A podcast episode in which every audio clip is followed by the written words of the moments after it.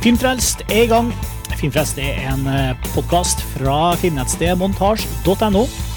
Du kan finne mer informasjon om denne og om tidligere episoder på montasj.no der du også kan delta i diskusjonstråder om hver enkelt sending. Og vi distribueres også nå i samarbeid med Dagbladet, så det er godt mulig at du hører på denne episoden nå via db.no slash film. Jeg heter Martin Sivertsen, og før vi går videre her vil jeg bare si et par ord om denne episoden.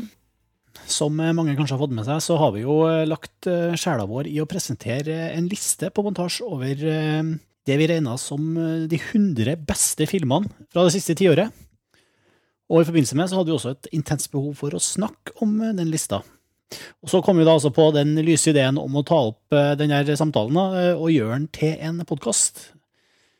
Nå er det ikke nødvendigvis sikkert at det var en kjempegod idé, for det tar nemlig ganske lang tid å prate om 100 filmer, faktisk. Vi så jo for oss at det kanskje ville være unnagjort på et par timer, men hvis det har skjedd på lengden på episoden du hører på nå, så er jo den allerede over fire timer lang, og da har vi bare klart å telle, å telle oss ned gjennom de første 50 filmene på lista, så det blir altså én podkast til etter den her for å komme oss gjennom de øverste 50 filmene på lista. Men nå har det heldigvis blitt veldig mye god filmprat av alt det her, og vi kan love deg mengder av spennende perspektiver på både filmer du har sett, og gode tips om filmer du kanskje ikke har fått med deg. Det er jo tross alt 100 knakende gode filmer som vi snakker om her, men samtidig så har vi full forståelse for om du skulle synes at vi har begått en aldri så liten forbrytelse mot podkastformatet her med å lage så lange episoder, og at du kanskje da velger å stå over dem her. Det er helt greit. Og vi lover at uh, uansett at det blir minst ti år til neste gang vi gjør noe sånt. Og så snart vi får gjort unna de to topp 100-episodene her, så går Filmfrelst tilbake i vanlig modus med kortere episoder og de vanlige diskusjonene våre om, om aktuelle kino- og DVD-filmer. Så med den lille disclaimeren så er vi altså klart å kaste oss inn i den første av to episoder om de 100 beste filmene fra 00-tallet. Og med meg over Skype har jeg Eirik Smidesang Slåen, Karsten Meinick, Kari Petronella Finstad og Lars Ole Kristiansen. Hallo, alle sammen. Hallo. Hallo. Hei. Hei. Yes, det, det, her er altså den store, den virkelig store listeepisoden vår. Det er jo tida for lista. Vi har hatt, vi har hatt topp ti for 2009. Stor, stor, stor sak på montasje. Den lista skal vi ikke ta for oss i podkasten her. Men det er jo en sånn dobbel anledning her til å komme med sånne oppsummeringsartikler, for det er jo også slutten av et tiår og begynnelsen på et nytt. Og da er det altså Har vi virkelig kleska til med topp 100 vi, fra, fra 2000-tallet, eller 00-tallet, eller hva vi kaller det. Fra 20-tallet. Det blir feil, det òg. Ja, uansett.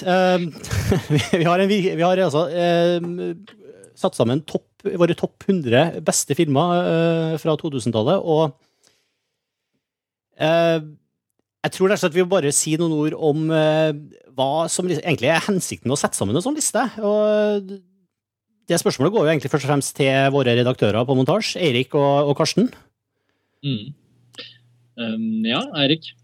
Hvorfor en topp 100? Hvorfor ja, 100 altså Det er jo veldig ambisiøst å skulle Altså, ti år. Det har kommet tusenvis av filmer, og så skal vi plukke ut uh, 100 stykker av dem som vi vil kanonisere, på en måte. Mm. Er, er, det et, er, det et, manifest for, mont fra, for montasje? Eller? Ja, men det er det jo absolutt. Ja. Det er, først og fremst er det jo et nerdemanifest, da. Mm. Fremfor alt. Det, er jo, det å lage en liste er jo i seg selv en sånn nerdeaktivitet. Innenfor musikk og innenfor film og hva som helst. Men uh, vi ser jo så mye film, og vi leser jo så mye om film, og vi krangler jo så mye om film og snakker om film, så vi måtte jo bare oppsummere hva vi til sammen mener er de 100 beste filmene fra 2000-tallet. Uh, så jeg vil si at det, hovedårsaken var en slags sånn nerdekatarsis. Kan jeg kalle det det? Bare, for å få det ut og bli ferdig med det. Jeg syns du, du, kan kalle det det, Erik. Det det er jo uh, Ikke bare er det katarsis og selve å konkludere med den listen etter mye diskusjon, men, men det å også gå igjennom tiåret og mentalt gå tilbake og, og besøke noen av filmene om igjen. og virkelig, det, det, krever en viss refleksjon for å føle at man gjør en sånn liste på en ordentlig måte. Ikke bare en tulleliste, men vi har jo gått ganske grundig til verks. Og Da blir det jo måte, et manifest, som du kalte det, eller et kjærlighetserklæring til 00-tallets beste filmer. Mm. Og så er det veldig morsomt å få rydde opp i hodet som filmnerd. Altså, man har hatt ti år med film, et veldig sterkt tiår. ikke sant? Eh, og så får man muligheten til å rydde opp og, se, og trekke noen linjer og se på hvilke regissører som har gjort uh, store ting, og hvem som ikke har gjort store ting, og hvilke filmer har man glemt allerede, osv. Så, videre, ikke sant? så la oss kalle det en slags uh, oppsummering av engasjementet vårt de siste ti årene, kanskje. Og, en, og, det kan også da ses på som en guide for la oss si mennesker som er ti år yngre enn oss, som kanskje vil catche opp? ja, ikke sant. Eller det er jo mange som kanskje har vært for unge til å se filmer, og så har de gått til glemmeboken. ikke sant? Det kan, det kan også fungere som en fin guide. Mm. Ja, og det, og det, er jo også for de menneskene, men også, det er jo også en guide for meg, ser jeg. Altså, jeg har jo vært med å sette opp den lista her. Eh, men når jeg ser på lista, så eh, ser jeg jo at det er for det første mange filmer jeg ikke har sett. Veldig mange, faktisk. Og samtidig så er det er jeg grovt uenig i en, i hvert fall et par av, av, valgene vi har gjort. og da, Du nevnte at det er viktig at vi gjør det her på en, eh, på en ordentlig måte. Karsten, vi må nesten si litt om hvordan vi har satt sammen lista, for det er jo en eh, det er jo resultat av en ganske sånn streng demokratisk prosess der. Nesten, ja. ja. Ja, Demokrati har jo vært en av de tingene for vi, Montasj utgjør en ganske stor stab. Uh, I tillegg til at vi har en kjerneredaksjon som uh, rommer fem mennesker. Eirik og meg, Trond, Lars Ole og Sivert. Eh, så er det jo en stab som, som, er ganske stor. Og det betyr at meningene er mange. Og man trenger et stort utvalg av filmer å, å begynne med, før man på en måte spisser det til. Da. Det var i hvert fall utgangspunktet. Så kan kanskje Eirik si litt mer om detaljene. Altså, vi, vi, delte et uh, Google Docs, såkalt, eh, hvor alle kunne legge inn sine kandidater eh, fra 2000-tallet fram til en viss dato. Og så ble de alfabetisert, og så stemte vi faktisk på de, så valgte vi ut våre 50 favoritter, da, hver enkelt. Som vi ga poeng, ikke sant. Fordi jeg kom for med 50 filmer. Hver av oss pluss uh, hele resten av redaksjonen kom med 50 filmer. Nei, eller, mer. Altså, alle, eller mer alle, ja. alle, kunne legge inn så mange kandidater til nominasjonsliste. En viss dato. Ja, til nominasjonsliste. Mm. Og så skulle vi stemme fram 50 av de hver. ja, sånn var det nettopp. Og I sum så ble det en liste som, eh, med 100 filmer, da, og hvor alle skulle stemme på 50, så ble det jo veldig mange titler som ikke ble med ikke sant? av sine egne, pluss selvfølgelig veldig mange man kanskje ikke liker som er på lista. Fordi man stemte jo bare på halvparten av det selv. Så, men det var en veldig streng prosess. Det var uh, frister, og det var uh, skikkelig system i galskapen. Så, så men den er veldig, da, altså, veldig matematisk og statistisk? Sånn ja, det er jo Trond som tok seg av regnestykket. da, Jeg vet ikke hvor lenge han holdt på, men det var jo en bra jobb. Han å regne sammen alle de stemmene. Og en ganske sånn egentlig motsatt tilnærming i forhold til det vi gjorde på 2009, årets beste filmer-listene våre, hvor vi lot hver enkelt redaksjonsmedlem og skribent få presentere sine topp ti eh, uredigert. Altså, mm. Da var det på en måte Da, da ble det en, en, liste som Da fikk hver enkelt person sin liste, som man kunne liksom sette opp fritt. Det ble mer subjektivt, da. Mens ja. denne gangen så er det Montage sin liste. Mm. Så uh, man regnet ut poengene etter hvilke filmer som sto høyt eller lavt på de respektive topp 50-lister. Og ut fra de uh, summene som Trond da regnet ut, så utformet vi en topp 75. og de resterende 25 titlene som da er en del av listen, de måtte på en måte kureres litt mer nøyaktig enn avstemning. fordi det som skjer med en avstemning, er det at filmer som kanskje har vært veldig populære, eller som nesten alle har sett, får en større mulighet til å sanke poeng enn filmer som har unnsluppet flere av medlemmene. Så vi måtte, måtte, ha et sikkerhetssystem, sånn at ikke listen bare ble en popularitetsrangering. Eh, ja. Mm.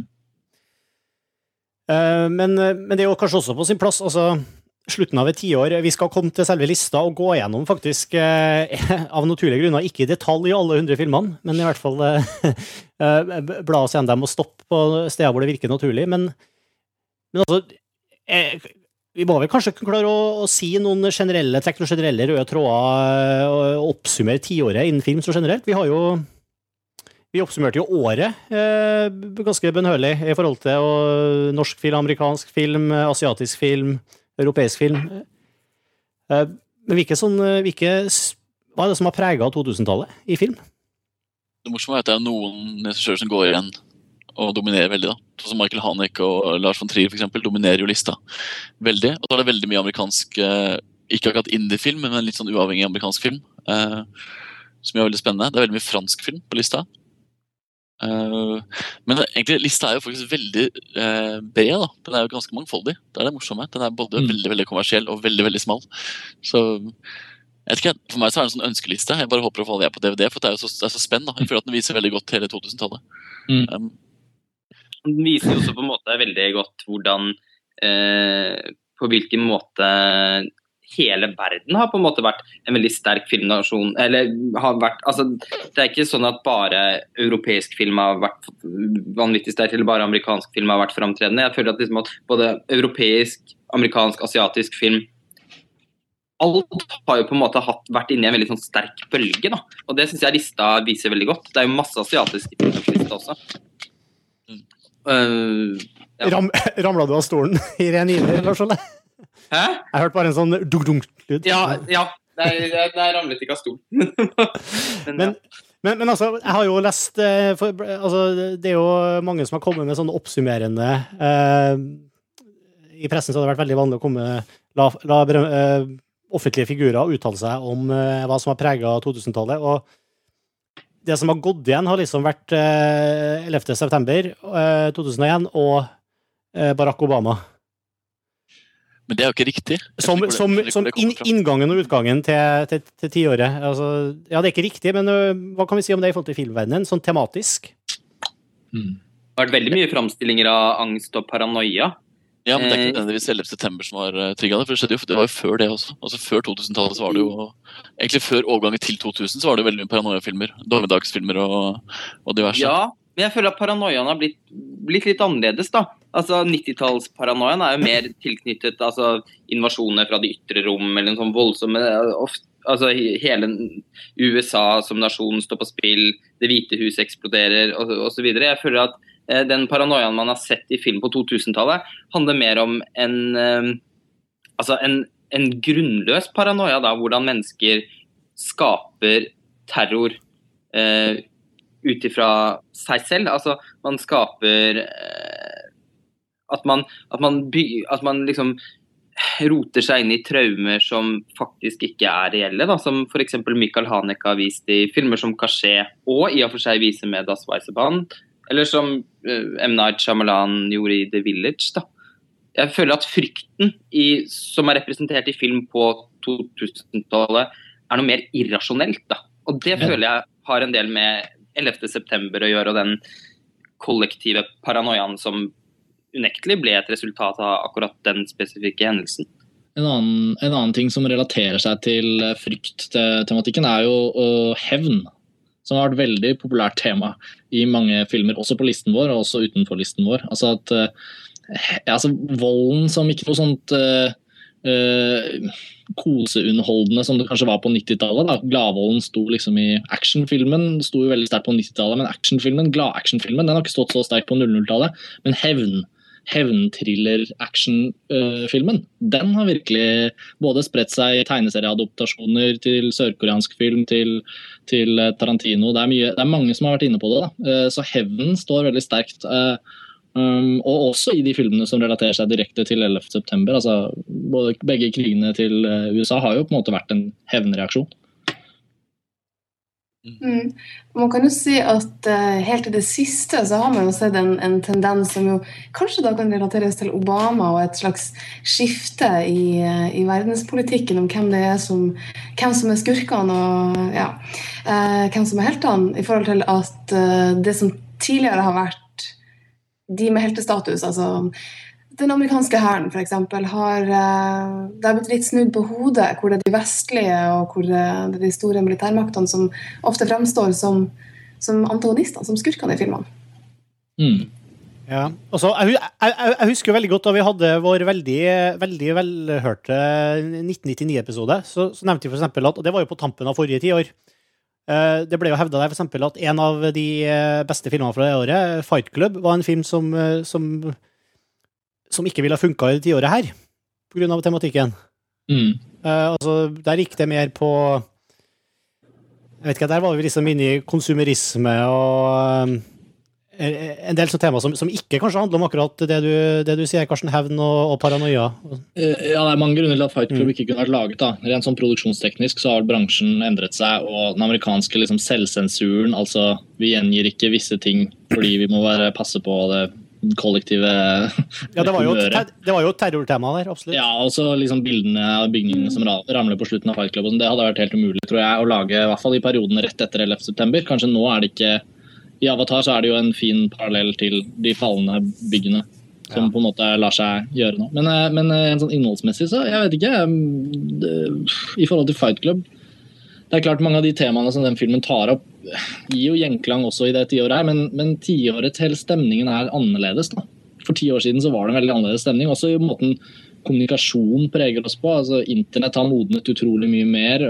Kjendiskultur og den typen sånn Også for, forbrukskulturen, om ikke den har endret seg så mye, så føler jeg i hvert fall at måten den skildres på på film, er ganske annerledes enn det var på 90-tallet. Og 90-tallet kulminerte jo da med Fight Club og de andre filmene i 1999. Og så vil jeg vel også si at det har blitt kanskje mer eh, Familien da har blitt sterkere tema enn Det kan man jo se på altså I likhet med både i og for seg både på 70- og 80-tallet så var det jo familien et sånn ganske viktig motiv i filmen. Og det føler jeg på mange måter at ble noe mer utvisket på 90-tallet. Der var det mer den derre mm, Altså den enslige mannen, eller som, Blant annet som en del av den konsumerismen. da. Da var på en måte familien en litt sånn tapt verdi. Mens på 2000-tallet føler jeg at familien har stått veldig sterkt da i veldig mye film. Men det er jo ikke den klassiske familien da, som er så sterkt. Det er jo en ny type familie som har uh, dukka opp. da. Det er veldig mange filmer som er handler ja, om nye, nye relasjoner. altså Det har vært veldig mye film om, eh, om eh, homofile eh, altså konstellasjoner, for eksempel, som har gjort det veldig veldig bra, som er veldig viktige, som ikke kunne vært laget film om på den måten på 70- og 80-tallet. Det, som man. Det er jo selvfølgelig veldig sant. Og så har du fransktalende filmer som uh, Barbarens invasjon fra Canada, som handler om uh, sånn relasjonsoppbrudd og handler om en sånn gjeng, altså familien som en gjeng, da, altså en vennegjeng, på en måte, uh, til uh, en julefortelling som handler om en, et opprør i en familie, altså et, et familieoppbrudd. da. Så jeg vil jo si at egentlig Hvis det handler om familie nå, så handler det om de nye familiekonstellasjonene og oppbruddet med de gamle familieverdiene. da. At det har snudd, på en måte. Syns seg opp ned. Mm. Mhm. Men det, er mye, det som er interessant, er at det er veldig ofte samholdet og, og eh, fortsatt litt retten til å være den man er. Du har en del familiefilmer som, som fokuserer på de litt snodige familiene, som Little Miss Sunshine, f.eks. for eksempel. Mm, mm. Der, eh, der er det, ja, det, det å holde sammen for å, å på en måte gi styrke til en person som kanskje faller litt utafor, ser ut til å være en tematikk som har vært ganske populær på 00-tallet. hvilken film sa du? Sunshine? Little Miss Little Sunshine. Little Miss Sunshine. Altså, det, det, som er- morsomt, er at når, når, amerikan, når eh, amerikansk film anno 2000-tallet skal portrettere familie, så er, eller kjernefamilie, så er det gjerne en veldig bisarr familie. Altså, det er ikke den der forstadsidyllen som vi så brutt opp i American Beauty og The Ice Storm. Det er liksom en sånn veldig bisarr konstellasjon, da. Som er den positive kjernefamilien. Men det er liksom Royal Tenenbaums det, Ja, det er ja, bisarre, rare familier. Ja, det er ikke Chevy Chase sin uh, familie fra Christmas Vacation. og- Nei, men altså, det er veldig godt poeng som Eirik har der, syns jeg, med at den herre eh, Altså, på, i American Beauty for eksempel, da, så blir jo den litt sånn perfekte, klassiske familien framstilt som noe forferdelig ekkelt. Og det er en, eh, ender jo opp å bli en konstellasjon som faktisk filmen fordømmer, da, sånn rent verdimessig. Eh, mens i 2000-tallet så har jo på en måte på, på tross av at familiene har vært litt merkeligere og mer utradisjonelle, så har de nesten genuint representert en veldig positiv og samlende kraft. da. Mm. Mm. Ja, det ser du jo til og med i, eh, i action-animasjonsfilmer som The Incredibles. Det er jo eh, styrken til familien når man står sammen som eh, ja, det blir satt fokus på. Men det er i hvert fall ikke en mannfamilie. Det er en, det er var kanskje det beste eksempelet egentlig på akkurat det vi snakker om. Mm. Ok. Eh, Men jeg skal si at det er morsomt å se på norsk og svensk og dansk film. Da, i så måte, fordi Dansk film har jo fullstendig brutt ned familieverdien ikke sant? I, i mange år. Men svensk film anno 2000-tallet har jo virkelig laget sånne bisarre konstellasjoner. Tenk på en sånn film som 'Sanger fra andre etasje', da, på en måte, som ikke har et eneste familiemotiv. Det er mange mange fortellinger i en stor film, ikke sant? men egentlig er det ingen som handler om kjernefamilie kjernefamilier. Det handler bare om enkeltindivider som sliter med et eller annet imot samfunnet. ikke sant? Eh, som er svenske måten å gjøre det på. Som de også har i De ufrivillige. og Man, man, man tenker sitt. Mens i Norge da, så har vi laget sånne kompiskomedier. ikke sant? Jeg mener, altså, hvis du ser på norsk film i forhold til hva som har skjedd ute i Europa, så har jo norsk film vært utrolig flau. da, for eksempel, fordi Vi har jo laget filmer som har handla om guttegjengen som eh, altså Alle har jo snakket om det her før, men altså guttegjengen som, som både skal finne sammen og bo i kollektiv, og så kommer det en dame inn, og så er det fram og tilbake på det. Veldig sånne banale ting, da. Har på en måte norsk film tematisert. Og faktisk ganske ofte på en måte har norsk film hengt igjen litt på 90-tallet i forhold til tematikk. da. Eh, kanskje, Det og, og, ikke sant? Kanskje fordi mange av de filmskaperne som fikk eh, uttrykt seg i norsk filmbransje på 00-tallet, eh, egentlig brant inne med mye ting de ikke fikk ut på 90-tallet. Og, det seg litt over i 00-tallfilmene, som, som ofte føltes litt sånn tematisk malplassert. Da. Ofte tematisk veldig hule. Mm. Og Det er vel kanskje en av årsakene til at norsk film ikke er sånn grassat godt representert på listen vår. Ja, og, og, og på filmfestivaler i Europa. For det, altså, norsk film speiler ikke en tendens da, akkurat nå. Så norsk film er ikke aktuelt på festivaler, for vi er ikke, vi er ikke i teten. da. Vi, har ikke tematikk som gjør at vi vekker noe oppsikt. Vi føles gammeldagse. da. Um, Mm. Heldigvis er det tenkte nytt tiår nå. Ja, ja, nye, nye muligheter. Jeg tenkte på en film som virkelig oppsummerer den nye relasjonsidentiteten på 2000-tallet. er jo Lost in Translation av uh, Sofia Coppola, som virkelig handler om en ny konstellasjon. ikke sant? Mm. Altså denne gamle mannen og unge jenta. Mm. Altså, det er jo fullstendig snudd på hodet. Gamle mann, eller altså, Han er ikke gammel, men den noe eldre mannen da, som uh, har kona på telefonen og uh, egentlig har det ganske kjipt med kona, og så møter han en sånn ung jente som også har det kjipt på sin måte. ikke sant? Og Hun er ung, er i et parforhold som er helt nyetablert, men det fungerer ikke, osv. Og, så og så møtes de to på tvers av aldersgrensene. Og den er, den er jo utrolig, Det er jo en sånn tilstandsrapport som jeg vil si oppsummerer ganske godt eh, relasjonsdrama anno 2000-tallet. Der kommer du inn på en annen viktig ting eh, vi må ta opp før vi går videre til selve listen. Fordi kjærlighet eh, som tema den er jo aktuell i alle tiår av film- og litteraturhistorie og kunsthistorie. Kjærligheten er jo et av de store temaene som tas opp, men på 00-tallet så har det vært veldig mange som fragmenterte, brutte, kanskje ganske mye mer melankolske kjærlighetshistorier, da, som har vært de sterkeste kjærlighetshistoriene. De som virkelig har gitt gjenklang hos mennesker og som har blitt liksom, kulturelle milepæler. De har ofte representert den typen kjærlighet som enten er umulig på sitt eget vis, eller som er som er, eh, la oss si f.eks. i Evig solskinn i et plettfritt sinn, hvor du på en måte prøver å Det var akkurat den filmen jeg skulle ta. jeg prøver å karre deg tilbake.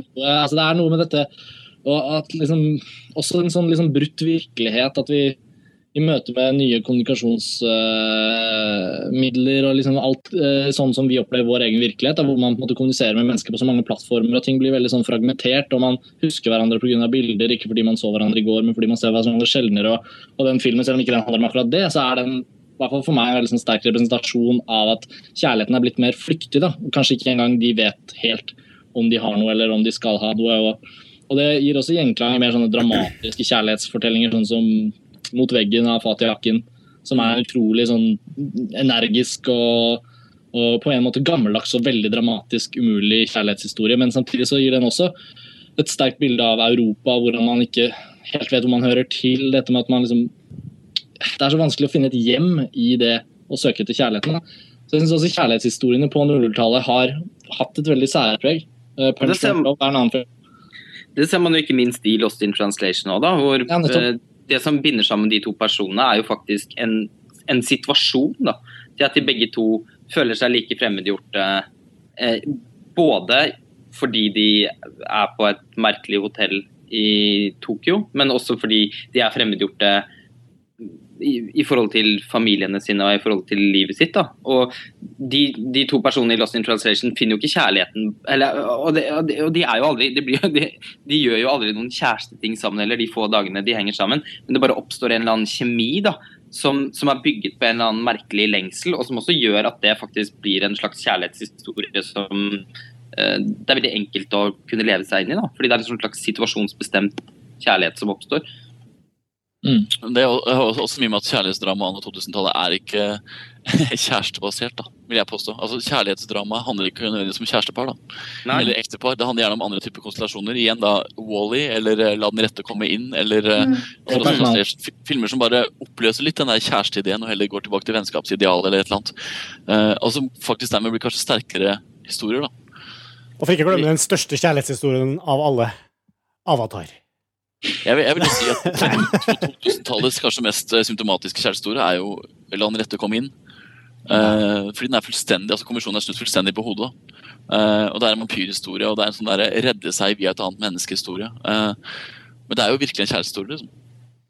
Mm. Ja, samtidig som Ja, vi hadde ja, Samtidig som hun, som hun på en måte sluker han. Jo, men det, Men altså, det det, det, det, det er det, det, til veldig- kjæresteroller, for eksempel. Mm, ikke sant? Men ok, eh, skal vi hoppe inn i lista vår, eller? Ja.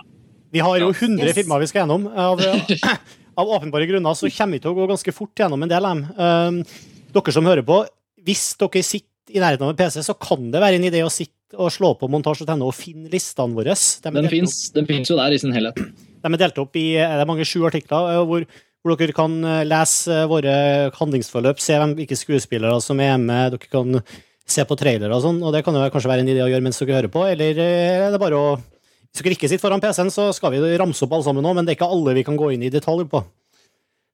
Bare så jeg har sagt. Ja, men vi begynner også på, eh, på 100.-plass. Red Road. Andrea Arnold har har Ja. regissert den. Det var jo en eh, eh, film satt til, til Glasgow. Eh, hun er jo aktuell eh, nå i dag, fordi hun har en film som kommer på kino eh, om få uker. Som heter, som heter Fish Tank, som er veldig bra. Jeg har nettopp sett den. Um, og Red Road er også veldig bra. Eh, Jeg vet ikke om jeg skal si så mye mer om det, men eh, Veldig bra britisk sosialrealistisk drama. Også en slags hevnhistorie som man ikke helt forstår før Ja. filmen er over. veldig streetwise. Og Veldig fin. 99 of Time and the City. Terence Davies. Også en gateurban film. Eh, Her er en dokumentarfilm. Eh, Jeg har ikke sett den, men Eirik, du har skrevet Oppdalen. Eh, Et par kjappe ord om den? Uh, Terence Davis som har regi. det er en film som handler om Liverpool, eh, som er hjembyen til Terence Davis. En slags sånn poetisk skildring av eh, Det er vel de siste 120 årene, er det ikke det, Karsten? Ja, noe sånt. Noe sånt ja. Ja, Klippa sammen av dokumentaropptak, pluss at det er en fortellerstemme hvor Terence Davis forteller dikt og forteller sitt forhold til Liverpool. Mm. Uh, men det her er jo en fantastisk poetisk dokumentar, som også da er laget av en regissør som heter Terence Davis, som sagt, som enda ikke er noen sånn navnekjendis blant uh, allmennpublikummet, men som har laget uh, veldig mye bra film. da. Distant Voices, uh, Still, uh, Still Lives og Mm. House of Murph. Den, den ser veldig pompøs ut på traileren. Ja, Den er ikke pompøs. Nei, ok. Altså, det, er, det, er, det, er, det er så typisk, du, bare, du bare forsvinner rett inn i handlingen fordi den er så poetisk at du bare du glemmer litt tid og rom. da, som Det kalles. Du bare, Den fanger deg fullstendig med nydelig musikk og en veldig flott fortellerstemme. Ja, det husker jeg, Vi snakket mye om Erik etter at vi hadde sett den i Karlovy Vari. eh, At den fortellerstemmen han bruker et så rikt ordforråd fra det engelske språk at selv om man noen ganger ikke helt henger med fordi det er så måte, innfløkt og nydelig beskrevet, så er på en måte bare lyden av stemmen hans har en sånn egen eh, verdi og klang i seg selv at det nesten blir musikalsk i tillegg. Da. Det er veldig veldig vakker, den filmen. Og så er det ikke minst en helt ekstremt sånn dynamisk bruk av arkivmateriale. Jeg tror aldri jeg har sett, eh, sett det blitt brukt på en så god måte før, da, til å, til å fortelle en historie, for det er faktisk også det han gjør. Den er ikke, sånn, eh, den er ikke noe sånn klønete assosiativ på noen som helst måte. Den, er veldig lite billig i måten den eh, i måten den forsøker å være poetisk på. Da. Jeg syns han gjennom hele filmen forteller en historie, og det var i hvert fall noe av det jeg husker at jeg satte veldig pris på med den filmen. Og, og forrige filmen hans var jo da fra 2000, og denne kom i 2008, var det det? Så han brukte på en måte hele tiåret på å få det, Eller tiåret kulminerte i denne filmen her, da, for hans del. Så vi, vi håper Terence Davis øker tempoet i neste tiåret og lager oss flere filmer, fordi han er virkelig en stor filmskaper. Så det var 99 of Time in the City. På 98. plass har vi De utrolige, The Incredibles, fra Pixar, som vi snakka så vidt om i stad. Men eh, på eh, Vi håper Yay! Første fra Pixar. Første fra Pixar. Det, det blir flere Pixar-filmer på lista. Uh, nummer 97, Binjeep, Tomme hus. Altså, Dette er den første sørkoreanske filmen på lista, og det, det er mange sørkoreanske filmer på lista. Eh, Kim Ki-duk heter regissøren, som er veldig produktiv. Jeg siterer fra Sivert sin uh, omtaletekst her. Dette er hans mest tilgjengelige film. Eh, det hele handler om en ung mann som bryter seg inn hos vanlige folk bare for å tilbringe noen få timer der han tilsynelatende lever et normalt liv. Han lager seg middag, vasker klær og kopper. Helt vanlige ting folk gjør hjemme hos seg selv. Eh, Det er mye sørkoreansk film på lista vår. Mm. Og det, der hørtes, det hørtes jo uutgrunnelig kjedelig ut. Det gjorde det. ikke sant? Men det er umulig å beskrive den filmen. Men det er, det er det er veldig lite kjedelig. Den er jo øh, jeg, Av de mm, Kim Ki-duk-filmene jeg har sett, så er også det Binjip den jeg har likt suverent best. Kanskje dette fordi den, den er den mest tilgjengelige, jeg vet ikke. Men jeg syns at den tok opp eh, en, Altså, jeg, den ga meg følelsen av å på en måte ønske å høre til, da.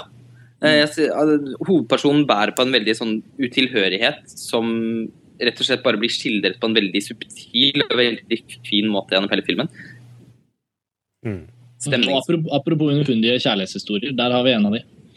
Og ap ap apropos særtrekk ved 2000-tallet, Sør-Korea. Bare for å si Sør-Korea, altså hvis man skal sjekke opp eh, noen land, da. som har markert seg på 2000-tallet, så er Sør-Korea et eh, Mm. høyt oppe. Og det her er ikke den siste sørkoreanske filmen på lista vår. Eh, nummer 96, En julefortelling. En conte de Noël fra eh, Frankrike. Altså, En julefortelling er jo fransk film på sitt virkelig beste, vil jeg påstå. da. Det er liksom sånn som fransk film som jeg skrev i omtalen, Det er kun fransk film som kan få til å være sånn som en julefortelling er. Jeg tror ingen, ingen andre kan lage den filmen, er min påstand.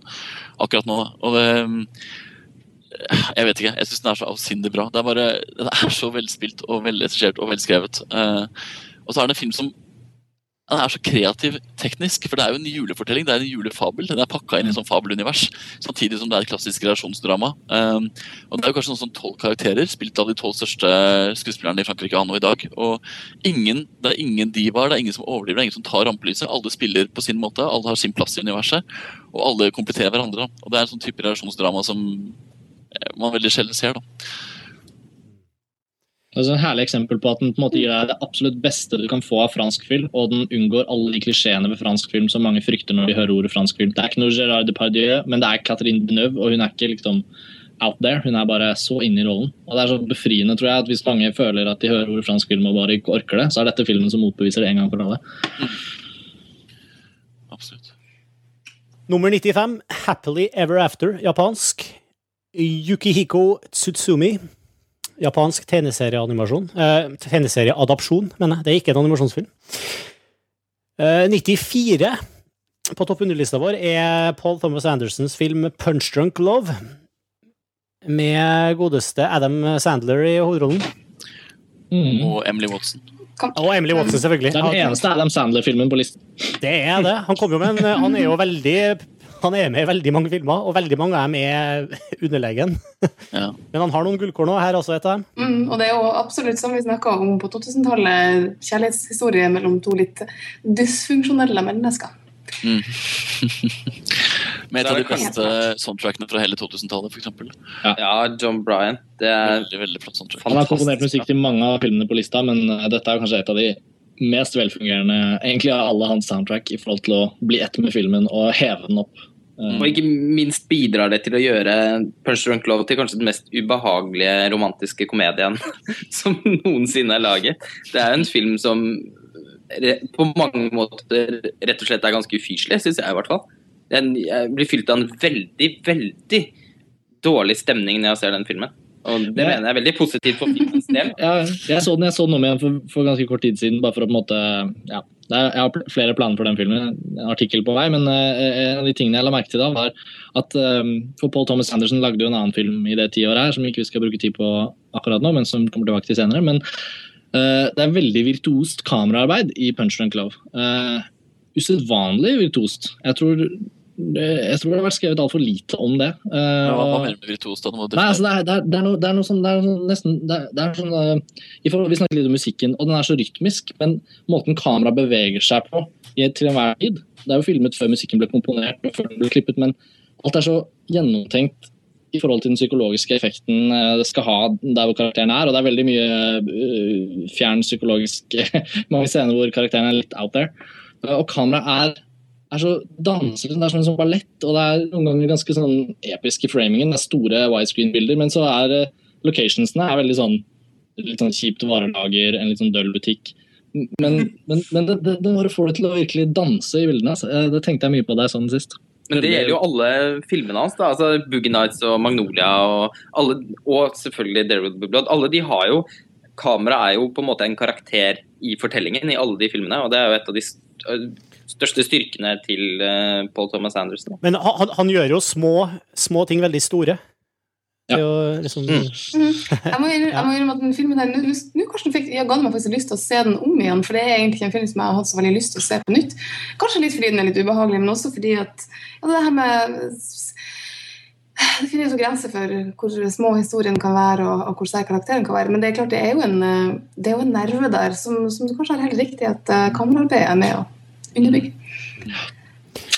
Vi har Jeg må Unnskyld, nevne, Erik. nevne at det er eh, Robert Elswit som er fotografen. da. Får med han ja, som også er jeg en nøkkelfigur på 2000-tallet. Robert Mm. Elswit. Du får si ifra når han dukker opp igjen. Ja. Vi er, nummer 93 har vi West Andersons film The Royal Tenenbaums, som er også snakk om familiefilm. Ja. Det her er jo eh, familie. psyk psykedelisk-versjonen av familiefilm. Ja. Uh, ja, vi kan eh, Det er en film som bare må ses. Det er det er vanskelig å forklare hva den handler om. Ja, det var faktisk litt sånn Hva skal man si om den her nå? Men helt klart, hvis vi skal snakke om familie, familiehistorie som er litt atypisk, så er vel eh, Royal Tenenbaums uh, up there. Absolutt. litt sånn, litt sånn sy- sy- Syns det er en litt sånn derre Fretex-versjon, ja. Den, ja, den, Skal ikke klassiske, dømme sånn. på hårene og så videre. Nei, men eh, den har på en måte, Det er litt sånn tradisjonell dysfunksjonell familiefortelling, og så har de gått inn på Fretex og tatt på seg litt sånn kule klær, og så er det kult. Den er ikke, den er ikke så dum, altså. Men det høres ut som du, eh, du føler at den er litt, litt over, overrated, kanskje? Ja, det syns jeg bestemt. Det syns faktisk jeg også. Jeg Ja. Det er, men det er interessant, fordi Royal Tenenbaums eh, den har jo virkelig fått to leire da, eh, opp gjennom tiåret. Uh, Wes Anderson har jo laget andre filmer på tiåret som ikke er representert. Han er bare representert med den filmen her på lista. Den er liksom en evig debatt rundt den der. Ja, men først, det, det spiller veldig på at den setter opp en hel masse sånn litt sånn absurde eh, karakterer med en del sånne nykker som du liksom skal Du blir liksom tvunget til å, til å synes at de er morsomme. For det er jo først og fremst en komedie. Jeg syns det er følelsene det handler om når man ikke helt falt for den filmen. Jeg har heller ikke helt falt for den. Det er liksom at Man bryr seg ikke til slutt egentlig så veldig mye om noen av dem. Eh, Og de bryr seg ikke så mye om hverandre. Så det blir veldig sånn finurlig og veldig Fretex, som Lars Ole sier. Og så er filmen over, så er man veldig imponert over mange ting, men så tenker man at egentlig så bryr jeg meg ikke om hvordan det går. Og det syns jeg ofte er en sånn lakmustest på om en film holder, da. Mm, og jeg merker at jeg på en måte ikke Jeg husker ikke så mye av historien egentlig. Og det, kan, det betyr jo bare at jeg har ikke brydd meg så mye om de her menneskene. Rett og slett. Hva i huleste gjør den filmen på lista vår? Mm, vi får si det er viktig, det er viktig at den er der. Jeg har inntrykk av at hvis eh, Wes Anderson skulle hatt en film på den lista, uten at jeg har sett filmen ennå, så har jeg inntrykk av at det faktisk skulle vært The Fantastic Mr. Fox. Helt enig, men den eh, kommer jo for så vidt ikke i Norge da før eh, i år. Den kvalifiserer vel ikke til å havne på lista vår, nei? Ja, den Men den er jo, den er jo kjempemorsom, syns jeg, da. Så den er jeg en stor, eh, stor fan av. Gleder meg til det. Den har vel bare blitt vist på, i festivalsammenheng eh, for norsk publikum, tror jeg. Vi kan jo bare nevne kort her at vi har et forbehold i listen vår om en del filmer som ikke eh, de flesteparten av oss har fått sett som kom sent i 2009. Eh, og utpå våren i 2010 så kommer vi sikkert til å komme med et vedlegg til listen hvor om mulig enkelte filmer som har vært ekstra gode på slutten av 2009 som ikke rakk å komme med på listen, skal få sin måte, plass i himmelen. Ja, men det er jo en bra ting. På 92.-plass har vi eh, en film som heter Workmeister Harmonies.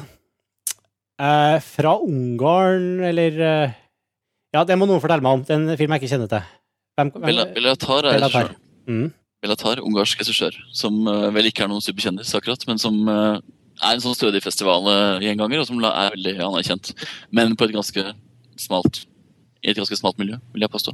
Det her, det her, det her er vel kunstverket framfor alle kunstverkene på lista vår. Altså den filmen som virkelig veldig få har sett, men som er det derre altså jeg påstår, det er kunstverket som fortjener plassen fordi noen turte, eller noen fikk til å lage en film som bare skulle være et kunstverk på 2000-tallet. Um, det er jo nesten ingen som har sett den filmen i Norge, tror jeg. er det det? Um, Nei, jeg har ikke sett Det var det jeg skulle si. Jeg, jeg hadde jo ikke sett den.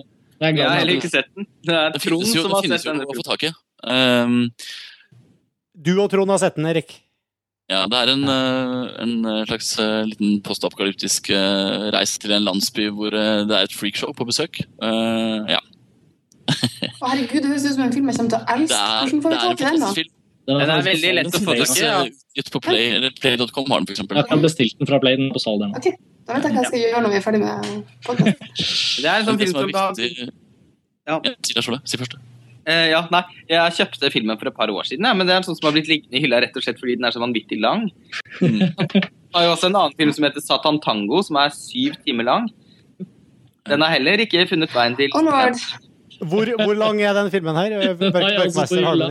Men vi, hvor, hvor lang, den er jo ikke mer enn to og en halv time, Lars Ole? Den er kanskje ikke det? Nei, det, se, da, nå kommer fordommene inn. Jeg tenker at den er lengre enn det den egentlig er. Ja. Den er litt lengre enn det. Altså. Altså, den er jo lengre enn en episode på en TV-serie, vet du. Ja, men det er jo et annet trekk ved 2000-tallet som vi ikke var inne på før. Filmene har blitt lengre. De gode Ja. filmene er gjerne en time lenger enn de var på 80-tallet, og i hvert fall- på 80-tallet. Men kanskje, Men jeg vil si hvis man skal gå til innkjøp av to filmer som skal være type sånn kunstverkene på 2000-tallet, så er det kanskje 'Optime Time in the City og, og den her, da. Fordi begge to er Og de er ikke krevende, altså. Det, det, altså jeg mener, den er, den er, ungarsk, men den er ikke spesielt krevende. Altså, er, det, det, er så, det er så ungarsk film og heter Bellatar og titler greier du ikke å uttale. og herregud, det må være en jævlig film. Men kjøp den og ta med Of Time City på rappen, og så ser du det på to kvelder, og så tipper jeg at du får en god opplevelse. Sånn sikkert uh, Ungarske filmnerder som lager podkast, og snakker sånn om Bent Hamer-filmer. Sånn, ja, men dere må se det, og det er skikkelig, det er oppe i nord og sånn, men det er veldig bra. Um, så kommer vi til, til Brian De Palmas eneste film på lista vår. Uh, på 91.-plass, Femme Fatale. Mm -hmm. Som uh, vi har fått uh, et par kommentarer på at vi i hele tatt har med. Han, har, han har vel lagd et par filmer på 90-tallet. Han lagde også Black Dahlia. Er det Den flere? er elendig. Den var ikke så veldig god. Jeg er helt enig. Er det flere? Ja, Mange mener jo at Femme Fatale er Ja, også Redacted.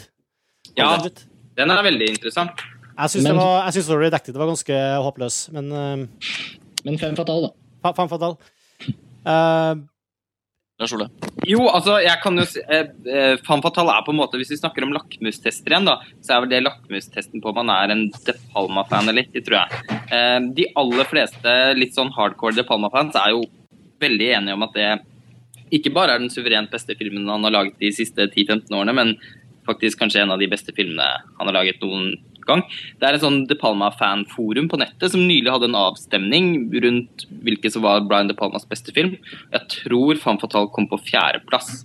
Så innenfor et sånn Brian De Palma-fanmiljø så er denne filmen veldig stor. Og på montasje har vi to, har vi to representanter fra det miljøet. Det er meg, og det er Trond. Og vi har jo begge stemt på, på denne filmen.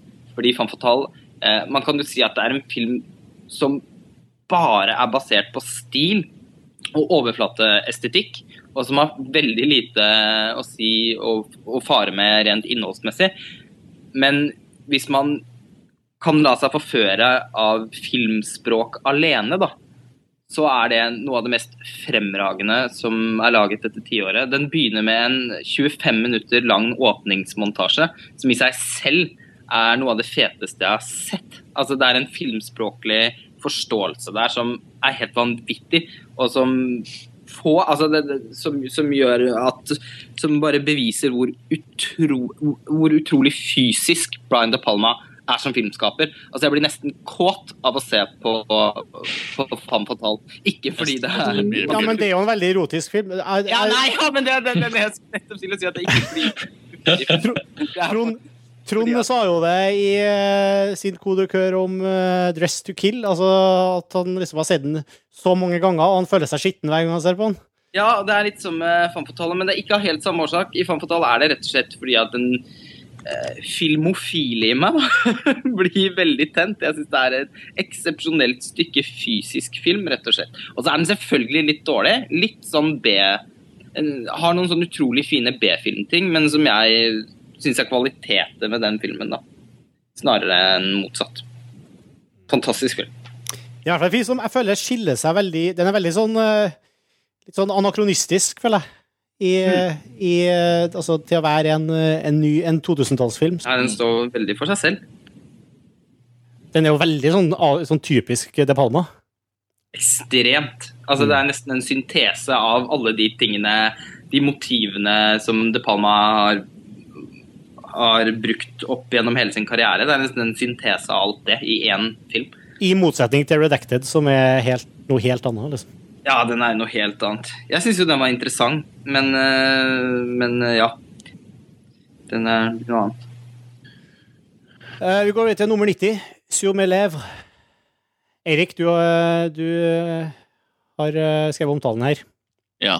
Uh, på, på, mine lepper, altså. Mm. Uh, det er en film av Jacques Audiard som uh, jeg vil påstå er en av de mest interessante franske filmskaperne som har dukka opp de siste årene. Eller Han har holdt på lenge, men han har først fått gjennombrudd siden nå, de siste åtte-ni årene. på mine lepper er dels sånn Hitchcock-pastisj, og dels en ganske sånn litt sånn romantisk komediespinn. med Emmanuel de Voss sin César-belønnet hovedrolle, en slags gjennombruddsrolle. og Vincent Cassel, Vincent Cassel. Men det her er for meg så er det skikkelig Det er en sånn film som eh, det ble laget veldig lite av på, på 2000-tallet. En sånn dels en veldig pastisj, og dels en regissør som tør å gjøre pastisjen fullstendig til sin egen. da. Kanskje litt sånn som Fan Fatale er, jeg vet ikke. Men eh, ikke han, ha- De Palme er også veldig Hitchcock. ja, ja, definitivt. Absolutt. Men Simulav gjør det på en litt annen måte. For Simulav eh, starter utrolig rolig, og egentlig så tenker du at, at det her var da veldig liksom, Ikke kjedelig, men det var litt sånn det var da veldig tamt. Skal det ikke skje noen ting? Eh, men plutselig så tar det veldig veldig av og blir veldig intenst og skikkelig thriller. Eh, og godt hjulpet av hun Emanuelle Voss, som spiller da en sånn døv eh, dame som blir fanga i et sånt slags ja, gangsteroppgjør. Så Jacques Audiard og Simon Lèvre er liksom for meg er to sånne stikkord for 2000-tallet. Fordi det er en regissør og en film som bare ja, Jeg elsker jo fransk film, men det er sånn som fransk, fransk støttesystem da, kan lage en sånn film. Og det syns jeg er interessant. Jeg har nettopp bestilt filmen på DVD, så du har i hvert fall overbevist meg om at jeg må se dette her.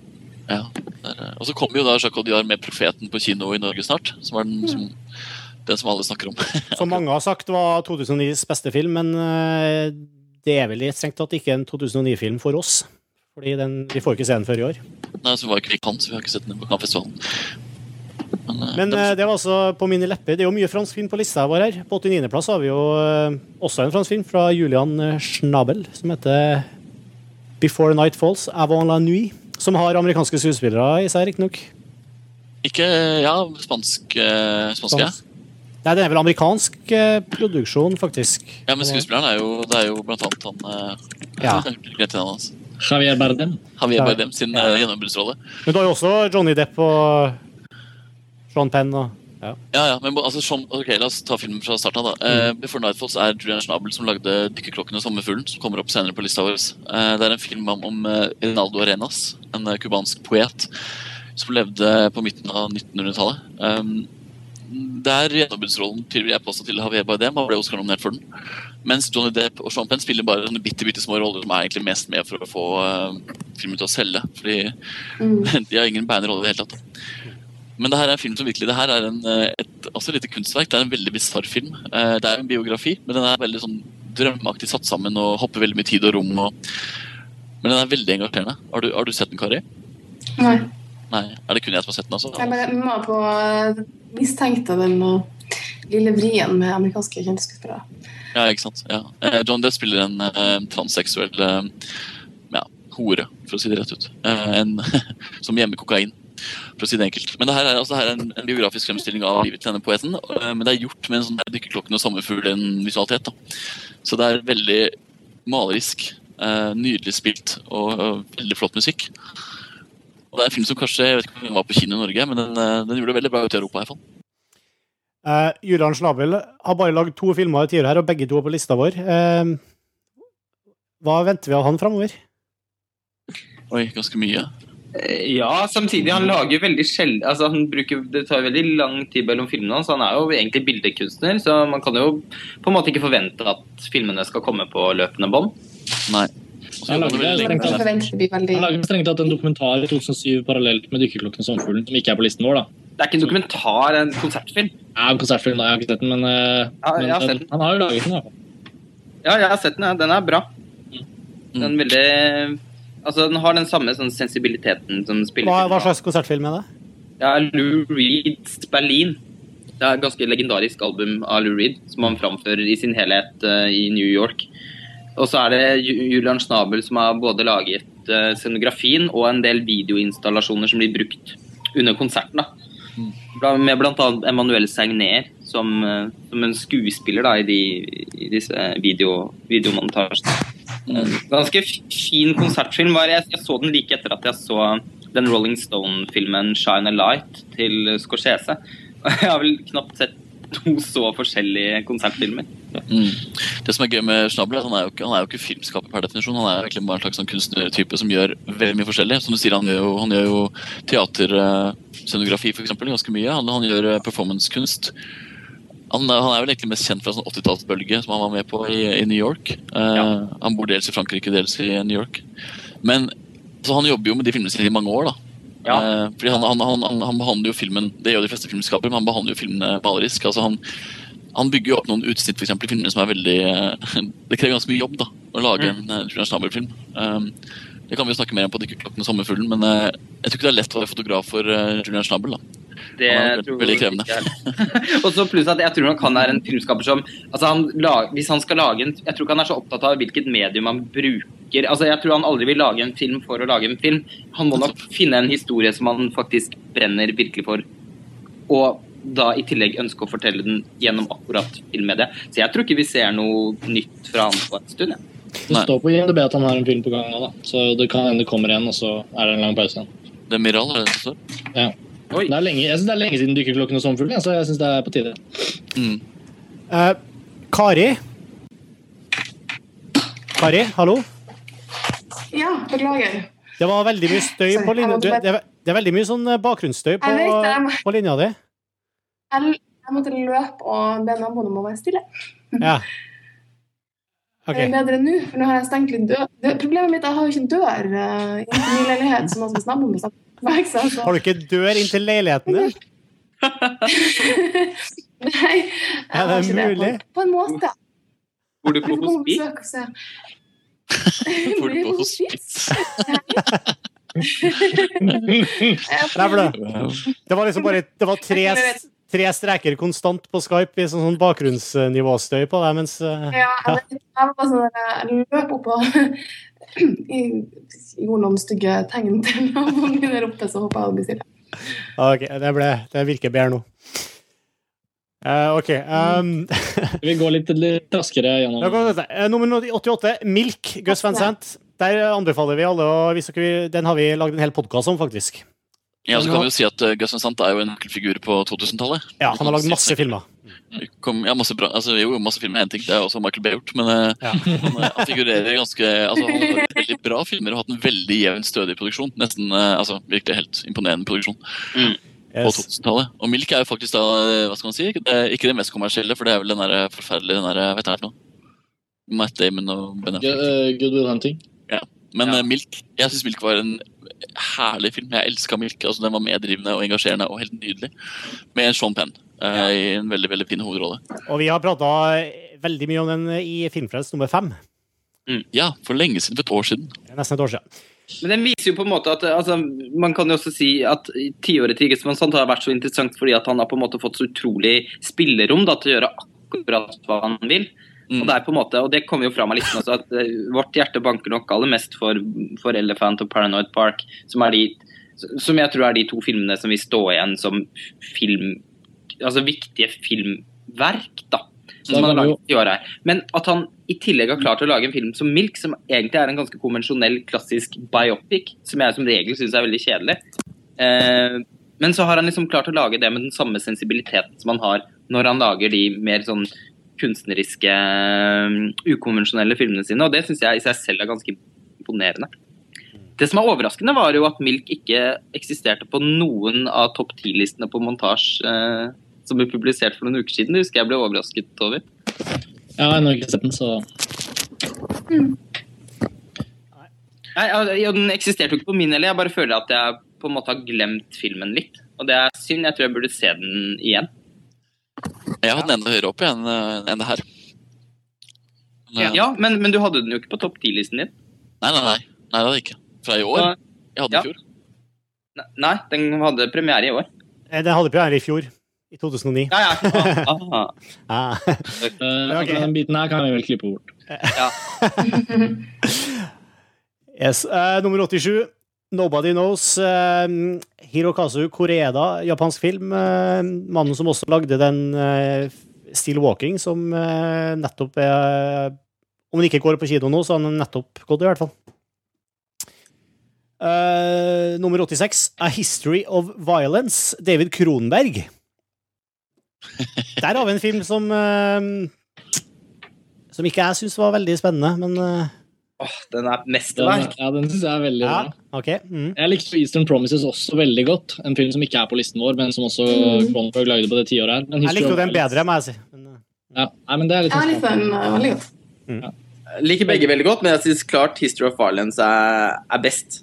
Jeg Ja. syns den er te mer tematisk interessant da, enn det Eastern Promises er. Så har den vel også noen av de flotteste både sex- og voldsscenene som er laget det tiåret her. Merker at du bruker ordet flott. Ja, da, jeg ville sagt noe av de grusomste voldsscenene og på en måte ganske vond sexscene.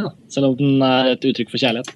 Ja, men det er kanskje det jeg syns er veldig flott. da, At, eh, at den er så kompromissløs i følelsesuttrykkene sine. Hvilken sexscene tenker du på? Jeg husker to, fra, eller i hvert fall to. Eller den i trappen, tenker jeg. Den i trappa. Den, det var den i trappa. Som For, jeg det, for, for jeg, tenk, jeg tenker jo mye på Det handler jo mye om eh, identitet og sånne filmer. Det er jo også en scene hvor, med, hvor uh, dama dresser seg opp i sånn eh, Cheerleader-kostyme. cheerleader-kostyme og sånt. Det handler jo mye om identitetsmasker og sånne ting. Um, Det er jo et fellestrekk mellom Eastern Promises og History of Violence. At Viggo Mortensens karakterer eh, ikke er den de utgir seg for å være. Og det, begge filmene er jo også fremragende spilt av, eh, av Viggo Mortensen. Og i History of Violence også Maria Bello. En fremragende bra rolle i den filmen. Ja. Og, og ikke igjen Hvorfor kom ikke Eastern Promises med på vår liste? Mon tro. Ja, Den var ikke populær nok, rett og slett. Jeg vil, nok- ja, jeg vil jo tro flere har kanskje sett på History of Violence, for det var vel en film som kanskje gjorde litt større inntrykk da den kom enn det Eastern Promises gjorde. det var litt omvendt for meg, men jeg, jeg ser poenget. Eh, Det, er- det, er ikke noe, det er ikke noe urfilm. Digresjon. eh, Eastern Promises, jeg hadde jo den som datefilm en gang. Det må jeg innrømme at kanskje ikke var det beste valget. Var det morsomt med den badstuscenen? Mm. Um, ok. Nummer 85, Harry Potter og Fangen fra Azkaban.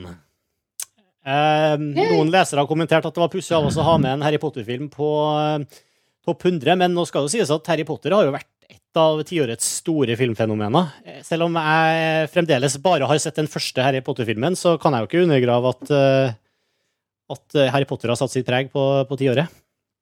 Nei. Det er... klart. Jeg syns det hadde vært veldig merkelig hvis vi ikke hadde hatt med en Harry Potter-film. Og jeg tror at uh, årsaken til at det, Og jeg tror at årsaken til at det ble akkurat den filmen det ble, er at det er på en måte den viktigste filmen som film i, i Harry Potter-serien. Fordi det var Altså, de to første filmene var ganske hyggelige barnefilmer i regi av Hjemme alene-regissør Chris Columbus. Men når Alfonso Cuarón eh, kom inn og bare endevendte hele universet i den tredje filmen, så fikk jo på en måte Harry Potter-filmene fra og med den egentlig en slags kunstnerisk anerkjennelse på et helt annet nivå. da. Jeg må jo si at jeg fortsatt syns, Mm. på tross av at jeg syns også de to siste filmene har vært uh, like gode som, som, som Askaban, så syns jeg fortsatt Askaban har uh, noe helt spesielt. Det er en utrolig lekenhet i regien der som, som jeg setter veldig pris på. i hvert fall. Vi er så enige, Lars Ole. Det er helt fantastisk. Eh, jeg er virkelig enig med deg. Jeg syns Jeg syns den fjerde filmen er litt skuffende, men det er jo mer sånn pga. av, av grep. Det, eh, ja, jeg har liksom prøvd å beefe opp action litt på en dårlig måte. Mens de to siste har på en måte ført ganske fint i sporene som korona eh, Det var korona som på en måte satte det universet. Mm. Og jeg syns jo man helt klart ser de beste regigrepene i, i Askaban. Vi kan jo ta det på litt mer banalt nivå også. men Se på kostymene og produksjonsdesignen i de to første filmene. Det er jo, det er jo en barnefilm, virkelig. Ja, ja. Mens, mens i, i, i, i, i Askaban så er det jo faktisk et nesten sånn realistisk eh, kostymeunivers. Altså det er noe så enkelt som at det er møkkete kostymer. da. For eksempel, Mm. Det er ikke de polerte kostymene som var i eh, de to første.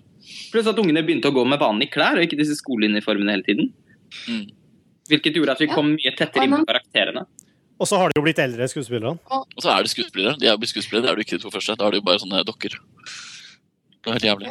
Det er jo interessant også at, bøkene, bøken er jo litt på samme måte. Jeg syns jo geniet til Rowling ligger litt i det at hun skriver bøker som starter ganske, med ganske enkle fortellinger og enkle karakterer. Fordi at de er jo barn, og leserne på en måte Hvis man ser at bøkene og karakterene og leserne vok- vokser samtidig, så, så er ganske interessant å se hvordan det blir mer og mer komplekst.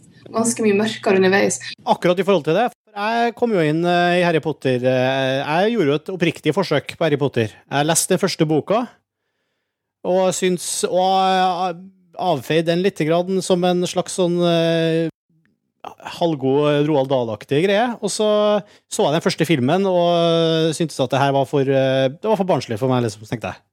Ja, men da er du naiv. Ja, men du er jo ikke elleve år gammel. Nei, ikke sant? Da er du Nei, nei, men jeg, jeg, jeg, jeg, jeg er jo ikke det. Eh, Og derfor så orker jeg ikke å se noen flere. Jo, men da er, det jo, da, er det jo, da er det jo veldig forhåndsdømmende, vil jeg påstå. Fordi du vet jo at det skal vokse det her. Ungene skal bli eldre, og det skal skje ting som er litt mer voksent. Ja. Det, må, det må du ha fått med deg. Mm. Jo, jo. Det, det, det, men det var, i hvert fall- det, var sånn, det var det som gjør at ikke jeg har sett noen flere filmer. Jo, jo, men altså, da sier jeg at det er vel, altså, det som er morsomt med Harry Potter og Jeg er jo jeg, jeg, jeg er fundamentalt uenig med de som påstår at ikke det hører hjemme på en topp 100-liste. fordi virkelig Harry Potter har påvirka filmåret to, altså 2000-tallet. Og hvis man sier noe annet, så har man virkelig vært gjemt under en stein hele 2000-tallet. Altså, fordi har ikke fulgt med i timen. det- Jo, men altså, det de er en snobbete, altså. ja, ja, Ja, det er altså, snobberi, det er jeg helt enig i. Harry Potter har altså, La oss ta en sånn banal ting som kinoprogrammet. da. De siste ti årene har vært prega av Harry Potter. Altså Hva som har gått på kino, har vært preget av Harry Potter. For Harry Potter har dominert fullstendig kinoene. Uh, og, det, og, ikke, og ikke, ikke ta med én film fra det universet på en topp 100-liste er jo nesten litt sånn Ja, åndssnobberi, da. Jeg er helt enig med det. Det jeg kalle åndssnobberi. Men tilbake til det med å fordømme filmene basert på første film. Det synes jeg er veldig rart, fordi det her er jo det her er jo en historie om barn som skal utvikle seg. Og Tenkte du aldri at det skulle utvikle seg som historie også? Og så vil du ikke på en måte følge de videre? Jo da, bare i, i pletora av filmer som jeg har anledning til å se, liksom, så var det ikke noe jeg prioriterte. Etter å ha sett den første filmen og lest den første boka. Mm. Det var så enkelt, ja. Det som er, det som er veldig interessant, er at jeg kan på en måte identifisere meg litt med Martin, fordi at jeg hadde ikke lest bøkene da den første filmen kom. og jeg må si jeg synes det var litt vanskelig å vite jeg, jeg så de to første filmene utelukkende for å ta med lillesøstrene mine på dem. og Sånn sett så ble jeg liksom brakt ganske alvorlig i universet. På den tredje filmen så var det første gang jeg virkelig hygget meg selv. Eh, og Jeg synes det er veldig fint at den filmen er med på listen vår. Men det var i sommer, da jeg så den aller siste filmen, at jeg skjønte hvor langt Harry Potter-universet går over i voksenunderholdning vel så godt som ungdom- og barneunderholdning. Da. Eh, Sånn at eh, Uten å kjenne bokserien, så var det først langt ute i filmserien at jeg oppdaget hvor, hvor eh, spennende filmer dette også er for meg. Så kanskje helt personlig så ville jeg vel helst egentlig sett den nyligste Harry Potter-filmen på listen. Men eller, for å si det på en annen måte, jeg kunne godt tenke meg å vente fem år. Altså, jeg har lyst til å se alle filmene sammen med barna mine, som da er liksom Mm. ni-ti Det er, år. det er et Ja. veldig fint prosjekt. Det, jeg- det jeg tror at hvis eh, Når serien omsider blir ferdig om halvannet år, så tror jeg også vi kan se på den som en slags helhet. Og som en helhet så tror jeg man kunne plassert den ganske høyt på en sånn liste som det er, fordi det representerer noe helt unikt. Da man har fått følge eh, man har fått følge hovedrollene, altså skuespillerne, eh, gjennom hele ungdomstida deres, da, på en måte. Altså, alt, filmserien har vært fullstendig kontinuerende på alle sånne ting. altså Alle skuespillerne har vært de samme. Man har fått følge Sett, at de, sett ifra de er barn til ungdom til voksen. Og i tillegg så har på en måte filmserien blitt en slags lekegrind for filmskapere og, for, og ikke minst for fotografer, scenografer, hvor, uh, som har gjort at serien har holdt seg ved liv hele veien. Da. Det er, jeg syns det er helt imponerende at serien har klart å opprettholde en vitalitet og en interesse over så lang tid. Det, er ikke det ganske unikt? Den slår, den slår ikke Olsenbanden sånn sett. Der var det et mer spennende prosjekt hvor man kunne følge skuespillere over flere tiår. Så, så jeg syns ikke Harry Potter skal oppheves så mye. Men Men hvis du ser på franchise da, innenfor uh, større filmer, og, og denne typen film, så har jo Harry Potter greid det som en del andre filmer, der andre filmer har floppa fullstendig. Altså, um, for eksempel kan man si at The Golden Compass, uh, som der du har Historic Materials, er jo også en veldig god bokserie, som jeg også har lest. Uh, og som er vel så voksen i uttrykket, men som kanskje rett og slett er for kompleks og for voksen og for eh, for vanskelig på noen måter til, å tiltrekke seg det samme publikummet. Der har du liksom klart å altså, ja, lage både plottene og karakterene vokse sakte, men sikkert. Så for, for, det, for oss som er det godt voksne publikummet, så er det jo på en måte Jeg er enig med Martin i at altså, de to første filmene må man på en måte bare definitivt ikke lide seg gjennom, men man må på en måte ha litt tålmodighet da, for å komme inn i, i det som er mer spennende. Jeg vil eh, trekke fram en 2000-trend på tampen uh, på Harry Potter. og Det er jo store blockbustere som blir regissert av smale regissører. Altså Alfonso Cuarón som eh, hyres inn for å gjøre en Warner Bros.-produksjon til eh, 140 millioner dollar. Altså Sam Raimi på Spiderman og Peter Jackson på Ringenes herre. Altså, 2000-tallet var jo virkelig det året hvor Hollywood-studioene valgte å gå til litt mer uavhengige regissører for å få de til å lage sitt personlige uttrykk til en kommersiell franchise. Egentlig også Gore Verbinski til eh, Pirates of the Caribbean, selv om han Ja, ikke leverte like spennende trilogi. Så, ja. Det er poenget, poenget, poenget at altså, det her ble et tiår hvor Hollywood faktisk turte å gå til de litt mer uetablerte eller ukonvensjonelle regissørene. for å lage blockbustere. Og det, det syns jeg kanskje er det den en av de viktigste trendene på 2000-tallet. vil jeg påstå. Eh, Så jeg så er- så er ikke Pirates på lista vår. Nei, hva gjør den der? Ingen av de filmene holder mål. Nei, jeg, ok, jeg så bare den første, og igjen ga jeg meg etter den første. Men- Det var serien som, som ødela litt for Johnny Depp, føler jeg. Som, som skuespiller. Det går ikke an å ødelegge for Johnny Depp by now, altså. Ja, men Det er et paradoks eh, å si det, da. Lars For jeg, jeg syns Johnny Depp var det Nei, altså, beste med filmen. Jeg, jeg, er selvfølgelig, jeg er helt enig i at han er det beste med filmen. Jeg er selvfølgelig eh, enig i at det var jo filmen som gjorde Johnny Depp virkelig til superstjerne. Kanskje verdens allment største mannlige skuespiller. Men det også ødela litt John Depp for meg. for Jeg føler at han etter Pirates of Caribbean syns jeg på en måte han har blitt litt offer for typecasting. Da. Det syns jeg er litt synd.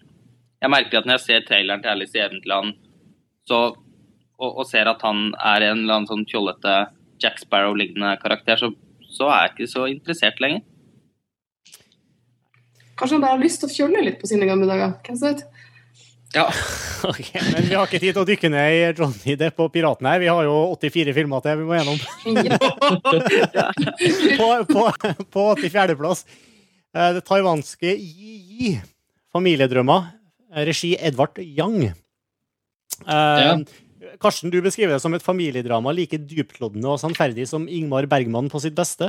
Ja, eh, jeg skal vel ta ta den lille mm, praten om den filmen, tror jeg. For det er vel ingen andre her som har sett den. så vidt jeg vet. Eh, og jeg skal ikke snakke lenge. Uh, jeg vil bare virkelig anbefale den filmen. For jeg tror uh, det er en type film som virkelig trenger at man putter på en liste som det her, og snakker om den, anbefaler den hvis man har sett den. Men jeg skjønner at det, det tar sin tid å plukke den ned fra hylla og sette på et tre timer langt taiwansk familiedrama. Men det fins ikke Det er ikke mulig å liksom si det på en kjapp og lett måte hvorfor den er så bra. Men jeg tror alle som setter seg ned og ser den, kommer til å være veldig veldig, veldig fornøyde. Det er rett og slett en av de der historiene på film som bare føles som en sånn universelt interessant fortelling om noe vi alle kjenner til og berøres av. Um, den er ikke liksom noe storslagende, den er ikke unik sånn sett, men den forteller så rikt om familieliv og om de rollene vi må ta og til blir tvunget til å spille for å tilpasse oss, og om forskjellige mennesker i en, tre generasjoner av en familie, da, fra barn til ungdom til voksne til de eldste. Uh, og det er gjort med sånn utrolig fingerspissfølelse. Han, Edvard Young er dessverre død nå, men, men dette var den siste filmen hans. han han bare mestrer alle nyansene som skal til for å få oss til å bli sugd inn i en hverdagslig familie. Det er ikke noe spesielt med dem utover at det er mange medlemmer av familien som har sitt å stri med, og det blir skildret i den filmen. Så Den er tilgjengelig på Criterion-utgivelse fra USA, som jeg vil anbefale alle å enten kjøpe seg eller låne. eller Det er en veldig veldig vakker film. Men igjen så er det da relativt stillferdig asiatisk familiedrama. Som, Jo, men jeg vil, mm. jeg vil korrigere litt, først, altså, fordi det her er, er ikke en film som er eh, ikke kjent blant publikum. Det her er en av de store festivalvinnerne på 2000-tallet. Karsten. Mm. Så det er jo ikke, altså, men, det her er ikke en film som folk må lete etter på, i hylla. for den er jo, altså når den kom ut, så var den virkelig Jungeltelegrafen snakka om Yi når den kom ut på 2000. 2000. Ja, Eh, absolutt, men Altså, det er jo Hva vant jo beste regi i Cannes. Det her er en film som virkelig gjorde det stort i Europa Ja. i sin tid. Så det er ingen Altså, i- hemmelighet. Yi, det er en eh, stor, stor film. Ja, det var, ikke, det var ikke sånn ment sånn sett. Jeg mener bare det at det er veldig få som faktisk har sett den. Eh, jeg vet at den er veldig kjent. Ja, men jeg kjenner nesten ingen andre som har sett den. Nei, men altså, vi snakker om, altså, jeg bare vil understreke at her er jo en film som virkelig har dominert. Eh, Det var jo ganske sjokk når han døde. Ja, absolutt. Herregud. Eh, Så det er på en måte ikke noen sånn hemmelighet at denne filmen her er en veldig veldig bra film. Jeg Ja, nettopp. det at ikke vi andre har sett den, er jo helt latterlig, for så vidt. egentlig. Jeg. Ja, det er, Ja, altså, jeg tror, tenker sånn, Det er jo taiwansk nasjonalarv. Og igjen så, så ber vi om unnskyldning for at vi sitter her og prater om en liste hvor vi ikke har sett eh, filmene. ja, ja. Og jeg sitter faktisk på, med den filmen på DVD i, i hendene mine. Hvem er det du har lånt den av, Lars Ole? Jeg har lånt den av Karsten, og planen min var faktisk å se den i kveld etter podkasten. Nå begynner det å se litt mørkt ut, da, for det ser ut til å ta ganske lang tid. Ja da. Ok, men da må vi bevege oss litt fortere, tror jeg. Nummer 83. Irak, Iraq in Fragments. En dokumentarfilm fra James Longley. Ehm, ja. Longleys følsomme regi overgår lett bråkekråka Michael Moore i emosjonell effekt, skriver du, Karsten, om uh, Iraq in Fragments. Jeg kan bare si veldig kort at, uh, at på 00-tallet så var det vel også et økt behov for å ta ting litt mer alvorlig og få flere sider belyst ved hver sak, Mm. istedenfor å bare lytte til populistiske stemmer som prøvde å få deg til å mene det de mente. Og Iraq Fragments er den beste dokumentaren jeg har sett som bare viser oss skjebnen til vanlige mennesker i Irak som følge av den amerikanske krigen. Veldig vakker film. Nummer 82, Artificial Intelligence, AI, fra Steven Spielberg. Og det her er jo en film som eh, Den har vel delt kritikerne litt, kan vi si? Ja, den fikk vel generelt ganske Den fikk vel egentlig veldig god kritikk. Det vil vi heller si at den har delt publikum veldig i to. Ja. Men jeg fikk ikke god mottakelse. Lars Ole. Den gjorde det. Det var veldig mange skuffa kritikere som så AI. Ja, men den, altså, den har jo fem stjerner i Empire og Total Film, og, og Rotten Tomatoes er vel også nærmere mellom 70 og 80 prosent, i hvert fall. Så det er ikke en, det er ikke en film som fikk dårlig kritikermottakelse. Jeg husker vi hadde en lang prat om AI på julebordet, Lars Ole, og du uttrykte din store kjærlighet. Om jeg... Ja, det er en av mine favorittfilmer, ikke bare fra dette tiåret, men i det hele tatt, tror jeg. Eh, Det er en film jeg har sett i hvert fall ti ganger, og som jeg med hånden på hjertet kan si at har blitt bedre for hver eneste gang jeg har sett den. Jeg var heller ikke berusa først, eller var jo på mange måter det, men jeg var ikke helt over meg, i hvert fall første gang jeg så den. Da var jeg ganske blandet, men etter hvert som jeg har sett den flere ganger, så har den vokst veldig veldig på meg. Og Det tror jeg har noe med å gjøre at jeg alltid syns at eh, Pinocchio-sangene, da, den my Pinocchio-myten har jeg alltid syntes har vært en veldig sterk myte. Og jeg har nok aldri sett en så hjerteskjærende versjon av den da, som i AR. I tillegg er det kanskje Steven Spielbergs vakreste film. Sånn scenografisk og foto, foto til Janus Kaminski er bare helt, helt avsindig. Det er vel det beste han har gjort ved siden av 'Dykkerklokken' og 'Sommerfuglen', kanskje. Jeg er helt enig i at det er en god film, men jeg er også helt enig i det du sier, at det jeg hadde på samme måten. Jeg likte den mye mer etter at jeg har sett den et par-tre ganger.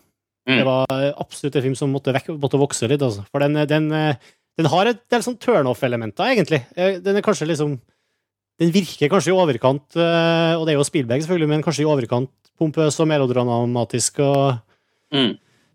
Og, det, og det i kombinasjon med den liksom kubrikske kjøligheten. da. Altså Dette var jo opprinnelig en film som Stanley Kubrick eh, skulle lage. eller altså Det var Stanley Kubricks prosjekt. Og så, Ettersom han og Spielberg var venner, så drev de på en måte hadde en liksom vennskapelig krangel rundt hvem som skulle regissere og hvem som skulle produsere. Og Så døde jo Kubrick, og da ble det Spielberg som, som, som lagde filmen. Og Men han har jo beholdt veldig mye av kjøligheten til Kubrick inni her, og det har han på en måte eh, kombinert med sin egen litt sånn sentimentalitet. Som gjør på, Jeg tror mange opplever den filmen som å ha isbiter i en kopp kakao. Og, og det, jeg, jeg kan jo skjønne at den kombinasjonen er litt forstyrrende, men det er litt en vanesak. Altså, for det er faktisk også noe av det som, som gjør filmen ganske kompleks, syns jeg. Må, måten den uh, skifter tone på veldig ofte, da.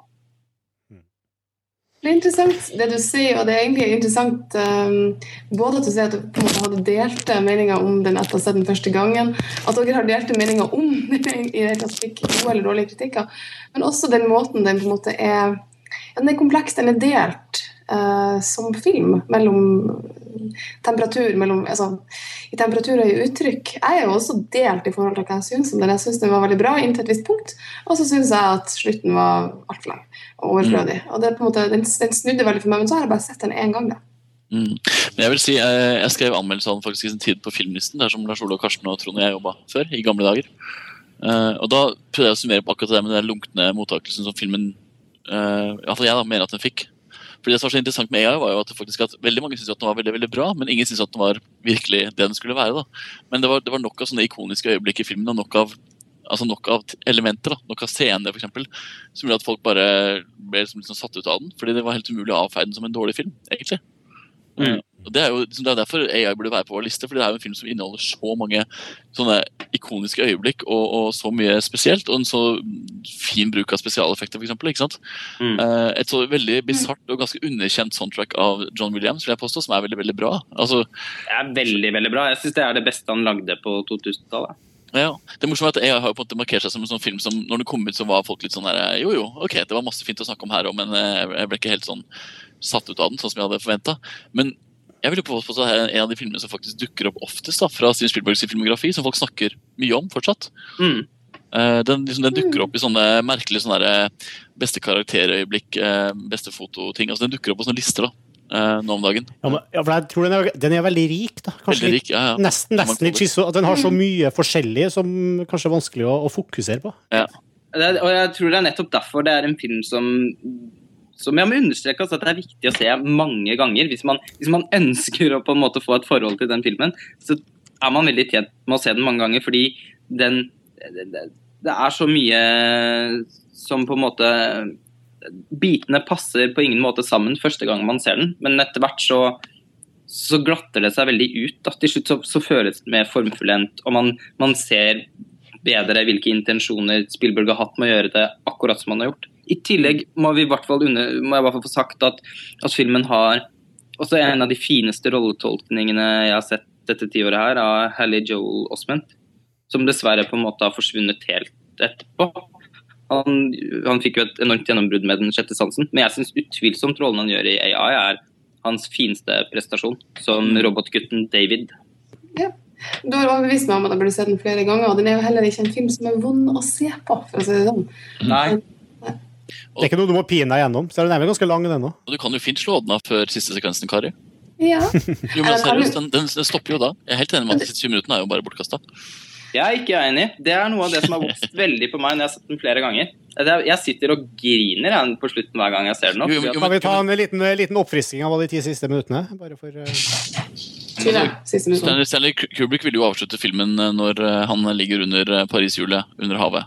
Ikke sant? Eh, Men så la Spielberg på en sånn sekvens som handler om å gå fram i framtiden, hvor eh, han endelig får oppfylt ønsket sitt, da. Kan man si kort fortalt. Ja, og det er en sentimental eh, forløsning framfor den ganske kyniske avslutningen som er i, i Kubrick-manuset. Men det er viktig å tenke på at det Det er en Spielberg-film. Eller, altså, det er jo en Spielberg-film, dette her. Og det, jeg tror det ville vært veldig unaturlig for han å avslutte på samme måte som, som Kubrick ville ha gjort. Og eh, den, slags, den drømmen som David får oppfylt eh, de siste ti minuttene, syns jeg på mange måter er veldig forløsende. Fordi det er faktisk det som han går rundt og jakter på gjennom hele filmen. Den er ganske lang. Og jeg syns det er veldig fint at man får den forløsningen til slutt. Jeg var også skeptisk til det første gang, men etter hvert så har jeg bare blitt mer og mer rørt. Jeg syns det er en veldig fin sekvens. Ja, men jeg, er veldig enig, jeg også blir veldig rørt av den, og jeg syns den er veldig fin. Det er ikke det. Men jeg mener at filmen er sterkere som film når den stopper der den kunne ha stoppet i Kubrick-regi. Altså, men altså, det som kommer etterpå, er veldig veldig fint. Jeg synes, og musikken er veldig nydelig. det som skjer, altså Alt er veldig veldig fint. Og jeg sitter også med klump i halsen når jeg ser på det. Men samtidig så ser jeg verdien av å avslutte filmen på den kyniske tonen som da gjør, da. Eh, originalt. Ja, jeg kan, Men, men, jeg men der, der ligger kanskje et problem at filmen da på en måte ikke fullfører noen av intensjonene. Den blir en sånn mellomting, ikke sant, som vi har om hele tiden. Mm. Men herregud, altså, okay, en sånn ting som den der bamsen, da, for eksempel, den bamsen er jo med at det fineste animerte karakterene jeg har sett på 2000-tallet. Den der lille bamsen som er man, Den Mm. alene har jo vært en topp 100-plassering for meg. Mm. Jeg tror eh, Hvis AI hadde vært en film som kom på kino i 2009, la oss si i sommer, da, med samme type reaksjon, så ville den sikkert ikke vært på listen vår, dessverre. For jeg tror det kjernepunktet med AI handler om at den, den tar den tiden det tar. da.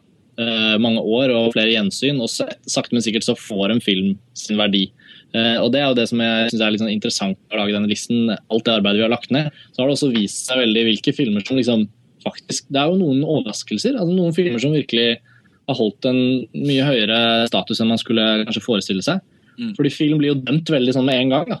Eh, og så kommer tiden krypende, og så La oss si om ti år igjen da, at vi kikker på listen vår og ser hvordan det ville sett ut da. Jeg tror AI kanskje kommer til å hoppe noen plasser opp. Det tar tid å bli en kultklassiker. Ja, altså liksom det å Ja. Film er jo fremdeles eh, kunst, en slags kunstart. Da. Det er jo et kunstverk. Og, og, og, og ikke sant? Om en film varer, om en historie og en tematikk og de følelsene som filmen uttrykker, om de Ja. holder interesse hos mennesker utover det året den kom, det er også en måte å, å vurdere filmen på, som vi gjør litt med denne listen. Det er akkurat det samme som med musikk òg, ikke sant. Ikke sant? Et, et album, du, du vet egentlig ikke hvor godt et album er for du har hørt den 20 ganger. For du har hørt det 20 ganger liksom. Nei. Så det er, og eh, sånn sett så er jeg veldig som det er, den Hele filmen er veldig som et stykke musikk, da, i måten den virker på. Og Det er en film som det er veldig lett å avslå, eh, men jeg tror på en måte vårt felles budskap stort sett er at ikke gjør det. Det heter avvise på montasjespråket. Ja. Eh, ikke, ikke gjør det, bare ta den eh, Altså, det, det er en film som virkelig fortjener et, et gjensyn hvis man er interessert eh, i, i Spielberg og, og i, i å få et, et forhold til filmen. Todisk-utgaven koster fem pund på Play, og jeg bestilte den mens vi snakket om filmen. Mm. På 81.-plass på vår topp 100-liste, Il Divo. En film som vi ikke fikk se på kino i Norge, så vidt. Og det var en skam, var det ikke det, Erik? Ja.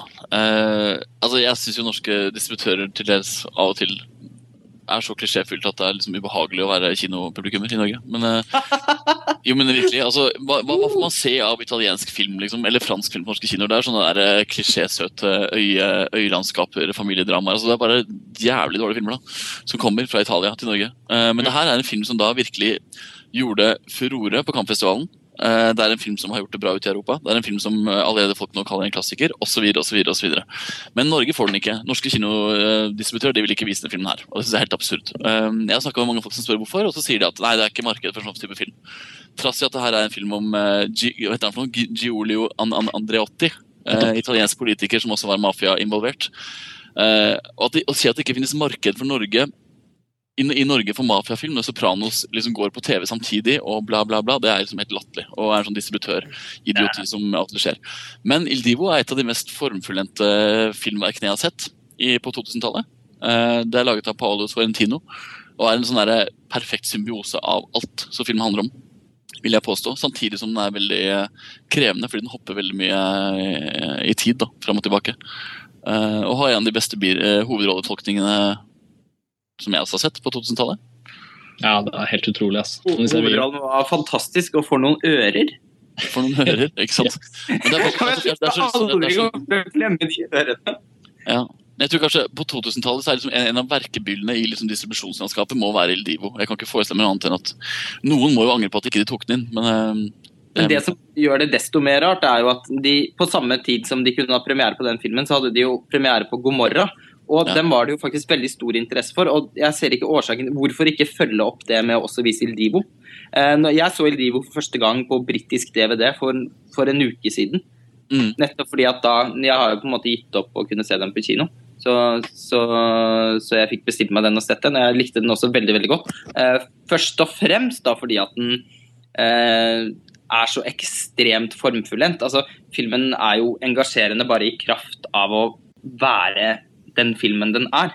Altså, Den mm. trenger jo nesten ikke noen historie. Og min, lille er, og min lille innvending er jo på en måte at den kanskje nesten ikke har noen historie. Altså, Den er utrolig rot... Altså, vanskelig fortalt. Jeg hadde veldig problemer med å leve meg inn i egentlig handlingen. Men han som spiller hovedrollen, gjør det så vanvittig bra at jeg likevel klarte å connecte på tross av at, alt, at, det var veldig mye å sette seg inn i, så hadde jeg hele tiden hans ansikt da, som jeg kunne dvele ved. Og det hjalp meg veldig gjennom filmen. Mange har jo sagt at, at nettopp at fordi den er så uh, rotete, da, som du kaller det, så er, er, det jo umulig å få lansert i Norge. Fordi folk kjenner ikke forhistorien da, ikke sant? til denne politikeren. Det gjorde absolutt ikke jeg heller. Nei, nei, men altså, jeg vil jo si at filmen er såpass kul, da, for å bruke sånn uttrykk. Den er så, ja. den er så fiffig og fancy og teknisk briljant og engasjerende som en sånn derre uh, thriller, rett og slett. Ja, ja. At uh, selve historien er på en måte ikke det viktigste, da, sånn som du sier. Nei, det, altså, det, det, ble, ble, det, ble, helt forgjengelig. Altså Ja, nei.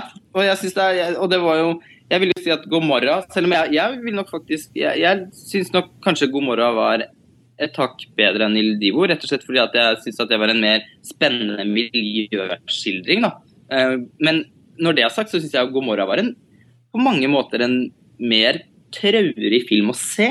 Altså, Indigo er jo langt mer underholdende. Jeg kan ikke skjønne at de norske distributørene har valgt som de har gjort. Da. Nettopp det poenget er så bra i forhold til den debatten om hvorfor den ikke er distribuert. fordi eh, God morgen trakk et ganske stort publikum, men, men, jeg tror den også ble markedsført som en sånn jævlig kul mafiafilm som kanskje lurte en del sånne folk som liker bare kule sånn lockstock-filmer som ble lurt på kino til å se God morgen, da, og som ble kanskje skuffet. Mens hvis de hadde fått, hvis de hadde fått Il Divo, så hadde de ikke blitt skuffet, liksom.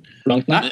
Men jeg, jeg mistenker at veldig mange byråer trodde at det her egentlig var en sånn Il Divo, den gruppa, den for jævlige gruppa. Musikal. Jo, men At det var en sånn konsertfilm, da. At det bare... Jo, men Hvorfor ikke? Jeg tror kanskje Sandu eller Arthur tenkte at ja, det her er en konsertfilm av Il Divo, de liker vi ikke, det kan vi ikke vise. ikke sant? Og så avfeide de den. så... Jeg, jeg, tror på en måte arbeidet med Il Divo da, blant uh, byråene i Norge var Ja, Men da kunne du gitt den en klengende norsk tittel, Il Divo i et nøtteskall. Ja, ja, men et, et, et, et, eller annet sånt. Det som er sørgelig, er jo at de, mange har uttalt at de virkelig, virkelig liker filmen. Og det er nesten det verste. Ja. Og at de da likevel ikke har tatt den inn, det syns jeg er veldig synd. Så... Jeg, kjø jeg kjøpte meg filmen nå mens vi satt og prata, ja. for 9,99 på Play. Ja. Yeah. Det er jo, vi får jo sikkert flere ganger i løpet av denne podkasten diskutere litt uh, det med distribusjon. For det er jo en rekke filmer som jeg har satt veldig pris på det siste tiåret, som vi ikke har på lista. Sikkert veldig mye fordi de ikke har hatt noe ordentlig distribusjon. Og dermed så har jo heller ikke resten av uh, montasjeredaksjonen sett dem. Mm. Det er jo veldig synd. Var det noen spesiell film? Og det er mange. Ja, Franklin er jo på lista mi over Vet du, Kari, jeg, jeg så nettopp, på grunn av at den sto på lista, så jeg nettopp Franklin. Jeg leide den på Ja. Apple TV i HD. Mhm. Og du likte den eller likte den ikke? Det, jeg syns ikke det var noe topp ti-film, men jeg syns den var veldig spennende. Det var veldig mye gode ideer. Jeg syns kanskje den var litt sånn eh, litt ujevn og litt ufokusert. kanskje. Kan være enig, men eh, det er sjelden at jeg har hatt en film der jeg liksom har stoppa og, og sett så mye på scenografien som i den filmen. Men det var det så. Eh, En annen ting er jo The Fall, eksempel. Eh, Typisk kinofilm som eh, sånn sett ikke egner seg så godt på, på DVD. Den burde jo helt klart ha hatt kinodistribusjon i Norge. Ja, Det er en veldig, veldig flott film. Jeg synes det var veldig synd. Den skulle jo egentlig ha kinodistribusjon. Var med, den var jo til og med annonsert av Scambox. Men så ble den plutselig bare trukket tilbake og sluppet rett på DVD isteden. Jeg vet ikke helt hvorfor. De fikk kanskje noen tall, noen tall om at, eh, fra andre land da, hvor den kanskje hadde gått dårlig. Det er veldig rart, egentlig, for det er jo veldig ikke film det er folk, som, veldig, som folk si, generelt sier at de liker veldig godt, de som har sett den. Og i tillegg eh, er det jo en ganske sånn ja, litt sånn småkontroversiell film òg, tematisk. og det er, det er rart at den ikke fikk, at den ikke havna på kino. Ja, jeg syns, jeg syns jo på en måte den var litt sånn, sånn kokt asparges-versjon av Pans labyrint, sånn rent Ja. historiemessig. Men jeg syns at det, ja, men jeg syns at eh, Men jeg syns at det visuelle var Men det visuelle var jo helt fantastisk. Det er verdt filmen alene. ua- Det er det og, synes det visuelle er fantastisk, men også så er jo arbeidet med, med skuespillerne Eller altså Måten eh, den lille jenta uttrykker seg på, og eh, regigrepene der, syns jeg er veldig interessant. da. Mm. Men vi har jo ambisjoner om å snakke om de filmene som ikke er på topp 100 etter at vi er ferdig med de første 100. Ja, ja. Beklager. Tilbake til det her eh, etterpå. Ja da. Vi har, det er bare 80 filmer til vi kommer dit. Uh, nummer 80, 'Barbarenes invasjon'. Ja. Um, Den nevnte vi så vidt i stad. Tiårets beste manus, vil jeg påstå. Så enkelt. Eh, med kanskje en av de beste kvinnelige birollene i tiåret. Eh, altså Marie José Cross, Crozet, som også spiller 'Dykkerlokken og sommerfuglen', som er eh, i hvert fall en av mine virkelig store personlige favorittskuespillere.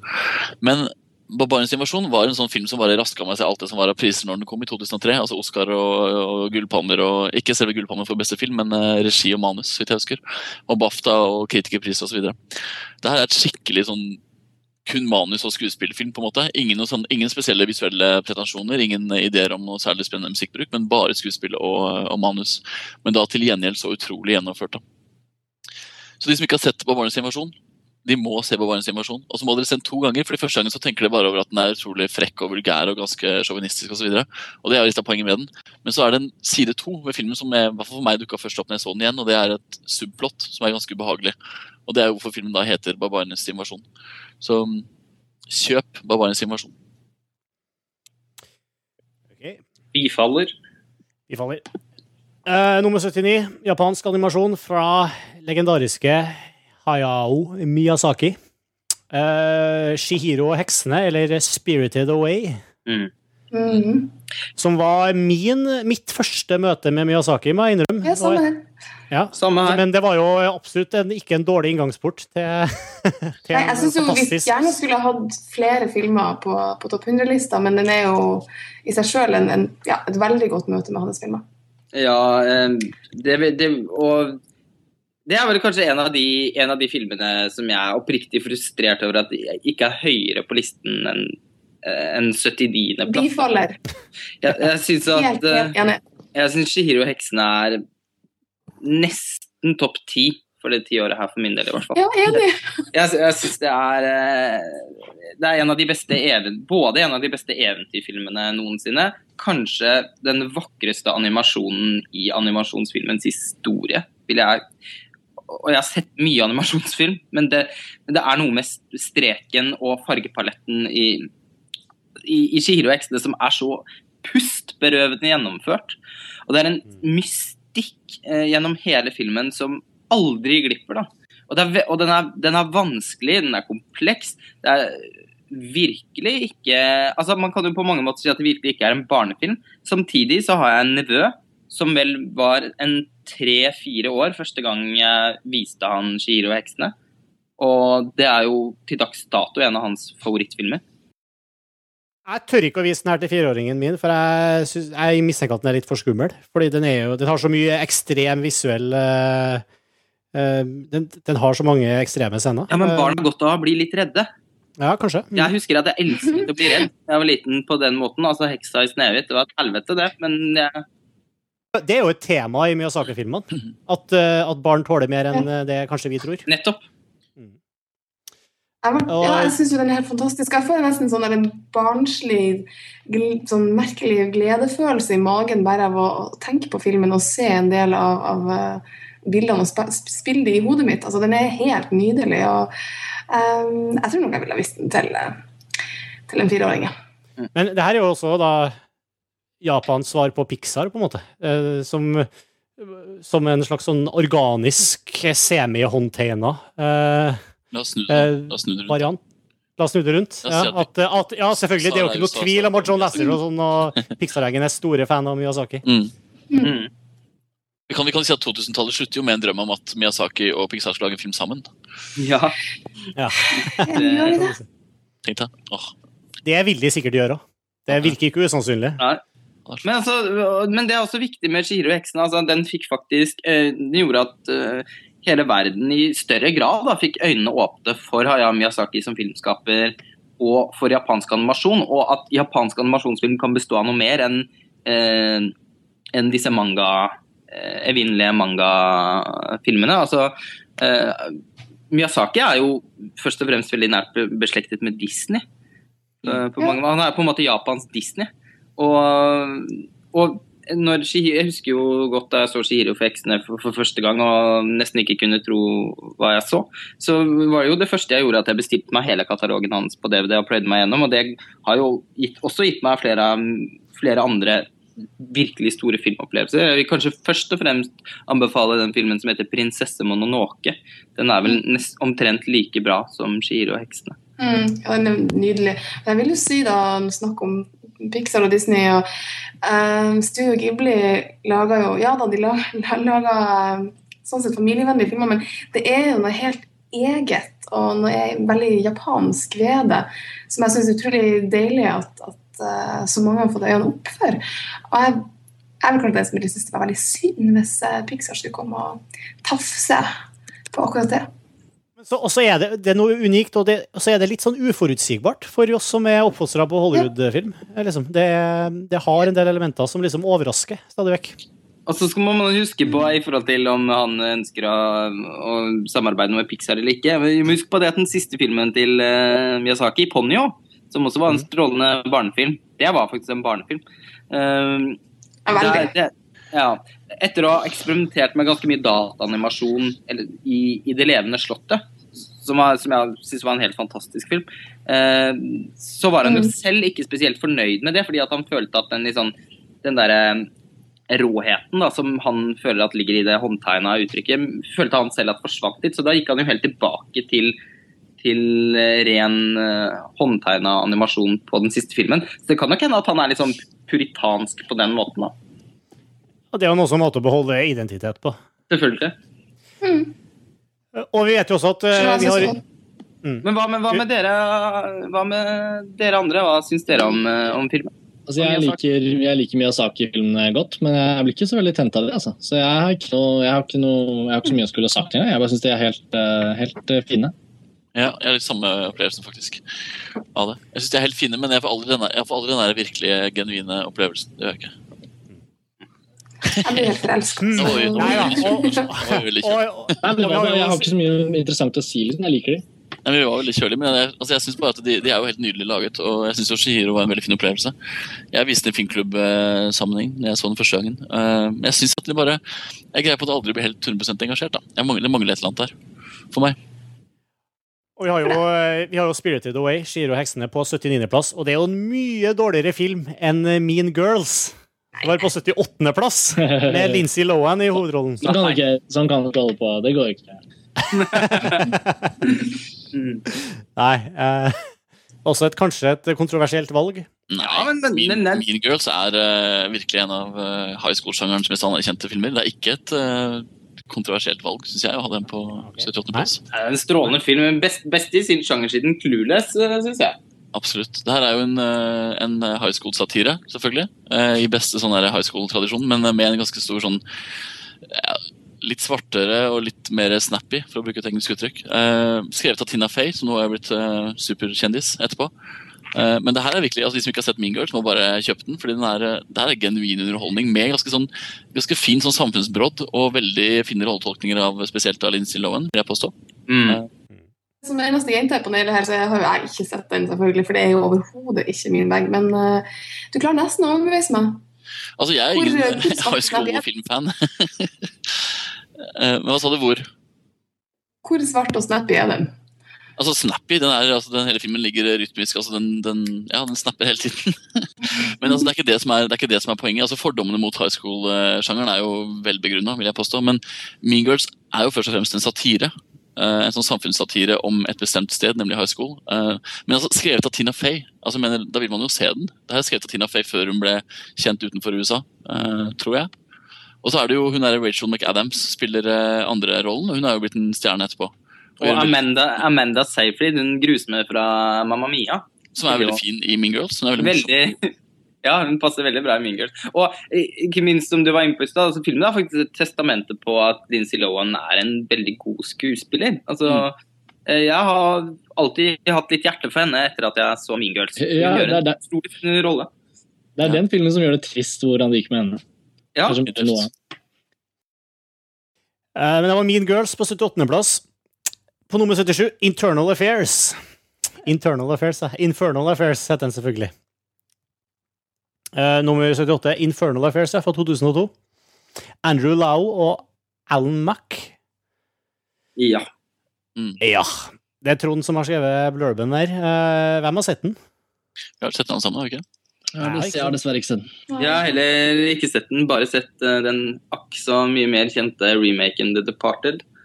Ja. Som ikke er på listen. Mm. Den har vi alle sett, og den eh, havner ikke på listen, nei. Den er faktisk ikke på listen, nei. Det som er interessant med Fernal Affairs, er jo egentlig nettopp eh, adaptasjonen. At det originale manuset kom eh, fra et helt annet sted, og så tok Hollywood og adopterte det. Det har jo skjedd ganske mange ganger på, på 2000-tallet. Um, men var ikke Infernal Affairs på kino i Norge? Var ikke det en film som gjorde det ganske bra i Norge? Nei, den var ikke på kino i Norge. Ikke i det hele tatt, så det her er en film som virkelig har gått utenom Ja, nå skal jeg ikke si det 100% sikkert, men 95% sikkert. Hvis man, eh, hvis, man liker, eh, hvis man liker Michael Mann, så liker man Inferno Affairs, vil jeg påstå. Og det, det sier ganske mye om filmen. Den, er, eh, den har noen utrolig fiffige kamerastunt, som da Martin Scorsese også han tar ikke med til Departed, men han prøver på å gjøre noe, noe lignende. Men det her er jo faktisk en av de filmene jeg påstår påstå er virkelig bevis på at man skal ikke fordømme altså Asiatisk action er ikke bare de der litt sånn tanketomme filmene. Vi har jo flere på lista som viser at actionfilm fra Asia er jo faktisk det er jo de, de, er de beste som lager actionfilm og thrillere. Mm. altså, den, den har jo Tony Long i, Lung i hovedrollen, og det er jo Altså, jeg er jo veldig glad i uh, Hongkong-action. Det her er en stor film. da, Det her er en blockbuster. liksom. Det her er ingen arthouse-film. Det her er virkelig en, uh, altså en kjempesuksess i, i, i regionen. Ja, men altså, hvor er vi i forhold til for eksempel John Woo her, da? Eh, er vi der, eller I forhold til i, Altså i forhold til John Woo, for eksempel? Jeg er ikke noen John Woo-fan, så jeg, bør ikke jeg snakke. Nei, OK. Nei, jeg har ikke sett Infernal Affairs. Jeg vil si, jeg vil si det, det som er så utrolig interessant med Infernal Affairs, er at den bare den fungerer som en sånn der blockbuster uavhengig av hvor den kommer fra. da. Jeg vil si at Mm. Det er litt sånn å snakke om de der franske filmene som folk avfeier for at de er franske. Det her er en film som kanskje folk vil tenke at å ja, det her er bare slåssing, fordi det er en asiatisk eh, actionfilm. Men den er ganske fiffig, da. Og det altså, De som setter Parted, vet jo at det her er ganske fiffig, eh, fiffige greier. Snedig plott og bra karakterer og eh, manusfilm. Mm. Se den. Ja, jeg har også hatt lyst til å se den fryktelig lenge, så den ligger og venter i DVD-hylla. Ja. Men, men, men man blir nesten litt sånn punktert eh, for å se den etter The Departed. Da. Det er liksom faren med, med de remakene. At man får liksom, Samtidig som det vekker større interesse for, for originalfilmen, så gjør det også at man på en måte får litt mindre lyst til å se den, ettersom man strengt tatt vet, vet ganske mye av hva som skjer. Jeg vet ikke hvor forskjellige de er. Men Det er, veldig, jeg, det er veldig viktig altså Det er jo liksom dumt, da, for det er på en måte det Hollywood gjør når de på en måte adopterer eh, spesielt i asiatisk film og også europeisk, er at de tar jo bort, de tar jo bort hver eneste sånn eksotiske altså Alt det eksotiske forsvinner jo fullstendig. Ja. Og, og location, liksom. altså det her er jo, jeg mener, Hongkong som location da, er jo ganske spennende visuelt. ikke sant? Du kan tenke deg. Mm. Uh, og jeg bare flytter det til uh, Er det ikke Boston der i Departed? Ja, det er ganske så, trist. Så mye kjedeligere, da. Herregud. Jeg bare For vi likte ikke Departed så veldig godt. Jo, jeg må si det. Jeg så faktisk opp igjen The Departed eh, bare for et par uker siden. Jeg ble ganske slått i bakken av hvor tight den er. Den er ekstremt velspilt, velskrevet og velfungerende underholdningsfilm. Det som The Departed sliter med, er at, er at den på en måte aldri har blitt noe mer enn det. Den er ganske lett forglemmelig, men mens man ser den, så man er i, det er veldig tydelig at man er i hendene på en mester. Da. Det er ikke det problemet med Scorsese på 2000-tallet. Han lager liksom forglemmelige, vellagde filmer. Jo, det er absolutt. Og det har på en måte vært i utgangspunktet litt problemet hans siden Jeg vil jo si den, den, den Scorsese-filmen som jeg syns The Departed minner mest om, er vel egentlig Casino. Mm. Eh, og jeg syns Casino er en bedre film, uh, fordi den der, Det syns jeg òg. Absolutt. Ja, fordi der er på en måte filmspråket så sinnssykt virtuost at man rett og slett bare må sitte og gispe med, med, i tre timer. À la Il Divo. Mm. Selv om det egentlig er litt sånn, litt sånn tynn historie og kanskje ikke alltid like engasjerende karakterer. Uh, mens i The Departed der føles noe mer ordinær da, i sammenligning. Og jeg er enig med deg, Erik, at det har på en måte vært Scorsese sitt problem det tiåret her, at han har laget veldig gode, ofte, men sjelløse filmer. Men jeg vil jo likevel si at jeg syns The Departed er den suverent beste filmen dette tiåret her. Jeg kan godt forstå at den fikk Jeg må bare få lov å si altså. Ja, nei, jeg skal sett Scorsese sitt styre har jo vært kjedelig, og det syns jeg også Departed var. Men det, jo, men det er så interessant, å tenke på, jeg jo vi ja. men han har jo laget, altså Tenk på eh, The Aviator, Gangs of New York og Departed. Alle tre 2000-tallet. Ingen av de er på lista vår. ikke sant? Og når man blir presentert ideene med å lage en film som Gangs of New York eller eh, The Aviator, så tenker man åh, det her må jo bli den beste filmen noensinne. ikke sant? Ja. Og så begynner, begynner filmen med Departed, så tenker man det her er jo så fantastisk visuelt, og det er så velspilt, og det er så bra, og alt er så riktig. Men så mangler det X-faktoren. ikke Mm. Og jeg vil si at alle de tre filmene er jo bare så gjennomført i alle mulige ledd, men de mangler så sjel, da. For meg. Men, eh, men The Aviator og Gangs of New York mangler et godt manus, og det syns jeg i hvert fall Departed har. Mm, jeg er enig. Jeg enig. Tightere og bedre film. Og, men det, det, her er, det her er en sånn hjertesak for meg, som jeg skal ta veldig kort, men det passer veldig godt nå. Ettersom vi nettopp sier at Scorsese har ikke en eneste film på listen vår for dette tiåret her. Og likevel så blir Scorsese nesten automatisk nominert til Oscar for beste regissør hver eneste gang han lager en film. Og det har liksom vært en veldig Scorsese-hype de siste, dette tiåret her som jeg aldri har forstått meg på. At The Aviator for eksempel, Ja, ja. var nominert til, eh, til Oscar for beste film, mens Spielberg sin 'Catch Me If You Can' ikke var nominert. For meg er det fullstendig absurd. Jeg syns at Steven Spielberg har hatt et ufattelig mye sterkere tiår enn det Martin Scorsese har hatt, og det syns jeg ikke Det synes jeg på en måte spesielt amerikanske kritikere eh, ikke helt har klart å få frem. Jeg syns han har fått ufortjent mye anerkjennelse. Han har ikke laget et mesterverk siden Goodfellas, og jeg, vi får se med Shutter Island. Mm, jeg er helt enig. faktisk, alt du sier. Hør, hør. Uh, men Infernal Affairs, i hvert fall. Det må Ikke man ille. kjøpe. Jeg kjøpte noe nettopp, jeg. Koster eh, åtte åtte euro på play.com, folkens. Jeg tror jeg kjøpte for 599. Ja. Okay. Det, det, det er pund. Du kjøper jo euro, du. Ja, ja, ja. Nei, jeg, Du må kjøpe i pund, for pundet er lav. Jeg kjøp, nei, det er bare Jeg har ikke gjort noe det er bare default for meg. Dette er nerd, altså. Man luta. Kunne, er veldig lavt. Helt sant. La, la, oss, la oss gå til plass eh, 76, Paranoid Park. Yes, sir. Oh. Gus Van Sant. Karsten. Fantastisk. Dette er jo en av de filmene jeg virkelig skulle sett høyere på denne listen. Men uh, for jeg, desto flere ganger jeg har sett den, og desto mer jeg har tenkt på den, desto mer unik syns jeg den er. Da. Virkelig en sånn film som, som er uh, forteller en historie som ikke i seg selv er så original, men som, som filmverk, og som særlig måten den bruker filmspråkets virkemidler på, er en av de mest originale filmene, syns jeg, da, av det tiåret her. Um, men den er en, en veldig lavmælt eh, liten film som handler om en ung gutt som, eh, som er veldig opptatt av å stå på skateboard med vennene sine, og som skater nede i Paranoid Park, som er et sånt område i byen, eh, i Portland, og som på litt sånn uheldig vis vikles inn i noe som skjer litt tilfeldig, men som forårsaker et menneskes død. Og det er egentlig historien i filmen, og det at filmen da tar hans følelser, hans reaksjoner på det som har skjedd, så alvorlig, er det som kanskje gjør den mest original. Da. Fordi filmen bruker ganske mye tid på å skildre hans øh, oh, Nå kommer jeg ikke på noe bedre norsk ord, men state of mind. Uh, som et resultat av det som skjer, det lille dramaet. Uh, det er en liten film, men den er utrolig nydelig utført. Både i foto og musikk og klipp. Og. Den er bare veldig inspirerende. Og så er den, Det må heller ikke forglemmes hvor vond filmen er. Jeg husker veldig godt første gang jeg så Paranoid Park. Da var jeg helt, nesten helt deprimert etterpå. Jeg synes det var en ufattelig vond og sår film. fordi det er en film som jeg tror alle kan kjenne seg igjen i. fordi alle som har vært barn eller ungdom, har gjort noe et eller annet eh, galt. Bøllestrek? Så, en bøllestrek, rett og slett. da. Og så Jeg vet ikke om dere husker en barnebok eh, eh, i Albert Aaberg-serien som heter 'Monsteret'? Nei. Nei. Nei. Det handler om at Albert Aaberg slår en liten gutt på fotballbanen så han begynner å bli neseblod. Og så handler resten av boka om eh, et monster som forfølger Albert Aaberg, som da selvfølgelig er samvittigheten hans. Fordi han vet veldig godt at han har gjort noe galt, men han kan ikke fortelle det.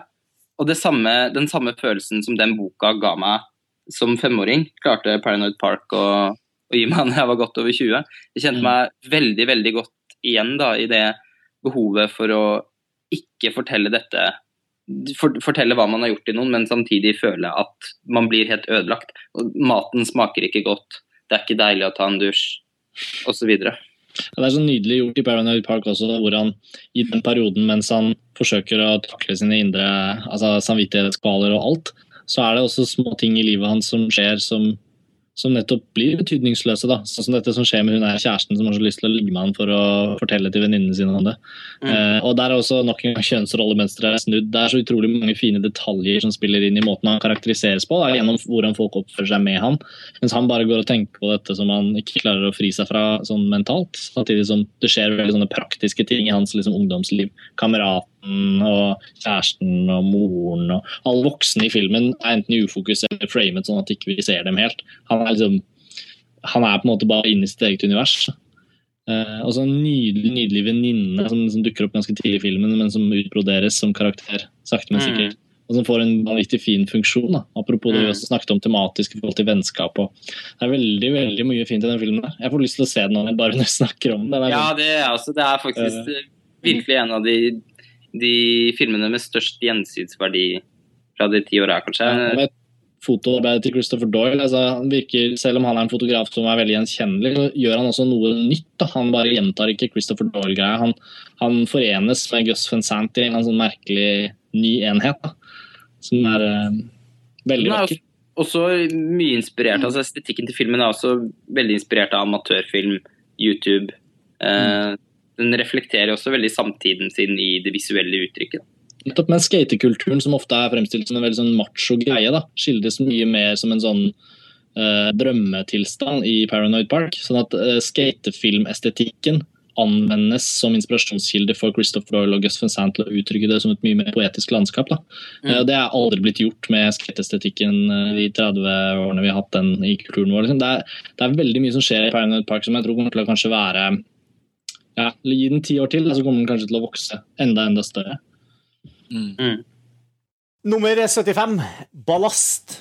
Nok en filmmontasje har ivra om at noen burde importere eller distribuere, distribuere i Norge. Jo, jeg, jeg syns jo Ballast var en, en tvers igjennom vond film. Det er jo det som kanskje sitter mest igjen. Altså, det var en film fylt av smerte, skuffelse, desperasjon og sorg. Og, og samtidig så var det Det var ikke gjort på en insisterende måte. Det var gjort veldig nedtonet og fint, og ikke minst veldig troverdig. Takt, ikke minst takket være eh, fremragende skuespillerprestasjoner fra alle, egentlig.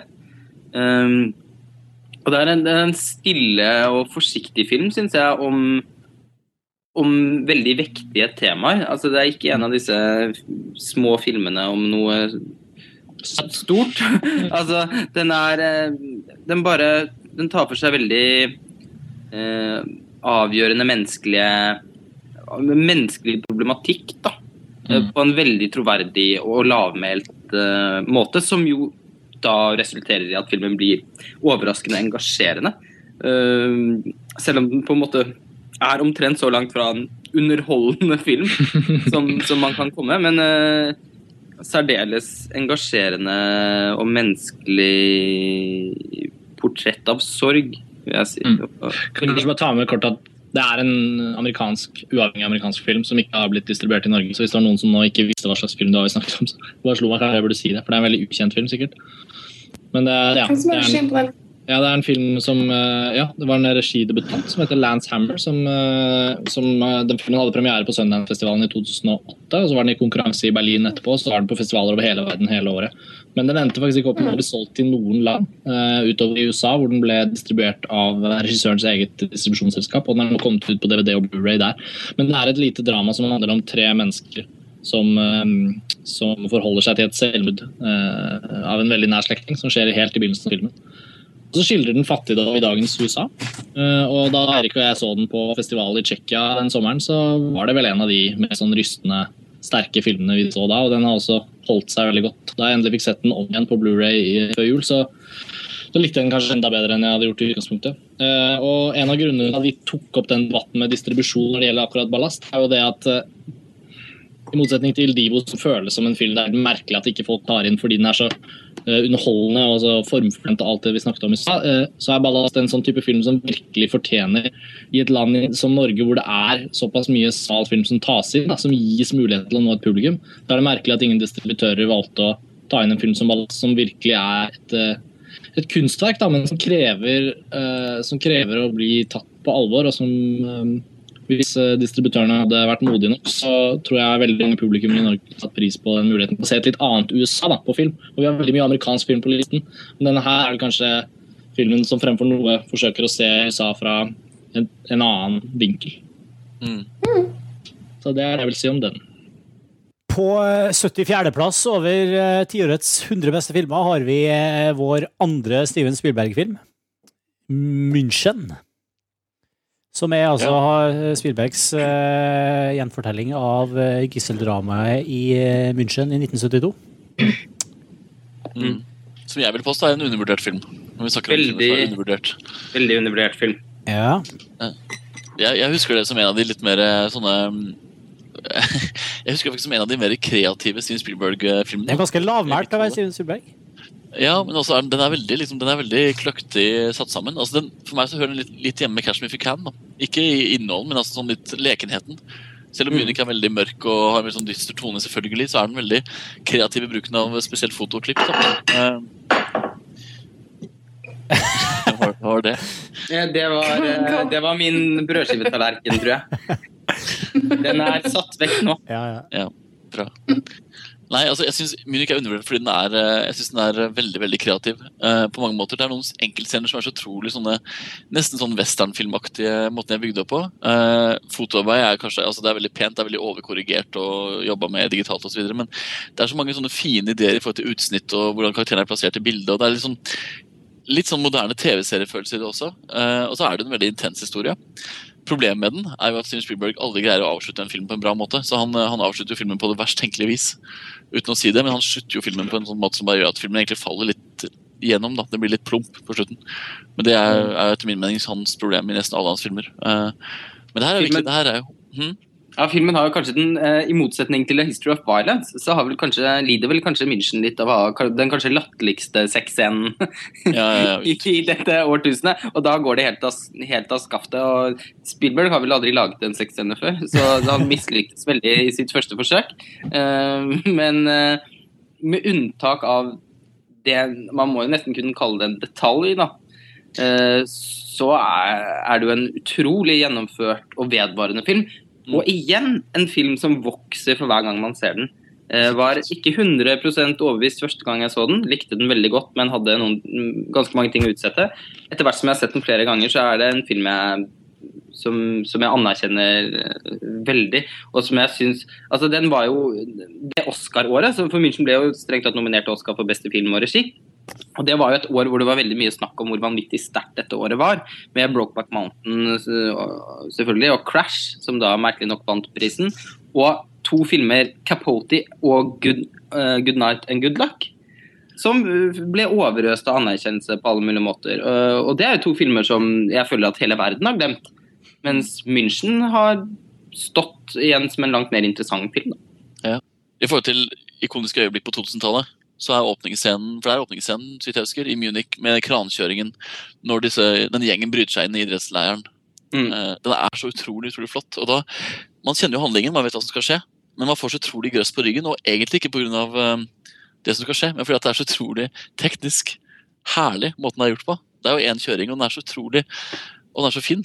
Når kameraet Følger, følger de, og så gjerdet. går det opp, ja, ikke sant, over gjerdet når de klatrer over. Det er så utrolig Ja, ja. ubehagelig. Ja, og, ja, nei, det er til å få, få frysninger av. Og ikke minst er tidskoloritten i filmen ekstremt bra. Mm. Veldig det er rare med, med, med Steven Spielberg på 2000-tallet at de kan ha fått noen nominasjoner for beste kostymer og produksjonsdesign i Catch Me If You Can og i Munich. og at det på en måte har blitt neglisjert, de visuelle det- aspektene ved Spielberg. Det er, en, eh, det, det er så ufattelig at vi kan nesten ikke begynne å snakke om det.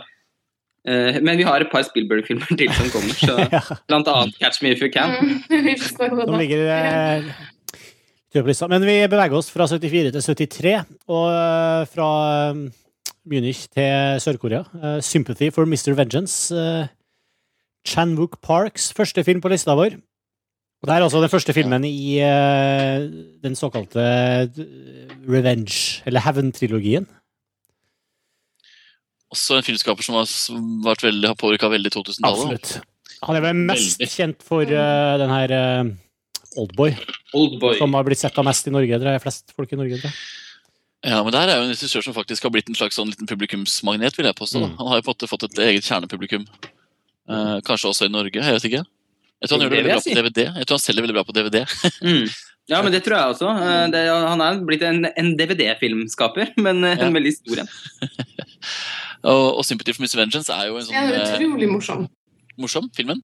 Ja, det er generelt Filmene hans synes jeg har en, en humor i seg som, eh, som jeg godt kan forstå at det norske publikummet faller for. Ja, det må du utbrodere. ja, det er en underfundig humor som, som ligger der, eh, som jeg syns på en måte eh, Som gjennomsyrer filmene hans. Jeg vet ikke hva dere syns for om, men det kommer vi komme til senere. Thirst syns jeg er utrolig morsom. Ja, men, men det er litt det samme som Oldboy også. Det, de er veldig sånn schizofrene. De er så mange ting samtidig. Det er liksom både eh, dypt forstyrrende psykologisk drama, samtidig som de er liksom komedier og actionfilmer. Og det er liksom Det, det er veldig sånn sprikende. Det er alt, Jeg alt tror, jeg har mye sø jeg tror liksom det også har mye med sørkoreansk kultur å gjøre. Nå er ikke jeg noen ekspert på det. Jeg har lest det, liksom nevnt i mange artikler om disse filmene fra Sør-Korea som har fått så stor popularitet. Ikke bare i hele verden, men også på hjemmebane. Altså Sørkoreansk film er jo noe av det mest populære i Sør-Korea.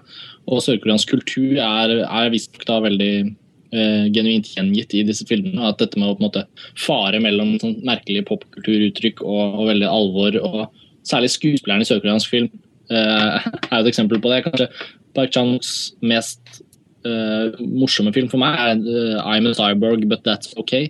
Som ikke er med på listen, og som har kanskje ikke så veldig høy status blant hans filmer, men som er hysterisk morsom. Det handler jo også om ganske alvorlige ting, egentlig, så det er liksom mye som ligger der. Men veldig sånn opp i dagen morsom, da. Det er Mye- mye og slapstick. Mm. Ja. Det er det, er samtidig som en del av filmene så føler jeg liksom alltid at det ligger et lite smil på lur der. på en måte. Mm. Også i en del scener som er litt mer alvorlige, så føler du at det ligger et sånn lite skrått smil på lur hele tida. Det er ganske viktig, for det er også ganske grusomme filmer. altså 'Sympathy for Mr. Vengeance' har jo en av de ekleste scenene jeg husker fra 2000-tallet. Når hun skjærer over uh, Achilles. akillesen under vannet på. Det er jo helt grusomt jævlig. altså Det er jo bare helt sånn forferdelig scene. Men Vi må, vi må nevne at 'Sympathy for Mr. Vengeance' er den minst morsomme av hans filmer. Ja, jo, men, jo, men så har du liksom, der og så har du liksom for oss. eh, incest-action-komedien Oldboy. Det er liksom, hallo! Men det, det er en spoiler. Ja, ja. Hysj. Ja, Det- det, det var faktisk en forferdelig grov spoiler. Det, må- det må du klippe bort. Ja, du må Nei, men det Ok. Eller klippe bort. det det, det. Hvis jeg hadde visst det når jeg så filmen første gang, så hadde det vært veldig dumt. Ah, ja. Nei, vi skal jo spoile på Ja, nei, det- jo Klipp. Det, Bare klipp bort det fra og med at nei, det er, lov, det. det er lov å si det. Herregud, vi, vi, vi har spoilers. Ok. Ja, ok. Ja, de, som de som ikke har sett filmen nå, er jo på en måte kanskje ikke så interessert i å se den. Det er sant. Men Park Chan-wook er jo en av eh, 2000-tallets kultregissører. Han er jo av type. Jeg, har egentlig, jeg så han på en sånn workshop i Berlin for noen år siden. Var du med Ja, da, kanskje? Ja, og vi, vi hadde jo så høye forventninger. Vi gleda oss så til han skulle sitte og snakke om Oldboy og alle mulige ting. ikke sant? Han har jo en veldig tydelig signatur og lager jo filmer som er veldig de er veldig, de er veldig eh, snakkesalige. De er veldig muntlige. altså Det er veldig mye dialog og de er veldig morsomme og det er veldig mye følelser. og det hele tatt. Men mannen selv var jo så fåmælt. Så Karsten og jeg ble skikkelig skuffa, fordi han satt på en scene og snakka ikke engelsk. etter hva vi forsto. Hadde med seg en tolk som kanskje var delvis årsaken til at det ikke funka, hun var så dårlig til å oversette. Men hele greia var bare en fadese, vil jeg påstå, Karsten. Ja, det var jo helt krise. Altså, Hvis man hadde skrevet ned alt han fikk sagt i løpet av den timen, så ville det kanskje vært et halvt A4-ark. Og alt er ting du kunne funnet på IMDb. Altså, det, var, det var helt krise. Men han, man, Kjempebeskjeden også. ja, hans type var nok ikke noe sånn. Han var ikke noe Tarantino, for å si det sånn. Nei, nei. Men det er morsomt, for det er jo en, av- en av de regissørene som virkelig har laget filmer som har vært eh, altså visuelt og språklig utrolig mangfoldig da, de siste ti årene. Man kunne vel lett puttet ham på en topp ti-liste over eh, innflytelsesrike regissører som har dukket opp på dette Ja, tiåret. han er jo ikke, det, det er jo ikke den eneste filmen hans på lista vår. Så det, Nei. Nei. Nei. Nummer 72, Mysterious Skin. Greg Ja. Araki. Mm. Lars Ole, skal du begynne? Jeg kan begynne. Eh, den amerikanske indie-filmen har på en måte vært en veldig sånn stor greie dette tiåret her. Og jeg kan, kan ofte spare meg litt ja, da, for de filmene med de dysfunksjonelle familiene. og Jeg syns mange av de blir kjedelige og repeterende og ganske så forglemmelige. Mysterious Skin derimot er eh, ah, Det blir litt som å sp- spise kråkeboller som snacks. Den er forferdelig vond og ufattelig vakker. Og den, den handler jo om eh, to gutter som har blitt eh, utsatt for, for, seksuell, eh, for seksuelle overgrep som barn. Eh, og den skildrer deres ungdomstid og på hvilken måte de hendelsene har, har påvirket de to på, på vidt forskjellig vis. da. Uh, og på noen måter så er det en veldig, faktisk en veldig fin coming of age-film. Eh, den er også en ganske kontroversiell behandling av pedofilitema. Uh, sånn sett så minner den mye om en film som jeg nylig så, som heter LIA, eller Lie, av Michael Questa. Uh, som behandler, samme som behandler pedofili på den samme tematikken. Altså, dette handler om to barn som på hver sin måte er litt eh, ut, Altså på en måte ikke føler at de får noe kjærlighet i hjemmene sine, og som derfor blir kjent med en mann da, som som blir en farsfigur for de, men samtidig utnytter de seksuelt på, på, på, det mest, på, det mest, groteske. Og Det er kanskje det mest sjokkerende med filmen, at den overhodet ikke legger noe imellom. Den har en slags twist som vel eh, er noe av det mest forstyrrende jeg kan huske å ha sett på film. Fantastisk flott spilt av Joseph Gordon-Lewitt i hovedrollen. Levitt. Som nå, Levitt, ja i hovedrollen, som jo nå har blitt, uh, blitt veldig kjent. Uh, Mm. Med 500 Days of Summer og Men han har jo også hatt et, en av 2000-tallets beste karrierer, da, kan man si. Ja, virkelig. Han spiller jo i Inception også, som kommer. Ja, og uforutsigbar karriere, herregud.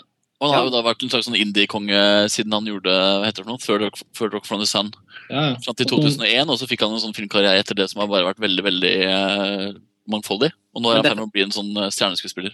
Ja, han er jo det, men Mysterious Skin står likevel virkelig som et, uh, som et foreløpig høydepunkt. Han, han leverer en utrolig sterk rolletolkning. Også en skuespiller som, uh, som heter Michelle Trachtenberg, Mm. som, som dukker opp litt her og der. Har blant annet spilt en uh, ganske bærende rolle i en Six Feet Under-sesong. Uh, gjør en, en, en merkelig sterk innsats i den filmen. Og den er visuelt ekstremt vakker. Mm. Eh, utrolig flott bruk av musikk. Altså den, men samtidig som det er en vakker film, så er den aldri forskjønnende da, i forhold til temaet den tar opp. Den er brutal og ærlig, og på alle måter syns jeg er en av de absolutt sterkeste filmopplevelsene jeg har hatt dette tiåret her. Mm, helt enig med du. Ja, veldig fin. Skal vi mm, gå videre til neste? Elephant. 71. plass. 71. plass. Det er vel virkelig en av de filmene som jeg syns det er ille at ikke er høyere. Fordi Ja, den tredje Gus Van Sant-filmen til nå på listen. Ja, og den suverent Det er ikke verst. Det er ikke verst. eh, og på tross av, eh, av all den anerkjennelsen som, som vi ga Paranoid Park, eh, så er det virkelig Elephant, syns jeg, som er det virkelige mesterverket som han har laget dette tiåret her. Eh, en av tiårets viktigste. Mest innflytelsesrike filmer på nesten alle mulige plan, tenker jeg. Mm. Det morsomme sant, er jo å snakke om karrieren hans. Hvordan han bare har virkelig laget det som Karsten kalte unike filmer. da. Han har hatt en veldig unik karriere, fordi alle filmene hans er jo egentlig ok, de har tematiske likheter og så videre, og alt det, men de, har, de er ganske unike i seg selv. da, alle filmene hans. Han, han bygger noen sånne veldig interessante univers i hver, hver enkelt film. Og Jeg vet ikke hvordan han får lov til å lage film. Ja. Hvem er det som produserer, og hvordan får han budsjett? Det lurer jeg på. Ja. De er jo veldig billige, har jeg skjønt. men... Uh, Ja, men det, det, og, og Elephant var vel opprinnelig laget for TV. Den gikk jo gjennom Ja, ja, yes. ja. i Cannes, men den er jo laget opprinnelig for TV. Men han har en veldig fascinerende karriere hvor han får lage sine egne filmer ganske sånn kompromissløst. da. For det han gjorde det tiåret her, var at han startet med å lage sin siste mainstream Hollywood-film som ikke var noe bra, som heter 'Finding Forrester'. Og så startet en sånn eksperimentperiode hvor han lagde 'Jerry', som jeg dessverre ikke har sett, men som foregår ute i saltørkenen i Utah. Eh, som er en slags sånn Vi venter på Godot-aktig eh, film. Sånn som jeg har forstått det. Og så kom 'Elephant', og så lagde han 'Last Days', denne eh, Kurt Cobain-historien, parallellen, eh, med, med Hva heter han? Mike Pitt. Ja. Og så Ikke like vellykket, kanskje. Som Nei, kanskje ikke. Eh, og så Paranoid Park og så Milk, og så nok et sånt indie-prosjekt nå som blir det neste. Da. Sånn han har på en måte gått, tatt en sånn skikkelig reise som regissør gjennom det tiåret her, da, som er, eh, som er bemerkelsesverdig nettopp pga. at tre av filmene hans er på listen. Kanskje burde de vært høyere, men de er i hvert fall på listen. Ja, men, eh, men Elephant er ikke bare pga. Liksom plassen den har i hans karriere, men også filmen som en film alene. da, Måten den filmen virker på. Det er jo en film som Den tar jo for seg en skolemassaker. Uh, vi har jo nettopp hatt en massaker av en skolemassakerfilm på montasje. Polyteknikk. eh, som Eirik skrev i Harniskom, og jeg har ikke fått sett den enda. Uh, Jeg er spent på den. Men, eh, men Elephant eh, handler jo da om en skolemassaker. Og den kom jo noe etter Michael Moore sin 'Bowling for Columbine'-film. Men, men 'Bowling for, for Columbine' var på en måte en veldig sånn tabloid eh, film som fungerte veldig sterkt akkurat der og da. Men som jeg vel føler at har tatt seg ganske betraktelig i årene etterpå. Mens 'Elephant', eh, det som gjør den filmen så bra, er at den, den For det første så handler den jo ikke om en konkret hendelse. Det handler om en Altså, det, det er jo ikke en gjengivelse av Columbine. Det er, en, eh, det, er, det er ikke basert på virkelige hendelser. Og det handler om Det kunne skjedd hvilket som helst sted. Og filmen gir også, klarer også den det, Og det syns jeg er en prestasjon, da. At den klarer å få deg til å føle at dette kunne skjedd hvor som helst. Fordi at kamera Altså, man går inn i Måten Gusman bruker kamera på i den filmen her, gjør at man selv på en måte trer inn i filmen. Mm. Eh, kamera er jo en aktiv karakter gjennom hele filmen som eh, på en måte ikke ser, men snarere overser alle karakterene som eh, alle, Eller alle menneskene rundt seg. På samme måte som Vi har jo alle gått på skole, og vi vet jo man vet jo stort sett hvem de fleste på skolen er. Eller man kjenner de igjen, eller man har sett de, ja, man har kanskje overhørt noen, noen samtaler i kantina. Vet hvor de bor, om de har kjæreste, og osv. Og det samme gjør denne filmen. Man, og, man blir aldri kjent med egentlig en eneste karakter. Man bare overhører eh, en rekke situasjoner. Og man liksom eh, Kamera nærmest hypnotiserer deg inn i en merkelig tilstand hvor du bare flyter rundt sammen med disse menneskene i halvannen time før det plutselig smeller. Og effekten det har, er, eh, ja, er helt vanvittig. Hva Men tenker, dere andre, hva tenker dere andre? For det er jo en, det er en film som også har splittet publikum ganske mye i to. Jeg liker den kjempe, kjempegodt, og jeg synes det er interessant. Altså, som du sier, Dette er en film som, som sitter igjen veldig godt. Også, tro det eller ei, eh, en del av karakterportrettene sitter jeg igjen med og husker. Og jeg på en måte, um, Selv om man ikke blir godt kjent med karakterene, så bryr man seg av en eller annen grunn om dem mye mye mer enn i da f.eks. The Royal Tenenbaums. Eh, og det er snodig, for det er jo den tilstanden når man går på high school eller ja, videregående. Det å, bare liksom så vidt vite hvem man er, pirke borti noen på et eller annet vis, som gjør at man blir mer nysgjerrig. Man ser, virke, altså man ser en del grupperinger og en del typer, men man ser også mennesker som man kanskje syns er interessant, som man har lyst til å bli bedre kjent med. Ja. Men, og så blir man stående igjen med den følelsen. Og når da du har det store crescendoet, og, og det blir veldig dramatisk mot slutten, så vet du at en del av de her menneskene forsvinner. Du blir ikke kjent med dem, men du vil aldri bli kjent med dem, på en måte. Mm, det er godt sagt. Ja, veldig god oppsummering av hvorfor den filmen er så bra. Skal vi hoppe til eh, den filmen jeg mener er det mest forkastelige innslaget på hele topp 100-lista? Den skulle ikke vært på topp 1000 engang. og det er Sin City. Ja. Sin City. Nummer 70. Nå må, noen, nå må noen forsvare hvorfor Sin City er på topp 100, for jeg synes det her er, er kanskje den kjedeligste og mest grusomme opplevelsen jeg har hatt på 2000-tallet på kino. Ja, jeg, jeg, takk, da. Jeg kan godt forstå Nei, jeg synes det her er virkelig en forferdelig film. Virkelig en grusom film. Nå er jeg ingen Robert Rodriguez-fan, det her var så utrolig kjedelig. Så tamt. Så utrolig tamt. Jeg tenker det kanskje er en av Robert Rodriguez' beste filmer. Kan man Det si noe sånt? det sier jo lite. Jeg ja. Spike Det Jeg så jeg har dårligere filmer. Jeg synes det sitter, altså, I forhold til all hype og alle omtaler, all skryt og all sånn fanskare-miljø den hadde rundt seg før den kom til Norge, så bare jeg ble så Ikke skuffa, jeg bare ble så Jeg kjeda meg så veldig da, på den. Jeg må jo si at jeg kjenner meg veldig igjen da. Jeg husker, jeg husker også veldig godt den enorme Sin City-hypen. Jeg husker godt at jeg har kjøpt meg popkorn og benka med det og forventet en av, i hvert fall en av sommerens beste filmer. Og jeg har vel sjelden blitt så skuffa, tror jeg. Jeg syns også Sin City var en veldig død film. eh, Ja, som var altså, helt sånn overraskende lite underholdende òg, da, for min del. Mm. Veldig kjedelig. Ja, nå er det litt merkelig å føle at man skal befinne seg i rollen hvor man skal forsvare Sin City. En film jeg også syns er på en måte noenlunde litt tam, men den var strengt tatt ganske underholdende for meg da jeg så den på kino i sin tid. Men det som er litt fint med Sin City, er at den er et av de første eksemplene på denne listens demokratiske eh, måte å bli skapt på. Eh, for den er jo en veldig populær film. Og den har fått mange stemmer innad i staben. Den, den er på listen vår, og det er ganske interessant fordi på en måte så er jo det en veldig tom film. Den er jo en som ikke holder seg godt, i mine øyne. Det er en film som virkelig jeg aldri har behov for å returnere til og kikke på igjen. Eh, bortsett fra at jeg skulle vise lillesøsteren min hvem Britney Murphy var da hun hadde dødd, så viste jeg henne en scene fra Sin City. Det er jo en litt morbid eh, eksempel, men, men eh, Sin City er en sånn en engangsfilm. En, eh, en, eh, en, en film som har selvfølgelig fått mye status pga. at den hadde et særegent uttrykk, men det uttrykket var jo komplett originalt for tegneserien, ikke for filmen. Filmen er en slags eh, Den er ekstremt uoppfinnsom som film. Mm. Og Det er kanskje det som plager meg mest med den. At- Ja, altså, og Den fikk jo så ekstremt mye anerkjennelse for måten den ivaretar tegneserieuttrykket på. Da. Men jeg vil jo si for at en film som 'Hulken' til Ang Lee gjorde det på en vel så imponerende måte. bare et par år, og, og det var jo et par år før. At De ble jo innovativ med sitt språk, da. Sitt på filmspråk i måte Så Selv ikke Ja. filmen var så vellykket. Men, men, jeg kan også, jeg kan også nyansere kritikken min såpass da, at jeg er heller ikke en Robert Rodriguez-fan. Tvert imot. Og jeg syns nok faktisk også li- likevel at Sin City er én av Robert Rodriguez' sterkeste filmer. Men hva var de andre? Hva var de andre? Ja, jeg syns jo From Dust Dawn er ganske kul. Once Upon a Time in Mexico. Ja. Jeg må si at jeg er jo en, en tegneseriefan, og, eh, og pluss at jeg også da er veldig opptatt av eh, av filmfoto. Så jeg var egentlig av den grunn at jeg så Sin City.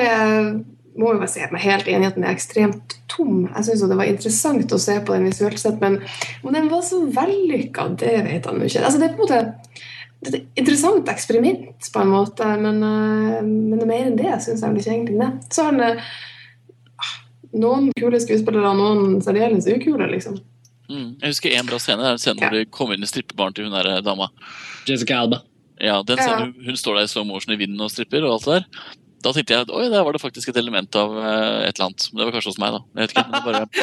Men altså, resten av, ja, men, resten, resten av filmen var så tanketom. Herregud. Ja, jeg syns til og med hun var veldig død, da. Men uh, det, er, det ja, er, det er det også, har vel også endt opp med å bli en sånn pizzakveld-film. Ja, Men ikke det engang. Jeg, den er jo så kjedelig. Herregud. altså, jeg bare, Den der monotone fortellerstemmen og det der ensidige foto og det der ensidige utsnittene og det bare altså, det er Åh, så tamt. For å være veldig slem så kan man si hvorfor skal man se Sin City om igjen når man kan se 300? Ja, for jeg syns 300 hadde mye mer Å, Og den er i hvert fall dårlig! Ja, det altså, det... Den er krisedårlig! mitt, Den er mye er dårligere. mitt lille spark til Sin City var selvfølgelig det. At 300 er mye Ja, dårligere. Vet du hva? Ja. Det er helt utrolig. Det er en fotballmann som jeg ikke har klart å se mer enn ti minutter, og bare bare, vær så snill, ikke si mer. Jeg glemmer aldri visningen i Berlin, og den ble buet ut. Ja, er liksom Men det er jo ja. testosteron her. Vi kan, jo, vi kan jo anbefale en av uh, staben i montasje å skrive en kommentar under denne podkasten hvor, hvor vedkommende prøver å redegjøre for hvorfor Sin City fortjener en 70.-plass 70. på vår liste. Ja. Vedkommende er hjertelig velkommen. Ja. Men men bare for å si det helt til slutt, da. Hvis vi sier oss ferdig sin side, så kan man si at formmessig så øh, Hvis man ikke skal vurdere kvalitet, som jo er noe vi gjør på denne listen, her, skulle man hatt en parallelliste som handler om innflytelser og filmer som har betydd mye for å prege øh, litt sånn mainstream-filmen, så har jo Sin City og 300, disse to filmene som vi ikke er så fornøyd med, virkelig hatt en innvirkning på populær øh, action, øh, action og sånn effektfilm. da. De har hatt Ja, dyp innflytelse på og det er filmer som folk Sin City også. Ja, det er veldig mange som, mange som refererte dem hele tida, og det, det er interessant å se. Så sånn sett så skal man jo ikke Blinde ja. mennesker. Blinde mennesker. Ja, men vi er i mindretallet. Ja, ja. Ja, vi er faktisk i mindretallet. Vi må eh, huske på det. Mm. Ta oss i kommentarsporet. Få høre, få høre noen, eh, noen fans i kommentarsporet. Noen som virkelig elsker den, så få høre hvorfor. Jeg spår at historiens dom vil være knallhard over Sin City. På 69. plass så har vi en ganske fersk film. 'Avatar' av James Cameron. Den har vi jo snakket om i en hel podkast ganske nylig, og skrevet en del om på montasje. Men uh, den har gjort seg fortjent til en plass på listen. Det er kanskje ikke så overraskende. Helt klart. Har lyst til å si noe kort? Ja, jeg må få si at den er jo eh, helt klart mye bedre enn eh, 70.-plassen vår. Uh, Og den er jo også visuelt, hvis vi skal snakke om filmer som kommer til å ha noen innvirkning på film fremover, og som vil bli referert til, visuelt sett så jo, kommer jo Avatar til å bli det. For den jo den gjør jo noe nytt, og den gjør jo noe veldig fint, syns jeg. Og så, og så er den på en måte Jeg føler at og, det, og Avatar var jo en film som på en måte på tampen ble slengt inn i den listen her av en slags felles enighet om at filmen har en betydning, da. Ja. Og jeg, jeg syns også den kan gå på den kontoen til lista som Altså, Avatar er Man kan, man kan synes kjærlighetshistorien er klissete eller plottet forutsigbart eller hva som helst, men de aller fleste ender likevel med å, å å få underkjeven i bakken når man faktisk ser filmen. Og den har en eller annen sånn klassisk Jeg syns at filmen er en sånn slags tatt av vinden jeg, for, eh, for det nye årtusenet. Og de som teller kinobillettsalg, vil også kunne skrive under på det. fordi Avatar ser jo nå ut til å bli tidenes mest innbringende film noensinne. Ja, det er Og det er jo også en film som det er en film som definitivt er verdt billettprisen i tillegg. ikke, Ikke minst dette vil man faktisk betale for å se. Ja, det er ikke noe vits å Men vente på det, det. altså. Ja, men altså, Avatar var kinoopplevelsen framfor noen i 2009. Det er jo ikke Ja. snakk om annet. Nei, Og den, er, er, og den har noen sånn, eh, helt sånn basale kvaliteter som gjør at det er en sånn instant American classic. da. Jeg syns da for øvrig at eh, Godt oppsummert, 68.-plassen og Brother Arta også er en, eh, en klassiker. Amerikansk klassiker. Helt enig. Her er det jo mye uenighet, eh, så her kan vi sikkert snakke litt. Men dette er den første Cohen-brødre-filmen på listen vår. De har Det er litt rart. Det første det er litt rart. Ja, på en måte. De har laget mye film på 00-tallet. Dette var den første på 00-tallet. Den er fra år 2000. Uh, ja, man husker jo den filmen. Gjør man det? Mm. Ja, jeg husker den som et litt sånn, litt sånn halvsjarmerende, glatt stykke gjennomsnittsunderholdning. Som forsøkte på en måte Jeg synes den var sjarmerende på en veldig konstruert måte, som jeg rett og slett nesten syntes var litt sånn uhyselig. Syns det er Men det er det som er en del av Coen en del av Coen-brødrene sine filmer har jo en sånn eh, konstruert følelse, mens her syns jeg det fungerte mye bedre i det her litt absurd altså, Det er litt absurd å på en måte ta Odysseen og stappe den inn i 30-talls sørstatssetting.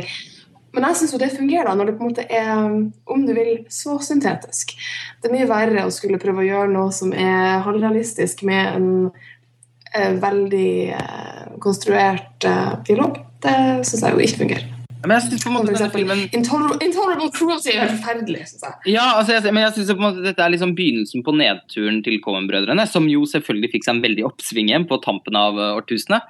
Men, eh, og Brother Where Arthur mangler uh, Where Art Thou mangler mangler den her litt sånn mørke, biske tingen som jeg i hvert fall setter pris på med Coen-brødrene.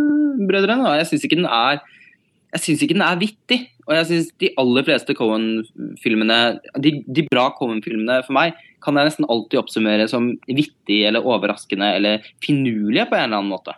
Jeg syns den Jeg syns den er veldig vittig. Jeg også. Og også Ja, Jeg veldig, synes den er veldig veldig finurlig. Ja, det er en del dialog. Ja, helt klart. Det både, altså, jeg syns den også er litt sånn sukkertøy for øyet, og Mm. det kan jo jeg kalle meg billig, men det faller nå jeg for. Og, og jeg syns også en del av dialogen er litt morsom. Altså, noen sier jo 'damn, we're in a tight spot' ganske mange ganger, og jeg ler hver gang. Men jeg skal skal også, så jeg ikke på en måte blir- høres altfor ureflektert ut. Altså, det, er, det er på ingen måte en film jeg hater. Jeg husker jeg syntes det var en veldig sånn hyggelig og ålreit filmopplevelse når jeg så den. Jeg bare syns ikke den hører hjemme på en liste eh, som denne. da. Jeg syns den er altfor forglemmelig til det. Og, og den har nok eh, er rett og slett ikke min humor, tror jeg. Nei. Det som er gøy, Vi kan jo snakke om Coen-brødrene i større forstand. da, fordi 90-tallet var jo det beste altså de, de var jo blant verdens viktigste regissører på 90-tallet. ikke sant? Ja. Kanskje ikke viktigste, men i hvert fall de mest anerkjente. og Ja, men Millers Crossing, Barton Fink, Fargo, Big Lebowski ja, det Vi hadde jo en perlerekke med filmer, men 2000-tallet ble jo rett begredelig. Det slutta jo bra, som du sier, Lars Ole, men altså Ja. Herregud, Intolerable Cruelty og Lady Killers og jeg vil også påstå The Man Who Wasn't There. altså En rekke av veldig sånne tafatte, litt sånn Uff, nei da, så fælt. Filmer. Og så kom det nå Country for Old Men ikke sant? Og, og flere. Serious Man. Og Serious Man, som er, er tilbake kanskje litt i gamle landskapet, spesielt av Serious Man. Men de har hatt et skikkelig kjipt tiår, egentlig. Ja, de har hatt et kjipt tiår. Og- Ja. Så, så kan man si at O'Brother Brother, nesten, O hører nesten med på en måte, sånn sett, til den gode bølgen på 90-tallet, syns jeg. da. Og så syns jeg det ble kjipt etter den. da. Jeg er helt enig. Ja, Den er på en måte spilt inn og uttenkt på 90-tallet, og så er den sluppet eh, på kino i dette tiåret, 00-tallet. Men, men det er jo faktisk en litt morsom parallell mellom O Brother og A Serious Man. Um, nå er ikke A Serious Man på listen vår, um, dessverre, kan man si, for den er jo egentlig ganske bra. Men, men um, filmene slutter jo på ganske lik måte. Det er en sånn derre litt sånn Det går liksom dypt ned i et eller annet som føles litt sånn erkeamerikansk, selv om Serious Man handler mye mer om jødedommen enn eh, det å være amerikansk. Men eh, jeg likte egentlig en av de tingene jeg likte best med O Brother, nå som vi skal avslutte å snakke om den, så vil jeg bare si noe positivt, og det er det at eh, jeg syns den gikk veldig inn i det å fortelle om, om amerikansk eh, kultur, da. På en eller annen måte. Folkekultur. Jeg husker musikken gjorde veldig inntrykk på meg, også i filmen. Ikke bare etterpå da man hørte på det soundtracket til evige tider, men, men i filmen. Og det var en sånn stemning som jeg syns var ganske ny for dem. da. Eh, Jeg var ikke den store fan av The Big Lebowski da den kom. Jeg, klart, jeg liker den filmen ennå, men jeg har ikke hatt noe sånn kultforhold til The Big Lebowski. Men jeg syns O Brother var en veldig opptur sånn sett da den kom. Og så kan man kanskje si at den ikke har tålt tidens tann så godt, men eh, jeg syns ikke den var så verst. Jeg er helt jeg- enig. altså, Jeg vil, jeg, vil, jeg vil ikke slutte så negativt. Karsten. Jeg synes først at den har topp 12 tidens veldig bra. Jeg synes det er en veldig veldig bra film. Eh, nå ble det veldig pessimistisk avslutning på den, Ja. men jeg synes det her er virkelig en film som fortjener å være på den plassen den er på på lista vår. Visuelt er den storslagen, eh, og ikke, ikke enkel visuelt. Den er ganske kompleks visuelt. Eh, også spesielt kostymene er jo, altså Periodetallene er jo kjempefine. Men jeg syns manuset er så kreativt. Det er så finurlig og fiffig lagt opp. da. Så jeg, jeg syns den fortjener sin plass, jeg, og den har ikke tapt seg. Jeg synes En liten, en liten digresjon på slutten er at ja, musikken ble ble jo stående igjen. Men, og tilbake til det her med 90-tallet. Min eneste umiddelbare reaksjon da jeg så den, var at den hadde jo blitt enda bedre hvis den personen som satt i platestudio, var Moby. Da hadde den på en måte blitt stående som et monument over 90-tallet. Det var det da ikke. Nei, dessverre. Eh, På 67.-plass da hopper vi til en litt nylig film, The Hurt Locker av Catherine Billow. Det er jo mitt store svarte punkt på lista, for jeg har ikke sett den. Det er helt grusomt. Da har du en veldig god film til gode. Dette er jo kanskje en av de sterkeste filmopplevelsene jeg hadde i 2009, eh, bak Avatar. En helt annen type filmopplevelse, men en krigsfilm uten sidestykke, egentlig, i dette tiåret. Ja, jeg syns altså, det her var den beste amerikanske filmen i hele 2009. Eh, altså overlegent beste amerikanske filmen. Men ikke bare for at den er så uh, vellaga, som den jo også er, men det er noe med at jeg liker ideen om at Catherine Bigelow, kvinnelig regissør, uh, blir den som lager krigsfilmen da, i USA. Og da mener jeg krigsfilm med stor K.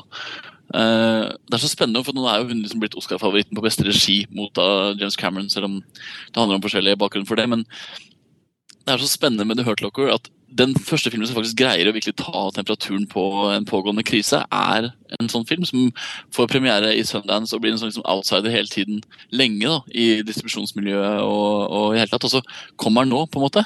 Disse tre-fire månedene, og så har den bare hatt et sånn stødig, jevnt fokus, fått kjempegode anmeldelser, og folk snakker om den, og vinner alle kritikerprisene i USA, osv. Uh, men det er en sånn skikkelig beintøff, vellaget film som for meg er skikkelig altså Jeg husker den som en kjempeintens opplevelse. Mm. Lars Ole er vel litt mer eh, Jeg ser at jeg liksom si- sitrer av at jeg gleder meg til å se den.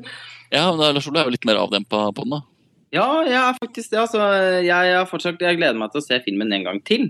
Eh, for det er jo også sånn faktisk at eh, humøret man er i, på en måte kan påvirke litt, eh, litt filmene man ser. Eh, så Derfor forsøker jeg alltid å se filmer flere enn én en gang, og det gjelder også The Hurt Docker. Fordi jeg elsket ikke den filmen når jeg så den. Eh, jeg syns at den som Jeg egentlig bifaller alt du sier, fordi den er ekstremt vellaget. eh, Og er veldig preget av en regissør som har fullstendig kontroll da, på absolutt alle elementer. Eh, Og på på en måte alle virkemidlene da, som finnes i filmen. Og det gjør jo at filmen eh, ofte blir veldig intens. Men for meg så, så var jeg litt distansert, da. Jeg ble på en måte jeg, jeg følte aldri en sånn en veldig stor interesse for, for karakterene, og jeg syns at eh, Ettersom filmen på en måte er såpass Den er veldig sånn balansert politisk sett. altså Hun tar ingen sider. Hun, eh, hun gir oss ikke noe svar osv. Jeg syns kanskje også det var en tanke kjedelig og feigt. Jeg skulle ønske at hun heller kunne på en måte gitt den en litt skarpere politisk og for meg da også emosjonell dimensjon. da. Det var det jeg savnet litt med den filmen. Jeg syns det var et fantastisk godt stykke formverk. Men eh, jeg har nok sett krigsfilmer som har gjort langt sterkere inntrykk på meg, være seg The Thin Red Line eller Apokalypse nå. Men jeg, jeg er veldig uenig med at hun faktisk er feig. for Jeg syns ikke at det er feigt at hun ikke tar side. fordi det meste av amerikansk film i krigssjangeren tar jo side. Og tar veldig svart-hvitt side. ikke sant? Den gjør at hun, hun velger å forholde seg nesten sånn passiv til uh, altså, Eller det er ikke tema, da. I Nei. filmen, rett og slett. Nei da, det, det, jeg syns ikke- det er et uh, uttrykk for at Catherine Bigelow er feig. nei, det var det veldig- et veldig kanskje litt feil sagt. Ja, ja. Det er et veldig veldig tydelig grep i, i, også i manuset, skal sies. da. Mm. Uh, jeg syns bare at filmen er den er Yes. liksom et, et karakterdrama, da, først og fremst. Men, jeg, men det, jeg tror det er liksom det, det som Jeg er også enig i at det er kanskje mm, feil, feil å kalle henne feig. Eh, fordi hun gjør jo på en måte akkurat det hun altså Det er tydelig at alt er veldig intensjonelt. Men Mm. jeg, jeg skulle nok ønske for min egen del da, at filmen hadde den dimensjonen som den mangler. Og jeg Ja. heller ikke manus altså Manuset har også fått veldig mye skryt. Og jeg må jo si at jeg syns ikke det var en av de mest minneverdige filmmanuskriptene jeg overhørte i fjor, i hvert fall. Jeg syns det var ganske forglemmelig sånn sett. Det som Men det var veldig bra spilt. Ja, ja, veldig, veldig bra spilt. Det som er morsomt er at litt av den kommentaren i USA nå går jo på at det skiller seg veldig mellom de som på en måte øyeblikkelig ble fanga av filmen, da, og de som var som deg, da, litt passive ikke sant? og på en måte hadde litt avstand til det. Mm. Eh, altså De som på en måte ikke helt forstår eh, nå, det veldig, nå har den fått veldig bra, unisont bra mottakelse i USA, og den får liksom ganske bredt med kritikerpriser, så den har jo en veldig god mottakelse. Men de som reagerer på det, de snakker om dette, og sier om at, at de er litt passive. da. Eh, men for meg så var det jo, altså bare som jeg har sagt om før, og som jeg skrev om i omtalen på montasje, så jeg bare, jeg, jeg, jeg synes det var så ubehagelig fra første liksom, bilde. Ikke sant? Altså Den der følelsen satt så i så fundamentalt i meg at jeg bare liksom Jeg var fanga av filmen. da.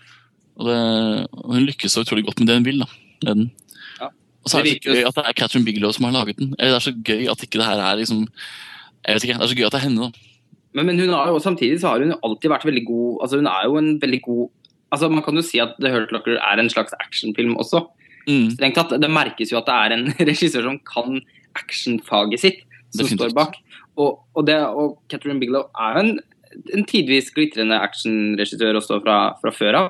Blant annet vampyr- vam- vampyrthriller-actiondramaet hennes uh, Near Dark Mm. er jo uh, en, en veldig flott film. Og Point Break er jo altså, for meg en sånn veldig sånn god 90-talls actionklassiker. Som også Mm. viser en regissør som har fullstendig kontroll på filmspråket. Da. Og det viser hun i The Hurt Locker òg. Så jeg, jeg anerkjenner veldig filmen, men eh, jeg bare, det var ikke en film som jeg eh, ble forelsket i. Da. Skal vi gå videre til neste? 66.-plass. Der har vi 25th Hour av Spike Lee. Som er den eneste Lee-filmen på lista. Ja, jeg tror det. Det, er det er litt sånn Jeg syns jo det er en helt utrolig god film. Uh, også en film som vokser veldig, men som da den kom, på en måte ble litt sånn merkelig mottatt. Den, Mm. den, den dukket opp litt sånn Den var litt sånn Det var ikke noe sånn særlig spesielt, føltes det som, at Spike Lee hadde laget en litt sånn på bestilling-følelse-film. Fordi man tenker han bare lager sånne viktige politiske filmer fra, fra det afroamerikanske miljøet i USA. Men Spike Lee har jo på en måte utvidet lerretet sitt veldig opp gjennom det tiåret her, da, og, og laget eh, en av de beste bankransfilmene fra dette tiåret, 'Inside Man', som jeg endelig fikk sett nå like før jul. Den er heller ikke på listen, men Spike Lee har på en måte som regissør tatt en ny vending i løpet av det tiåret. her, Og 25th Hour er på en måte i hvert fall for mange blitt den beste filmen som, som tok på en måte Som ikke handlet om 11. september, en sånn konfliktmessig eller krigene som etterfulgte, men som bare handlet om stemningen i New York etter, etter de terrorangrepene. Hvordan det preget mennesker som levde der. Så handler selve historien i filmen om helt andre ting. Mm. Men, eh, men det er kanskje en av de som, tingene som i utgangspunktet gjorde veldig inntrykk på meg. og så Etter hvert som jeg har sett den flere ganger, så har jeg skjønt at det egentlig er et av de beste karakterdramaene, urbane karakterdramaene fra, fra USA. Fra det tiåret. Mm. Eh, virkelig en fremragende film. Eh, som som eh, Så jeg er enig i det du forteller om på en måte mottag, mottagelsen som filmen fikk når den kom. Da, for den ble på en måte veldig på mange måter faktisk veldig oversett. Og jeg føler også at den filmen ikke har virkelig har fått den renessansen som den fortjener. da. For det er virkelig Spike Lee sin beste film siden kanskje siden Do the Right Thing. Ja. Jeg, er jeg er veldig enig med anmelderne. At den liksom er litt sånn derre Ok, det var det, liksom. Fordi uh, Karsten og jeg så den sammen i Paris. Tror du ikke det, Mm. Jo. I sin tid. Mm. Uh, jeg husker du var overbegeistra med en gang. Det var vel de fleste andre også. Jeg var litt sånn der, eh, avventende, for jeg syntes at den var veldig uforløst. da, filmen. Men jeg, jeg husker jo veldig godt anmeldelsen. Den var jo sånn som jeg sier at den, den fikk jo liksom ros for bra skuespill og var liksom vellaget, alt det der, men så, så ble det liksom, det falt litt igjennom for mange av anmelderne. da. Det, måtte, en satt ikke helt igjen. Og det er jo min følelse av den også. Jeg syns ikke jo ikke at den hører hjemme på topp 100. ikke sant? Så for Det er så, det er så altfor mye i den. og Spesielt siste akten er jo bare et å, altså Det er så mye at det er bare sånn her, ah, det fortsetter og fortsetter. Og fortsetter, og man rekker jo faktisk å sovne tre ganger. og det, det er litt sånn, jeg vet ikke, For meg er det ikke, for meg er det så langt ifra et mesterverk som det kan få bli. da. Jeg syns heller ikke at det er noe spesielt god film, egentlig. Nei, det er forferdelig uenig. Ja, jeg er også det, enig, det, har dere, er det, har dere jo, det har dere jo for lengst presentert at dere er uenige med, men altså, det er jo ikke poenget her. Poenget er at er uenige om ting. Eh, jeg syns det beste med filmen er faktisk musikken til Terence Blanchard, som var det som fikk mest da når filmen kom ut. Veldig veldig bra musikk. Jeg syns filmen som helhet er rett og slett ganske kaotisk og overgjort. da, Og svulstig, faktisk. Hva syns du, Kari? Jeg har ikke sett den, dessverre. De fleste har ikke veldig sett stille den. og ly- lytter og hva man kan si. Mm. Jeg syns det på en måte høres ut som um, har spennende utgangspunkt, men jeg, altså, jeg syns det er interessant at du sier Erik, om at uh, man kanskje ikke sitter igjen med så mye. Hva, synes, hva, hva mener dere da som, har, som liker den? Sitter dere hjemme? med? Husk, kjenner dere karakterene? Ja, faktisk kanskje nettopp pga. karakterene så står den så sterkt for meg. fordi den, den handler jo da om Edward Norton, hovedpersonen, eh, som eh, har 24 timer igjen før han skal melde seg for soning. Han er blitt dømt for en narkotika, grov narkotikakriminalitet. Han skal inn for å sone flere år i fengsel. Så han har 24 timer til å ta, ha, si farvel til eh, kameratene sine og familien og kjæresten. Eh, Men samtidig så sliter han med den følelsen av at han ble angitt av noen, men han vet ikke helt hvem. Han mistenker kjæresten sin for det. Eh, Og i prosessen med at han tar måte, avskjed med miljøet sitt før han skal inn til soning, så blir vi kjent med hans to beste venner og deres respektive liv og historier. Eh, kjæresten hans, som ikke vi heller vet om har sviktet han eller ikke, vi vet egentlig ganske lite om det, så rulles det opp en del ting eh, bak, eh, bak den måte, presenshandlingen i filmen. Da. Så sakte sikkert så forstår vi mer og mer av kompleksiteten i selve dramaet. Ja, men Karsten, jeg har jo sett den! Ja, Jeg har har, sett den. jeg har jo sett den. Jeg syns, Ja. jeg syns ikke er mesterverk i det hele tatt. Ja. Jeg har ikke sagt at det er mesterverk, jeg bare syns For det, det er kanskje Do the Right Thing som i tilfelle er Eller egentlig så er det faktisk den Karsten, du, du syns filmen her er veldig veldig, veldig bra.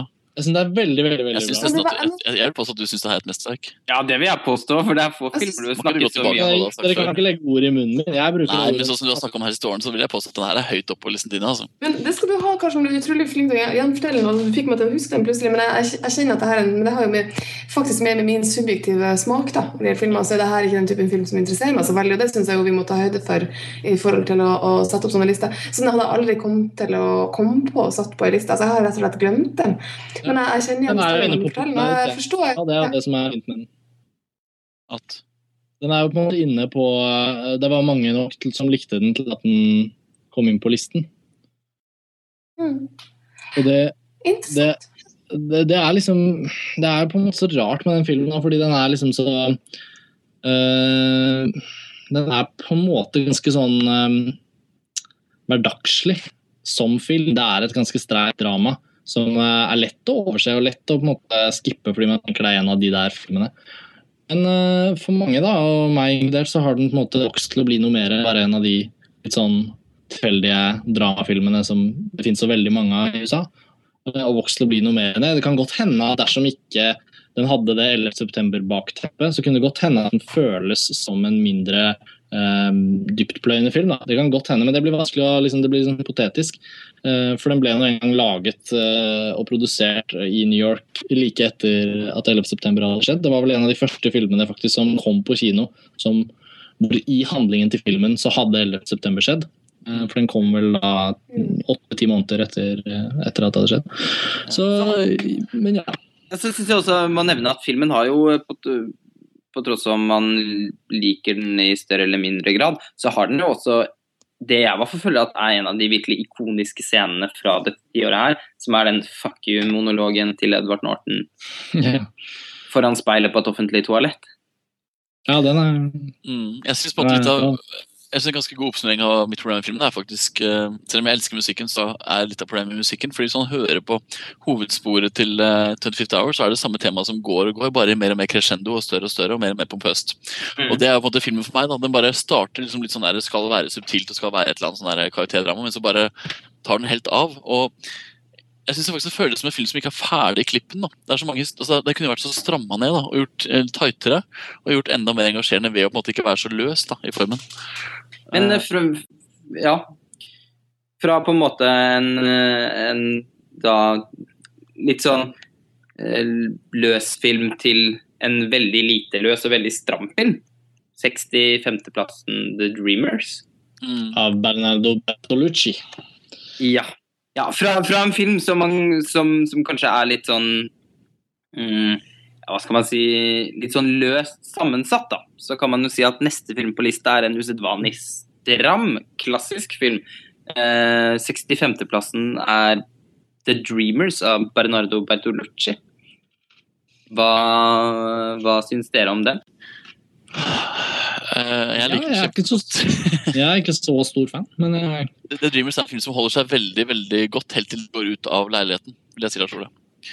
Så lenge de holder seg inne, så er jeg skikkelig med i alt sammen. Mens når du, når du går ut, så faller jeg. Ja, Det er jo ikke veldig ofte, da. I hvert fall. Nei, ikke sant? Men altså, det er bare, Den er så utrolig bra når den holder seg liksom der, og er leiligheten og alt det der erotiske lada miljøet og Ja. alt det her. Da elsker jeg den. Uh, virkelig, liksom.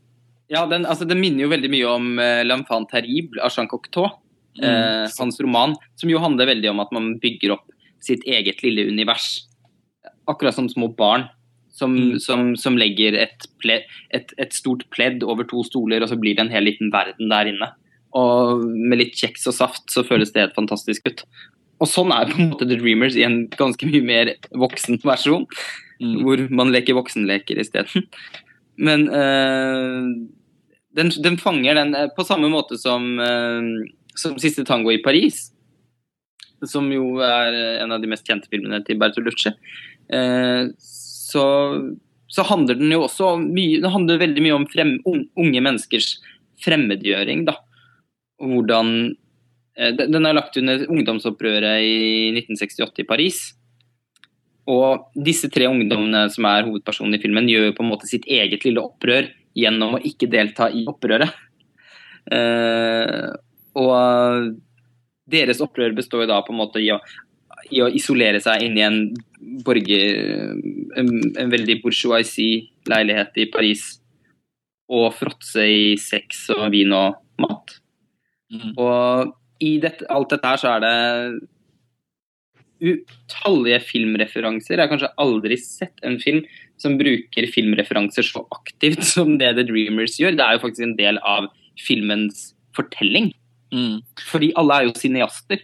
Så det blir hele tiden referert til scener, fra, scener, karakterer, replikker fra klassiske filmer. Og i tillegg så bruker jo faktisk også Bertolucci klipp fra filmer i filmen for å fortelle historien sin. Jeg har ofte tenkt at kanskje egentlig, egentlig er filmen ganske dårlig, men så blir jeg blenda av at den har alle de referansene, og at den er så utrolig cinefil. da. Som film. At kanskje den egentlig er skikkelig dårlig. altså En film som på en, en, person som ikke har noe forhold til eh, alle referansene, vil kanskje være avfeid som veldig tanketom og litt sånn banal. Men jeg blir jo veldig glad i den for at den er nettopp har alle de referansene og, alt den gjør ut av filmmedia. Ja, altså, den er ekstremt barokk. Da. Det er en filmeksess som man Hvis man er hvis man, ja, jeg, jeg tror det er veldig enkelt hvis man er veldig filminteressert, å rett og slett få vann i munnen av, av hele filmen. Altså, det, den er fremragende fotografert, klippet, fantastisk bra bruk av musikk. Altså, Bernardo Bertolucci beviser jo faktisk i at han i pensjonistalder fortsatt er en ekstremt viril filmskaper. da. Eh, jeg syns jo The Dreamers er den beste filmen han Kanskje den beste filmen han har laget siden Il Conformista, da, som jo er fra 1969. og det, Jeg, jeg synes det er imponerende å lage en så spenstig og fullstendig formmessig gjennomført film så sent ute i karrieren. da. De aller fleste regissører som blir gamle, bryr seg jo mindre og mindre om formspråk og ender med å egentlig lage litt sånn dvaske filmer mot slutten av karrieren sin. Ja. Det er i hvert fall ikke tilfellet med Bernardo Bertrucci. Jeg syns virkelig The Dreamers er eh, en av, de, en av mine store filmopplevelser eh, tiåret her. Veldig tilfredsstillende på alle mulige måter, syns jeg. Og med en fantastisk Eva Green, som jo har blitt et stort navn etterpå. Ja, Michael Pitt. Men jeg hopper fra, fra formspråk til formspråk, Lars Ole. Dogville på 64.-plass. Ja. Um, Lars von Triers første film på listen, hvis vi teller nedenfra. hvis du skal snakke om formspråk, så er vel det Jeg kan jo nå begynne, 2000-talls å si at jeg s- mm. Jeg syns den var helt begredelig, så derfor skal kanskje Lars, Ole få lov å fortelle hvorfor han likte den først. Ja Altså Eller en av oss andre. Jeg tror den Ja, har en ganske smak. Eh, ja, jeg er jo ganske Jeg er veldig interessert i von Trier, så det er ganske opplagt at jeg verdsetter uh, Dogville ganske høyt. Men uh, jeg ville egentlig Jeg føler egentlig at Eirik kom inn på noe ganske interessant, fordi du begynte å snakke om, på, snakke om Dogville som et formverk, og jeg aner at du skulle til å si at det kanskje er den formmessig viktigste filmen. Ja, det var det jeg skulle si. Ja. For det er det, Det- den er for meg, først og fremst. Det er det, det den er for meg også, først og fremst. Men så er jo faktisk også Dogville, da. Merkelig nok og imponerende nok. Eh, følelsesmessig også ganske engasjerende. I hvert fall syns jeg det. Jeg ble veldig involvert. Mm. I, ok, nå er jeg kanskje, i hvert fall da er jeg veldig Nicole Kidman-fanatiker, så jeg på en måte, ja, Vi minnes. kanskje mye, mye med det å gjøre. Vi Men minnes. det. Men det er kanskje noe av det som gjør at den sitter inne hos meg, er faktisk det at det er jo ikke bare formeksperimentet, for det er jo på en måte i seg selv en, en idé som sitter der, så ser du, og så er du på en måte ferdig med det. Men den er faktisk, jeg syns den er følelsesmessig veldig veldig engasjerende. Jeg synes, eh, altså den, den, den greit meg veldig, da. Ja, men Det er en overraskende underholdende film. altså Den er jo underholdende nesten på sånn såpeoperanivå. Og Det er noe av det jeg syns er ganske sublimt med den filmen. er at Lars von Trier, eh, og det er noe jeg evig er utrolig imponert over med han, er at han, han er ikke redd for å være plump. da. Han Mm. tråkker uti grøten sin og Mm. er ikke redd for å gjøre det litt dårlig. Altså Man kan jo si at Karakteren i Dogville er noen av de mest stereotype man har sett på film, kanskje noen mm. gang. Altså Til et nivå som er, kan være ganske lattervekkende om man velger den innfallsvinkelen. Men, og jeg kan godt skjønne at man også syns at dette her er er veldig lite tiltalende, men i sin slags merkelige På, på en side så er filmen veldig, veldig kjip, da. Veldig, altså eksplisitt kjip. Kulissene er krittstreker på et, på et sort gulv. Eh, alle er litt sånn triste og rare. Eh, den er tre timer lang. I det hele tatt, Det er jo ikke en film som i utgangspunktet skulle tiltale publikum. Likevel så var jo Dogville på mange måter en ganske stor suksess. Og det er jo en film som jeg har inntrykk av at de aller fleste, også folk som ikke er interessert i film, faktisk syns er veldig bra. Og det handler om nettopp det du sier, eh, sier da, Eirik. som nesten alltid så makter Lars von Trier å gjøre det følelsesmessig engasjerende. Det er, ban det er ganske banalt gjort, men han, han drar på en måte strikken så langt da, at du ikke klarer å stå imot. Da. Jeg Eh, vil vel si at han drar strikken altfor langt for min del. Altså, jeg er helt enig i faktisk i at altså, Dogville har veldig gode elementer, og den er følelsesmessig engasjerende underveis. Selv om jeg på en måte syns at eh, den kanskje ikke er en film. eh, man kan jo ligge godt se den på teater. Men, eh, men han drar den så veldig langt. Den, bare, den er så uendelig lang, altså. Jeg syns det blir vondt på slutten. Også fordi at jeg syns det At han på en måte drar historier litt altså, mer enn ut i det parodiske. Men jeg tror at alt dette er ganske intensjonelt. da. Jeg tror at Dogville er en film om å bli pint og om å pines, og man skal bli litt pint når man ser den. Eh, altså, jeg, jeg kan veldig godt skjønne at du på ingen som helst måte syns at, syns at det er noe positivt for filmen sin del, men i forhold til Lars von Trier som filmskaper, så er det en, en, merk, en utrolig interessant eh, og ganske avgjørende film i hans filmografi. da, fordi eh, han har jo en han er en veldig sånn selvpiskende kunstner Mm. som, som alltid utfordrer seg selv på liksom, mest mulig ubehagelig vis. da. Nettopp fordi Lars von Trier vokste opp i dette veldig radikale barndomshjemmet hvor han ikke hadde noen grenser, og dermed følte at hans kreativitet ble, begrenset når han ikke hadde noen begrensninger. Så i, etterkant av det har han jo alltid hatt noen sånn eh, strategier for eh, sånn begrensningsstrategier da, i alle filmene sine, som han da gror noe et eller annet kreativt ut av. Og jeg vil jo si at Dogville på en måte er eh, kulminasjonen av den tendensen da i von Triers karriere. Her er det krittstreker på gulvet, og, den, og, det, og det er liksom Alt er så ufattelig, ufattelig kjipt, da, på en måte som, Mm. som jeg syns er veldig interessant. Eller så syns jeg Kort. Ja. Ja, jeg kort oppsummert liksom, ja, det er et veldig interessant eh, eksperiment, og jeg syns tanken bak er veldig interessant, men tre timer, da? Kom igjen! Ja, det er veldig langt. Jeg skal ikke altså, det, Jeg har igjen, jeg har veldig stor forståelse for at man misliker filmen. Men eh, jeg, jeg, jeg syns den er kjip på en veldig, veldig interessant måte.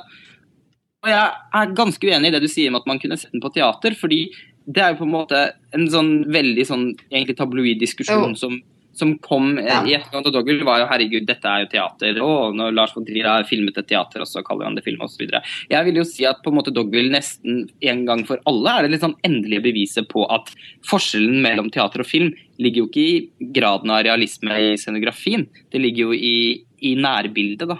Og, eh, som jo teater ikke kan, eh, kan oppnå. og eh, altså, Det er et godt poeng. 70% av filmen er jo klint opp i Nicole Kidmans forpinte ansikt.